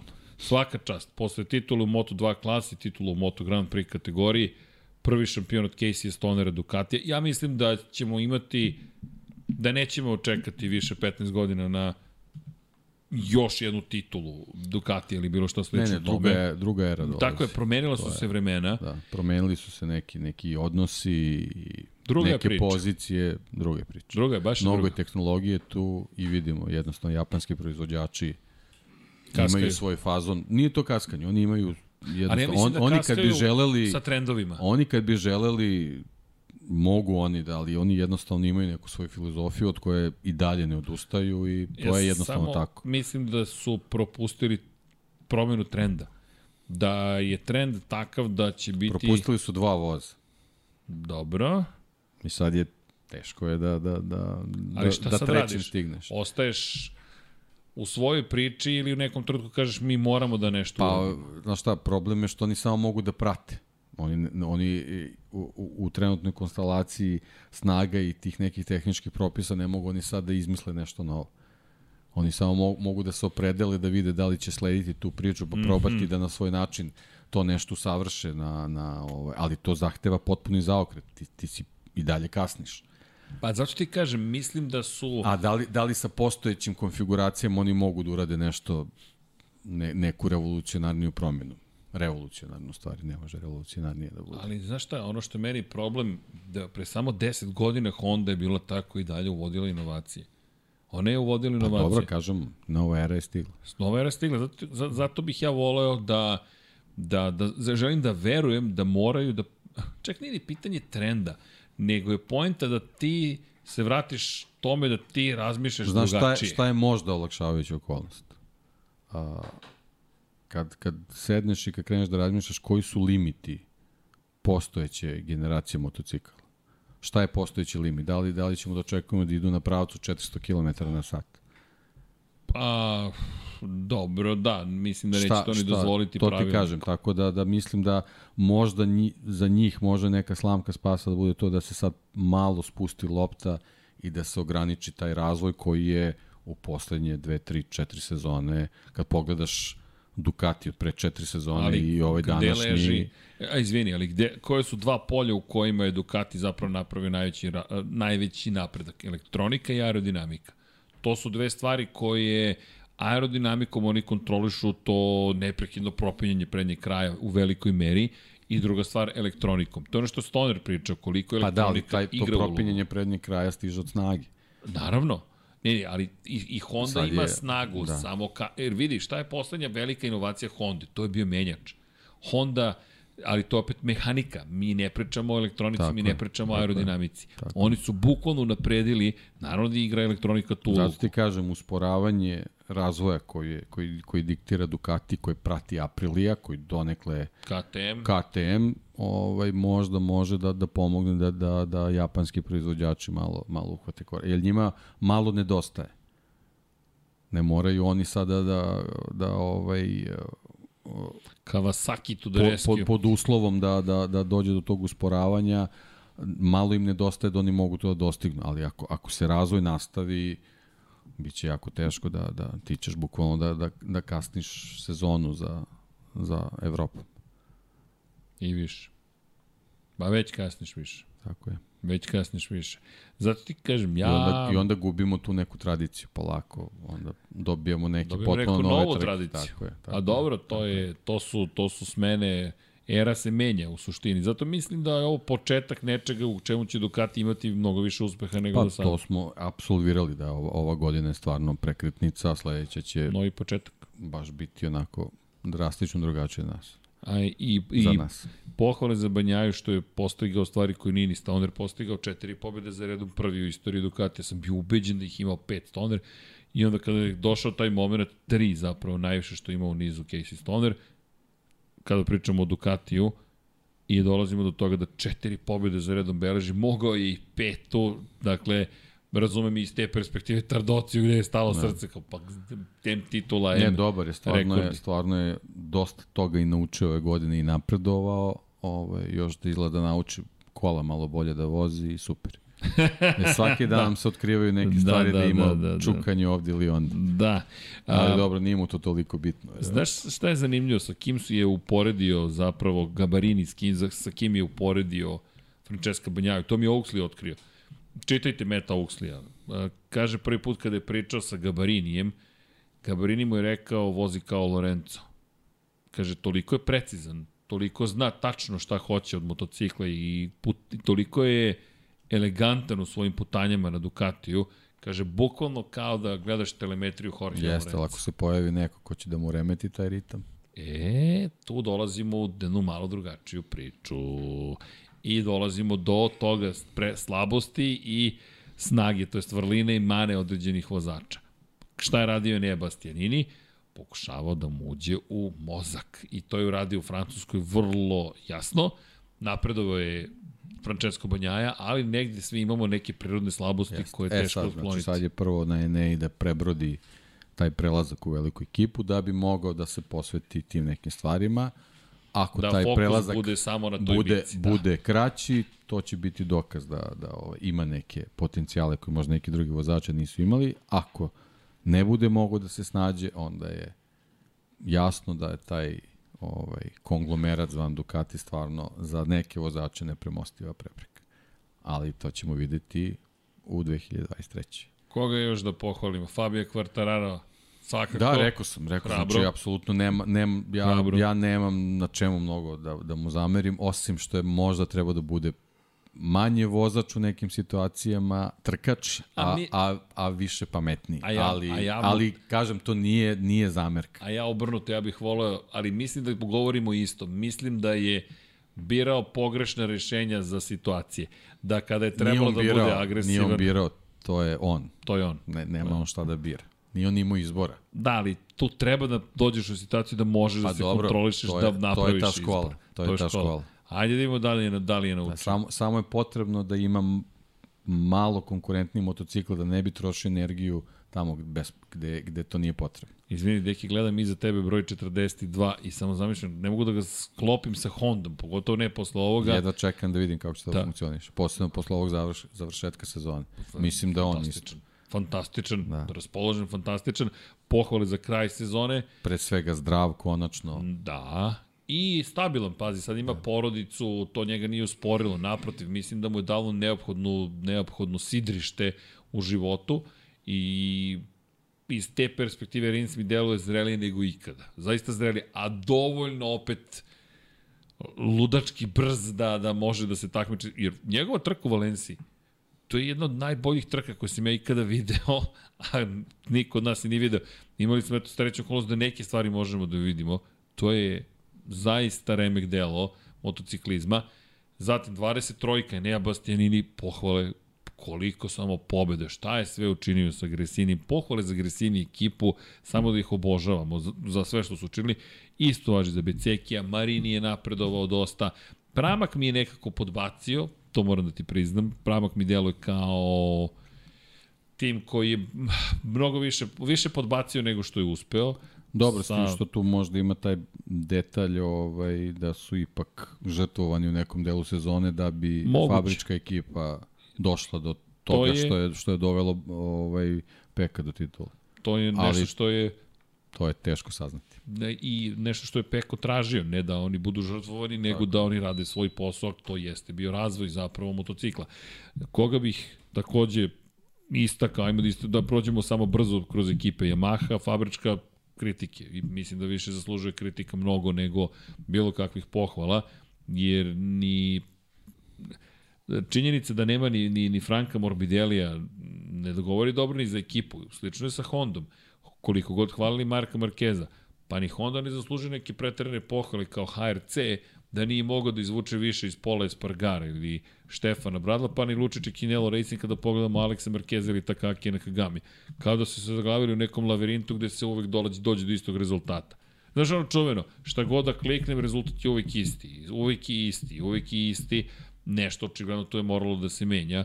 Honda ne, nema mnogo Dobro, možda i mi ponekad očekujemo suviše od nekih vozača, ali jednostavno ne mogu svi da budu ne vrhunski i ne, ne mogu svi da se snađu u datim situacijama ne i to mogu. je ono što ih odvaja. Ovaj, odvaja tokom njihovih karijera, tako da ovaj KTM KTM pa dobro, jednostavno ovaj gore dole. Gore dole je bilo posle nekog nekog uspona koji su imali u, u razvoju, morale možda dođe ta sezona ovaj da Ovaj, I to više kad dole. izgubiš koncesije, da, onda je malo, malo nezgodno, neko se možda bolje snađe, neko malo drugačije. Njima je možda nezgodan tajming bio što smo, eto, posle tih nekih skraćenih sezona, baš u tom trenutku su leteli u, u, u punu sezonu i ovaj sa stazama koje nisu toliko bile ovaj uh, u, u njihovim testiranjima zastupljene, ovaj do duše eto desile su se te neke neke neobičajne trke gde su oni baš baš ovaj uh, pobedili, ali s druge strane baš je za zabrinutost bilo to što što na, na, na stazama koje su poznavali, gde su imali dosta podataka, nisu baš bili naj, najuspešniji, ali ono što smo pričali tokom sezone njima je ta pre svega uh, kro, krovna organizacija ovaj potrebna da, da se da se dotegne i podigne na više nivo da bi taj taj neki mali procenat koji im je potreban da budu dobri ovaj mogao uh, da se dostigne, ovaj, sad ta neka promena vozača možda će ovaj, malo, ih, malo ih probuditi, ostaje ti jedan vozač koji je tu već sa, sa, sa ekipom, stiže ti neki drugi koji ti donosi neka, neka nova iskustva, tako da, eto, možda, možda i oni mogu da naprave neki korak više, ali oni generalno uh, sa sezonom gde su onako prilično bili toplo-hladno, više više hladno nego nego nešto uspešno ipak su zabeležili neke neke dobre rezultate pa onda oni to ipak mogu da da da napišu i da opišu kao kao neku neku uspešnu godinu mada prema onome što smo mi očekivali možda su ipak trebali da budu malo više aprilija iz 2022. nego što su bili KTM tako da ovaj pa bar bar na tom nivou Znaš I zbog, pre svega zbog potencijala koji su donali vozači. A opet s druge strane imali smo satelitsku ekipu gde smo imali dvojicu momaka koji se apsolutno nisu snašli u, u čitavoj priči. To je upravo ono što smo i malo pre rekli. Znači nisu jednostavno svi isti i neki, neki stvarno ovaj, teško, način, teško podnesu taj, taj prelazak, prelazak u Moto Grand Prix. Ali A izvini, da. dodao bih i način na koji je funkcionisala teh tri ekipa u odnosu prema vozačima. Pa jeste, ali, ali to ja bih i taj Tech 3 gledao u čitavom paketu sa KTM-om. To jednostavno moraju moraju, moraju da, da promene, ali ovo, eto, najveće žrtve su bili ovaj, Raul Fernandez i, i ovaj, Remy Gardner, tako da ovaj, opet škola i za ekipu, škola i za vozače, ovaj, na, na tom nivou jednostavno ne može, ne može da bude toliko toplo-hladno, posebno kad si kad imaš ekipu koji raspolaže takvim kapacitetima, pre svega finansijskim kao što je KTM, to posle, posle nekog, onako, neke uzlazne putanje da, da dobiješ sezonu gde si onako se prilično nazadio, to jednostavno nije, nije nikako dobro u, u, u opisu. Tako da, eto, to je onako, onako ukratko. Meni, to to. meni malo ostaje taj, što se tiče teh tri, samo neki gorak ukus, ali mislim da si lepo rekao, to treba posmatrati kao KTM i bih vratio Ne, ne, zato što pre ove... svega, zato što tek tri posmatamo kao, kao mnogo ozbiljniju ekipu, mislim, tek, tek tri gledamo u rangu nekog pramaka, znači, ne možemo tek tri, recimo, gledamo u rangu RNF-a koji ima ozbiljne zemljotrese i potrese pa i sad da kažeš Kao je, pa i vi ste imali jedan fabrički motocikl, ne, to uopšte nije, pa nije ista priča. Pa je zalutao u Moto Jeste, jeste. A Trenutno. ovaj Tek 3, zbog tek neke svoje reputacije, tim. tako je to, to nije, nije smeo da dozvoli, posle što ima dva ozbiljna talenta u svojim redovima koji su ono maltene upropašteni. Tako da, ovaj, eto, to je, to je onako malo, malo, malo gora kukus da, da smo više pozitivnih pri, stvari pričali o Derinu Binderu nego, nego Raul Fernandezu i Remiju Gardneru. Da, to, je, to je zapravo Tako neprihvatljivo. Je. Ali zašto ističem teh tri? Dva razloga. To je zaista tim sa ozbiljnom reputacijom. RV Ponšarali ekstremno moćan čovjek u okviru Moto Grand Prix-a. On je čovjek koji predvodi IRTU i njegov glas se daleko čuje. S druge strane, imam utisak da sve to počinje još od sponzorstva koje je nestalo kola, čuvena Red Bull kola, koje je trebalo da bude glavni sponsor, pa su onda inkorporirani u KTM kao fabrički de facto tim, gde se tim zapravo smanjio, nezavisnost ekipe se značajno smanjila, sada su postali gas-gas, možda će to pomoći da budu makar logički nezavisni, to nije mala stvar, psihološka igra je velika, možda će privući neki novi sponzor, ali načine koji su nastupili prema svojim vozačima meni i dalje nekako ostaje gora. Pa to je samo generalno u relaciji prema KTM-u, ovaj, što se tiče ekipe, bolje je da bude gas gas, zato što je KTM direktno zainteresovan da da u promociji tog brenda bude mnogo, mnogo više uspešnih i, i pozitivnih stvari, dok je delo da KTM za, za nešto što se zove Tech 3 jednostavno nije, nije zainteresovan. I to, to nije, nije dobro. Nije dobro razmišljanje.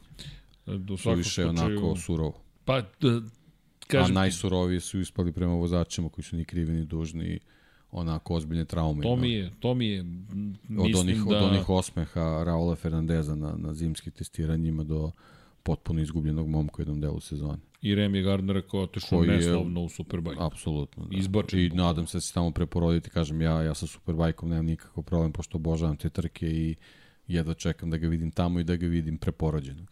Da, imam, imam utisak da ćemo, da, da ćemo gledati prilično lepe trke kada je reč o Remy Gardneru. I Volio to je jedan, da si upravo. Jedan, jedan trkač, baš je trkač, ali mislim takođe da on nije bio spreman i pitanje da li će ikada biti spreman za Moto Grand Prix. Kada je KTM opisao njega kao neprofesionalnog, smatram da je to pregruba reč, ali Remi se ne uklapa u ovaj Moto Grand Prix. Ovo je korporativni Moto Grand Prix, a on zaista kao da je došao sa potpuno nekog drugog mesta i mislim da će Superbike biti njemu jedan na jedan, jer to i dalje malo, neću reći ljudskije, ali opuštenije okruženje i malo sirovije. Pa u smislu... mnogo, mnogo bliže moto dvojkama, to smo pričali, Jest. i tehnički i po, po nekim, nekim pristupima ekipa koji su ipak na profesionalno visokom nivou, a on već, pošto ima iskustvo iz Moto Grand Prix, mislim da će mu to ovaj, dobro doći, a opet prijati ta, ta, ta neka, neka promena ovaj, u, ipak u smislu okruženja. Idemo dalje. Idemo dalje. To je to. To je to. Dakle, pregledali smo kraljičku klasu, smo konstatovali ko je bio na pobjedničkom postavlju na kraju sezone. Samo mislim da to treba napomenuti kada već pričamo o toj završnici. Alex Rins u uh, svom briljantnom, apsolutno potpuno ne, genijalno briljantnom nastupu pred Binder, koji kad, po, kad je na početku trke blizu vrha, deki, nezaustavljiv je na tom KTM-u, ali samo mora da bude tu u samom vrhu. To je ono što je fascinantno. Pa dobro, ali on znači. mora malo da promeni taj pristup, mora da počne radi malo i petkom i subotom. Pa, da, super, da. super je što voliš da se trkaš, ali to, to radiš ali u privatnim to ekipama, to, to ne radiš u fabričkoj ekipi. Naravno, to se potire zato što ti ipak doneseš neke bodove i to je okej, okay, ali ovaj, sa, sa, sa Jackom Millerom nisam siguran da, da će to biti jedino opravdanje da, da ostaneš tu. Jack Miller, Brad Binder. Tako dobra je. kombinacija. Do, mislim da je dobra kombinacija. Ja mislim da je dobra kombinacija. Mislim da će ih malo Jack razmrdati tu u nekom, u nekom smislu, a mislim da, da, da će i Brad prihvatiti tu igru. igru. Mislim da ta dinamika može biti, može biti može. vrlo zanimljiva i da je bolje... Kako? Dynamic da, duo, da, da. da. Ne, moraju, moraju da, da malo raz, razmrdaju tu neku, neku pogrešnu korporativnu gotovo. filozofiju. Ali ajde, ne pričamo to oko da, KTM. Da, da ne najavljamo da, i... Ne, ne to, ne, nego baš smo sad pričamo o njima kao da su... ok, nešto nam okay. tu... Moraju da zasluže da se priča o njima. O, profesore... Pali muziku. U stvari pali Star Wars. Star Wars. Jesi spreman, deki? Ja sam spreman. Ne, čekaj, čekaj, čekaj, pre nego što krenem. Ajde. Ljudi, srećne praznike vam želimo. Želimo vam pre svega zdravlja, sreće, ljubavi, sledeće godine dobrih trka, standardno, da se družimo, da nam bude još lepše, zabavnije, nadamo se da ćemo biti bolji, nadamo se da ćete uživati u onome što vam priprema cela ekipa, nadamo se da ćete se zabaviti za novogodišnje večer, ukoliko slavite, ukoliko ne, da ponovimo ono s početka, nekima praznici teže padaju. Ljudi, koliko se osjećate usamljeno, YouTube palite i slušajte u krug Lab 76, 99 yardi, Cosmos 76 pod kapicom, Luku i Kuzmu potražite, dakle, zabavite se, ili ukoliko ne želite da se zabavite, pa slušajte neku muziku. Ukoliko ni to ne želite, ugasite svetlo, probudite se sutra ujutru prvog i recite stigla nova godina ili šta god, ali uvijek postoje ljudi, nikad niste sami, to hoću da vam kažem, makar ne sa nama, kada je reč o tome ko slavi ljudi, lep provod vam želimo za, za novogodišnje veče. Mi se čujemo u live-u, uživo ćemo vratno biti od druge nedelje januara, ali ćemo pripremiti snimke za narednu nedelju da se utorak, jel te, pojavi Formula 1.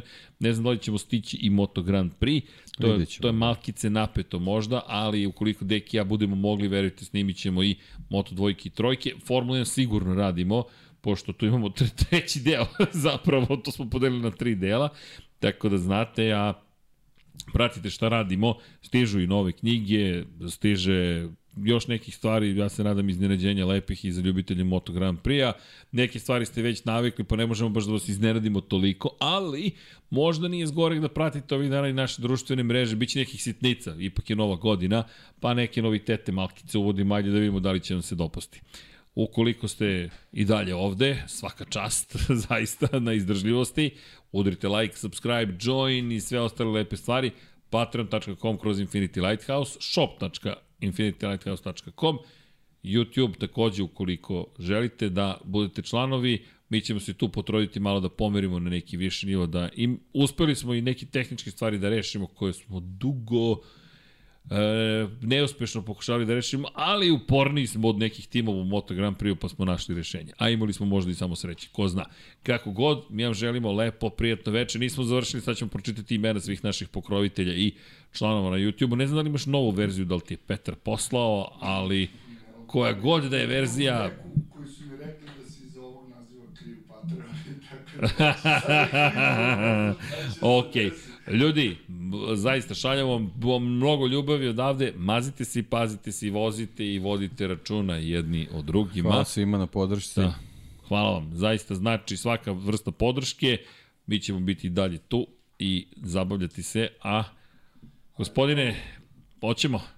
Ajmo da krenemo. Idemo, Patreoni, 352, Đurđica Martinović, Salim Okanović, Matija Binoto, Lje Đurović, nisam siguran da li je ovo novo ili staro. Ne, ovo je staro. Danka, Mladen Tešić, čekaj da se uvolim, Đorđe Milanović, Stefan Vuletić, Marko Kostić, Jelena Veljković, Aleksa Valter, Ivan Milatović, Dušan Delić, Luka Martinović, Vojn Kostić, Marin Antunović, Aleksa Lilić, Sead, Dorijan Kablar, Matej Sopta, Igor Jankovski, Nikola Milosavljević, Marko Kozić, Šmele, Marko Petrekanović, Srđan Sivić, Milan Apro, Branimir Rijavec, Nemanja, Jasmira Pešić, Matija Rajić, Zoran Cimeša, Danijela Ilić, Đole, žena mi zna, Andreja Miladinović, Borislav Jovanović, Miloš Radosavljević, LFC, Crnogorski, Jedi, Grgo Živaljić, Vlada Ivanović, Jugoslav Krasnić, Andreja Branković, Nebojša Živanović, Ivan Rečević, Andrej Bicok, Veselin Vukićević, Dimitrije Mišić, Ivan Ciger, Safet Isljami, Ivan Panajotović, Boris Erceg, Džigi Bau, Branislav Kovačević, Depressed Cody, Gardbrand Fan, Aleksandar Jocić, Vladimir Filipović, Vladimir Petković, Đorđe Đukić, Pavle Nj, Miloš Todorov, Emir Mešić, Andrija Todorović, Ertan Prelić, Alen Stojčić, Bojan Markov, Bahtjar Abdurmanov, Darko Trajković, poseban pozdrav do Bahtjara, Dijan Đokić, Ferenc Laslovi, Branko Bisački, Žarko Milić, Aleksandar Milosavljević, Igor Gašparević, Vukašin Jekić, Branislav Marković, Igor Vučković, Aca Vizla, Dejan Vujović, Nemanja Zagorac, Aleksandar Antonović, Novak Tomić, Boris Kujundžić, Tijana Vidanović, Aleksa Jelić, da žena ne sazna, Dušan Petrović, da li je moj brat, ne znam, Lazar Pejović, Stefan Nedeljković, Alen Vuletić, Zoran Majdov, Nikola Stojanović, Jasenko Samarđić, Bojan Majstorović, Antonio Novak, Stefan Milošević, Miroslav Cvetić, Đole Bronkos, Ognjen Marinković, Aleksandar, Nemanja Miloradović, Marina Mihajlović, Dušan Ristić, Miloš Vuletić, Luka Manitašević, Zorana Vidić, Marko Horg, Boris Golubar, Mirina Živković, Josip Kovačić, Andrej Božo, Boris Gvozden, Nenad Simić, Petar Relić, Bojan Mijatović, Milan Nešković, Borko Božunović, Marko Ćurčić, Mlađan Antić, Kristijan Šestak, Stefan Vidić, Ivan Žorž, Luka Savović, Jelena Mak, Goša 46, Kovačević Omer, Monika Erceg, Nenad Đorđević, Nikola Božinović, Filip, Mihajlo Krgović, Đorđe Radojević, Predrag Simić, Ivan Simeunović, anonimna osoba koja je donirala novce, Zoran Šalamun, Aleksa Vučaj, Miloš Banduka, Mario Vidović, Zoltan Mezeji, Stefan Lešnjak, Srđan me čudno gleda, Ivan Maksimović, Toni Ruščić, još jedna anonimna divna osoba, Anonymous Divnius, Marko Bogovac, Bogavac, izvinjam se, Nikola Grujičić, Marko Mostarac, Mladen Krstić, još jedna anonimna osoba, Stefan Durić, sledi pa Ivan Toškov, Sava Dugi, Jelena Jeremić, Ozren Prvi Prpić, Almir Vuk, Igor Ilić, Dinstero Vuk, Đorđe Janjić, MS13, Drago Veković, Tatjana Lemajić, korespondent, korespondent Kosta Berić, Koja 7, Иван Винцитич, Бојан Гитарич, Игор Нинич, Милан Бацич, Дато Гейминг, Лилјана Милутиновиќ, Иван Хорњак, Александар Николиќ, Александар Коцкар, Марко Богавац, поново Никор 24, Сејдо Мојчиќ, Александар П, Толеадор, DG Реджи, Uroš Ćosić, Marko Stojilković, Nikola Vulović, Nikola Božović, Ivana Vesković, Nemanja Bračko, Maksi, Mensur Kurtogić, Galeksić, Alen Jesenović, Uroš Čutorilo, Žarko Jovanović, Voča Pero, Mladan Đurić, Marakos, Zlatko Marić, Aleks Vulović, Milan Knežević, Nemanja Cimbaljević, Bojan Pejković, Resničanin, Petar Bjelić, Krorobi 00, Pavle Lukić, Milorad Reljić, Saša Stevanović, Toni Soni 76, Nikola Niksi, Branko Rašević, Nikola Grđan, Miloš Stanimirović, Bakadu, Ivan Magdelinić, Ivan Vujasinović, Veselin Vukićević, Branislav Dević, Vukašin Vučenović, Almedin Ahmetović, Nemanja Labović, Marina, Nemanja Miloradović, Miloš Zed, LFC, Nikola Kojić, Vlada Ivanović, Oliver Nikolić, Jelena Jeremić, Lukas Kok, Nemanja, Bojan Markov i Fade Out. Deki poraslati brada dok sam ovo sve pročitao. Ali to je divno. Pogledajte koliko ljudi nas podržava. To su predivne i prelepe stvari i mi se iskreno nadamo da i dalje zaslužujemo vaše poverenje i podršku. Deki je zaspao, nemojte misliti da je voštana figura u pitanju koju smo bacili u studiju među vremenu, ali mislim da je vreme da vam poželimo polako, ali sigurno laku noć. Dobro jutro, kako god se osjećate, želimo vam divne zaista praznike. Ko prati 99 yardi, čujemo se u petak, ko ne prati, ljudi, to bi bio Lab 76, broj 260 i e, recimo da će to biti poslednji izdanje u 2022. godini Osim ukoliko vas ne izneradimo, ali ne, nemamo kad da vas izneradimo, pošto možemo samo sebe da izneradimo, ali činjenica je da smo se, ja se nadam, lepo zabavili. Deki, prođe godina. I prođe, izložbe, prođe, i svašta nešto. Još jednom ću ti se kao sinoć zahvaliti za izložbe. Naveo si nas na još jedan lep, divni umetnički put. Andrej Saković, Miloš Cvetković, predivna izložba, paralele, pogled na veliku nagradu Monaka 70-ih, 80-ih i u prethodnoj deceni, pa i iz ovogodišnjeg prvenstva smo imali fotografije, zaista jedna predivna, predivna, predivna, ne mogu da opišem sreću koju osjećam kada reč o toj izložbi. Inače da, fotografije, vadim ih iz zapravo magacina, da ne kažem iz depoa, i od sledeće nedelje ubacit ću ih ovde da ljudi mogu da znaju, iako se prodaju na, na sajtu, idu u dobrotvorne svrhe, za Nurdur ćemo davati novac, sav profit koji se tu ostvari ide u dobrotvorne svrhe, to je i bio dogovor sa umetnicima, ali kako vi ne znate više ni da postoji, ne vidite ih nikada, da ne kažem nisu izložene nigde, mislim da će za ove ostati u depou.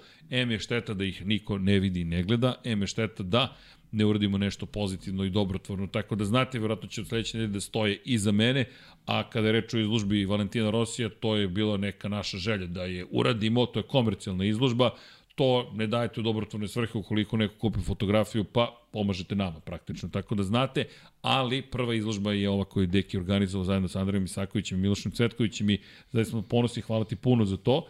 Hvala za knjige, hvala za sve neke lepe stvari koje smo uradili i hvala Srki, hvala za svu podršku koju nam pružaš i koleginice iz prodaje, i Vanje, i Petar, i Paja, i svi koji su prošli kroz studio, ima mnogo ljudi. Ako nekog ne spomenem, to ne znači da smo zaboravili, nego jednostavno je zaista mnogo, mnogo ljudi i mnogo lepo osjećaj. Nas će tako ostati da ćemo biti još bolji, da ćemo biti pre svega još bolji ljudi, da se nadam da smo dobri za početak, pa onda ćemo sve ostalo ovako. Deki, srećni praznici, I Ček, samo da ne, samo da ne bude, da ga, znamo koga je, koga je slomio. Šalim se, to je bio pa takav peh, pošto je stara zgrada, da kad hodeš, samo ako poskakuje pod i tako. Bilo je nas više koji imamo trocifrene brojeve kilaže i polete Ducati sa vrha, od, ozgo sa, sa police odleteo. Nego, Sreći ti praznici, deki. Takođe, I želim hvala. ti puno sreće, ljubavi, zdravlja i da se družimo još, nadam se, da ćeš za, na, i na tvoje zadovoljstvo da se družimo u 2023. Deki, ćemo se pozdravimo. Ajmo. Hoćemo na standardno 1, 2, 3. 1, Da, da. 2, 3. Ćao, Ćao svima. svima.